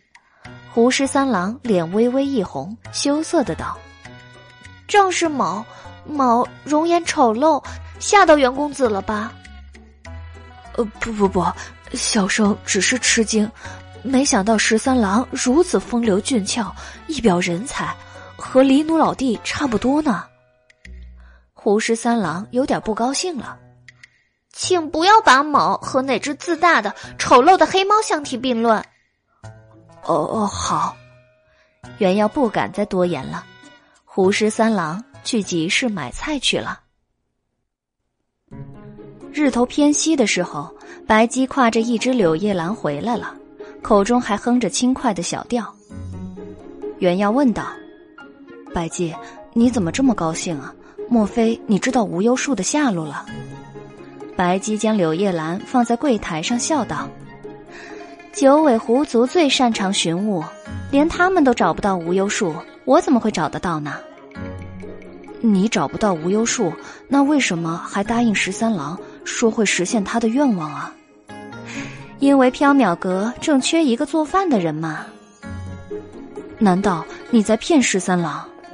原耀有些生气，这条奸诈的龙妖不会是骗纯善的小狐狸替他做白工吧？白姬笑了。我怎么会骗十三郎呢？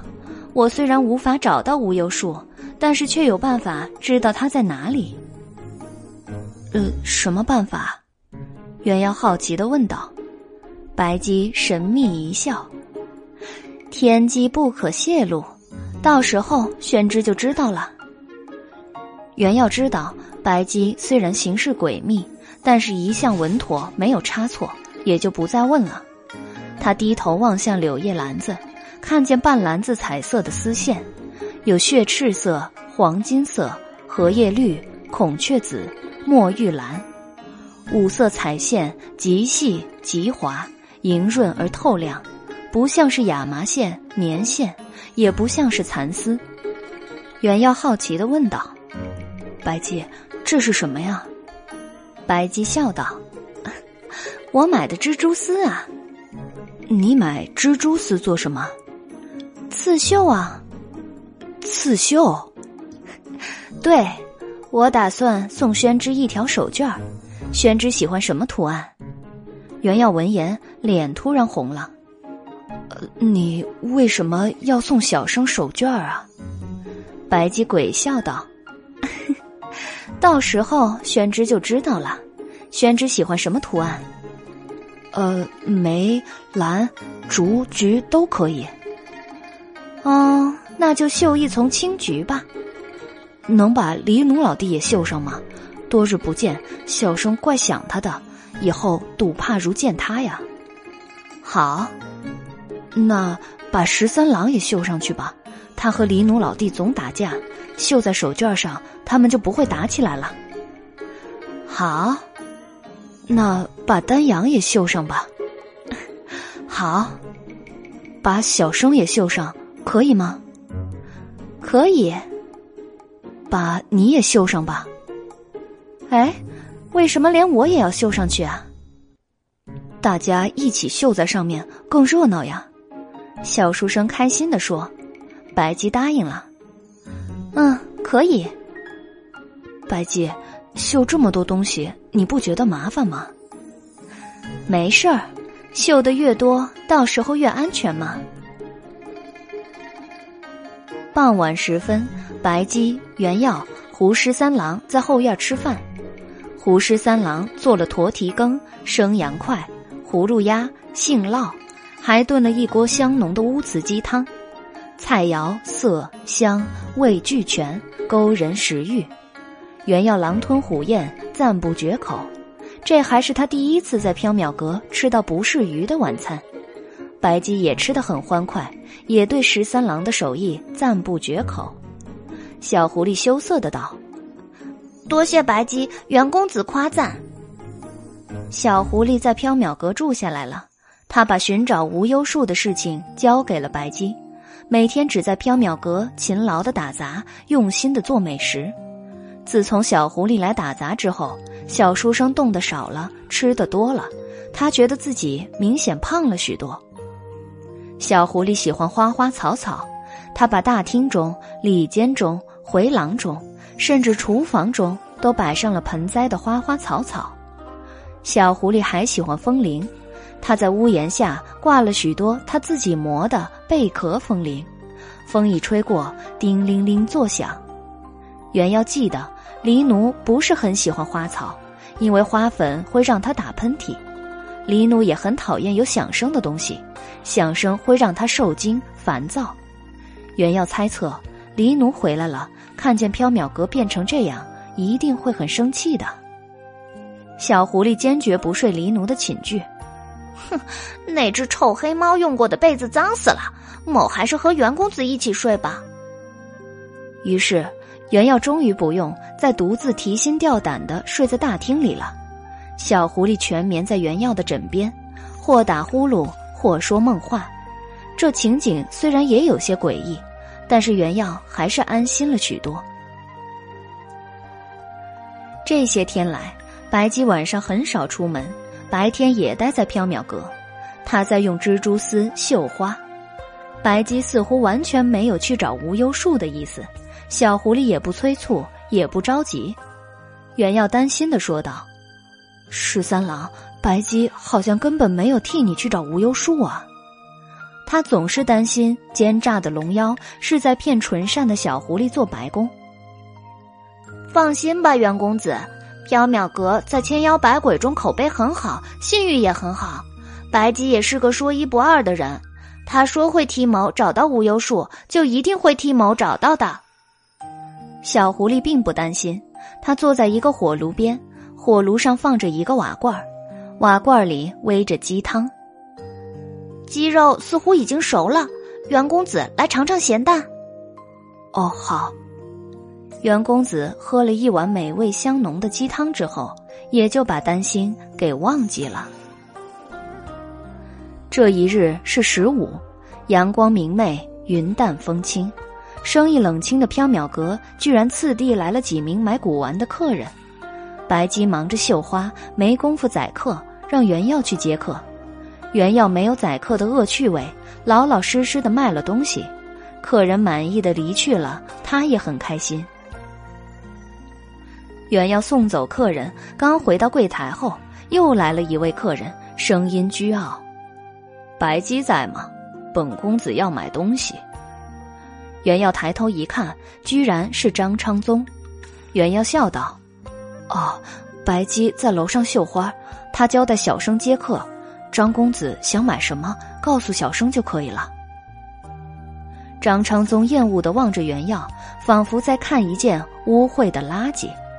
哼，去叫白姬下来，我可不愿意和丑八怪多说一句话。袁耀心中生气，但念及他是客人，也就忍下了气。张公子稍后，小生这就去找白姬。袁耀走进里间，小狐狸正在擦拭屏风。袁公子怎么不在大厅待着呀？袁耀郁闷的说道：“有位张公子嫌弃小生貌丑，要见白姬才肯买东西。”小狐狸安慰袁耀道：“袁公子一点也不丑，那张公子想必是眼拙了。不劳袁公子一步，某去楼上请白姬吧。”袁耀刚要说自己去就可以了，小狐狸已经放下抹布，飞快的上楼去了。小狐狸实在是太勤快了，从扫地、擦灰到做饭、跑腿，他什么事情都抢着做，不让袁耀操心。将懒散而倨傲的黎奴整日对自己呼来喝去的日子，和现在的清闲幸福的日子比起来，袁耀顿时觉得感慨万千。不过不知道为什么，他还是非常想念黎奴，哪怕他不如小狐狸温柔勤快。总是无理取闹，对他呼来骂去。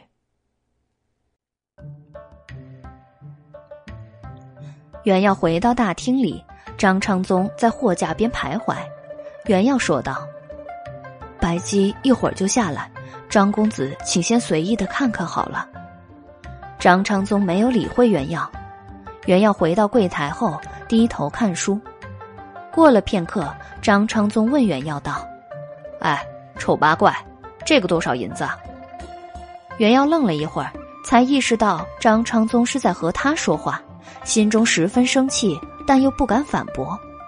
他举目望去，张昌宗手中拿着一只雕漆小盒，盒子中装着一只碧玉簪子。八两银子。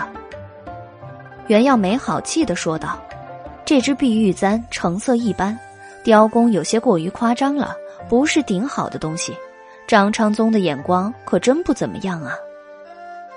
一阵香风袭来，环佩叮咚，白姬袅袅挪挪的走了出来，怀里抱着一只火红色的小狐狸。张昌宗放下玉簪，迎了上去，深情的道：“白姬，你真美，我没有一时不在想你啊。”白姬放下小狐狸，和张昌宗执手凝望，流泪道。六郎，一日不见，如隔三秋啊！相思真是让人柔肠寸断。你上次买的口脂和香粉，这么快就用完了？张昌宗也举袖抹泪道：“一日做三秋算来，你我已有百年未见了，相思磨人，肝肠寸断呐。这一次我不是为了买口脂和香粉，是最近皇宫里的宴会多了。”我做了几件新衣裳，想买一只相称的玉簪。上次那只玉簪，哥哥很喜欢，我送给他了。白姬好奇的问道：“皇宫中为什么宴会多了？”因为郁郁寡欢的太平公主突然变得开朗快乐了，公主心情一好，太后也心情大悦，太后心情大悦，皇宫中的宴会自然就多了。白姬微微一怔。太平公主变得非常快乐。是啊，公主以前阴沉寡欢、喜怒无常，与她相处让人无端的觉得恐惧、压抑。如今嘛，她容光焕发，笑容满面，简直像是换了一个人。太后见了非常高兴，说这一定是公主年初去感业寺吃斋，蒙受了佛祖的庇佑啊。白姬笑了笑，也许真是佛祖庇佑吧。对了，六郎想买怎样的玉簪？张昌宗转身拿起之前放下的雕漆小盒。张昌宗刚拿起雕漆小盒，白姬就笑着赞道：“哎呀，六郎真是慧眼识珠，这只碧玉簪可是举世难寻的珍品呐！玉质通透无瑕，成色极佳。”玉簪的造型优雅而高贵，雕工细致完美，六郎用来簪发更显龙章凤姿，风度翩翩呐。这个多少银子？张昌宗抚摸着玉簪问道：“我对六郎一往情深，也就不虚价了。二百两银子，这是最低的价钱了。”白姬以秀眼唇，深情的说道。张昌宗嘴角抽搐，指了指原药：“刚才这个丑八怪说只要八两银子呀。”白姬眼神微变，但脸上的笑容还是灿烂如花。呃。袁耀顿时冷汗湿巾。他虽然一向不赞成白鸡宰客的恶趣味，但是更讨厌张昌宗叫他丑八怪，顿时没好气的说道：“小生刚才说的是盒子的价钱，不知道张公子你问的是玉簪。”张昌宗生气的说：“我买匣子做什么？我问的当然是玉簪了。”袁耀也没好气的说：“你惜字如金，又没问清楚啊。”你这个丑八怪，不要再对着本公子说话了，会让本公子也变成丑八怪的。”张昌宗厌恶的说道，同时把目光转向了白姬，仿佛多看一眼袁耀，他就会变丑。袁耀很生气，觉得张昌宗真是不可理喻啊。白姬笑眯眯的说道：“玉簪两百两银子，盒子八两，六郎买的话。”盒子就送给你了，玉石有美颜的功效，佩戴这只玉簪会让六郎的容颜更加美丽的。白姬的声音飘渺如梦，充满了让人无法抗拒的魅惑。张昌宗听到“更加美丽”四个字，仿佛中了魔一般，急忙点头：“好，好，这只玉簪我买下了。”白姬开心的笑了，宣之。把玉簪给张公子包好，更加美丽，更加美丽，更加美丽。张昌宗喃喃的念叨着，如同中了邪一般。袁耀觉得有些恐惧。袁耀送张昌宗出巷子，待他乘上马车，才回到缥缈阁。里间中，白姬坐在青玉案边，飞针走线的刺绣，口中哼着轻快的小调。小狐狸沏了一杯香茶，放在青玉案上，然后安静的坐在一边看着白姬刺绣。原耀也在白姬对面坐下，看他刺绣。白姬笑道：“宣之今天终于也变聪明了一点儿，看来宣之也很有宰客的天分啊。”原耀生气的说道：“小生才不会宰客，小生只是不喜欢张公子叫小生丑八怪而已。”古语云：“君子爱财，取之以道。”白姬，你这样宰客图利，有违古人的教诲啊！我又不是君子，我只是一个非人。不管是君子还是非人，宰客图利都不对。白姬，你要改掉这个坏习惯。宣之的话是没错，可是千年如一日的待在缥缈阁，实在是太无趣了，总要找点乐子吧。不宰客，我就没乐趣了。你可以绣花、读书、养养花草吗？绣花太伤眼，读书太费脑，养花草太耗神了。宰客难道不费脑耗神吗？不会啊，对我来说，宰客轻松愉快，水到渠成，一点儿也不费脑耗神呐。白姬笑眯眯地说：“原要被噎住了。”奸商果然是天生的呀！白姬飞针走线的绣花，小狐狸蜷缩在白姬的脚边小憩，原要坐在白姬对面看茶烟氤氲，听风铃叮咚。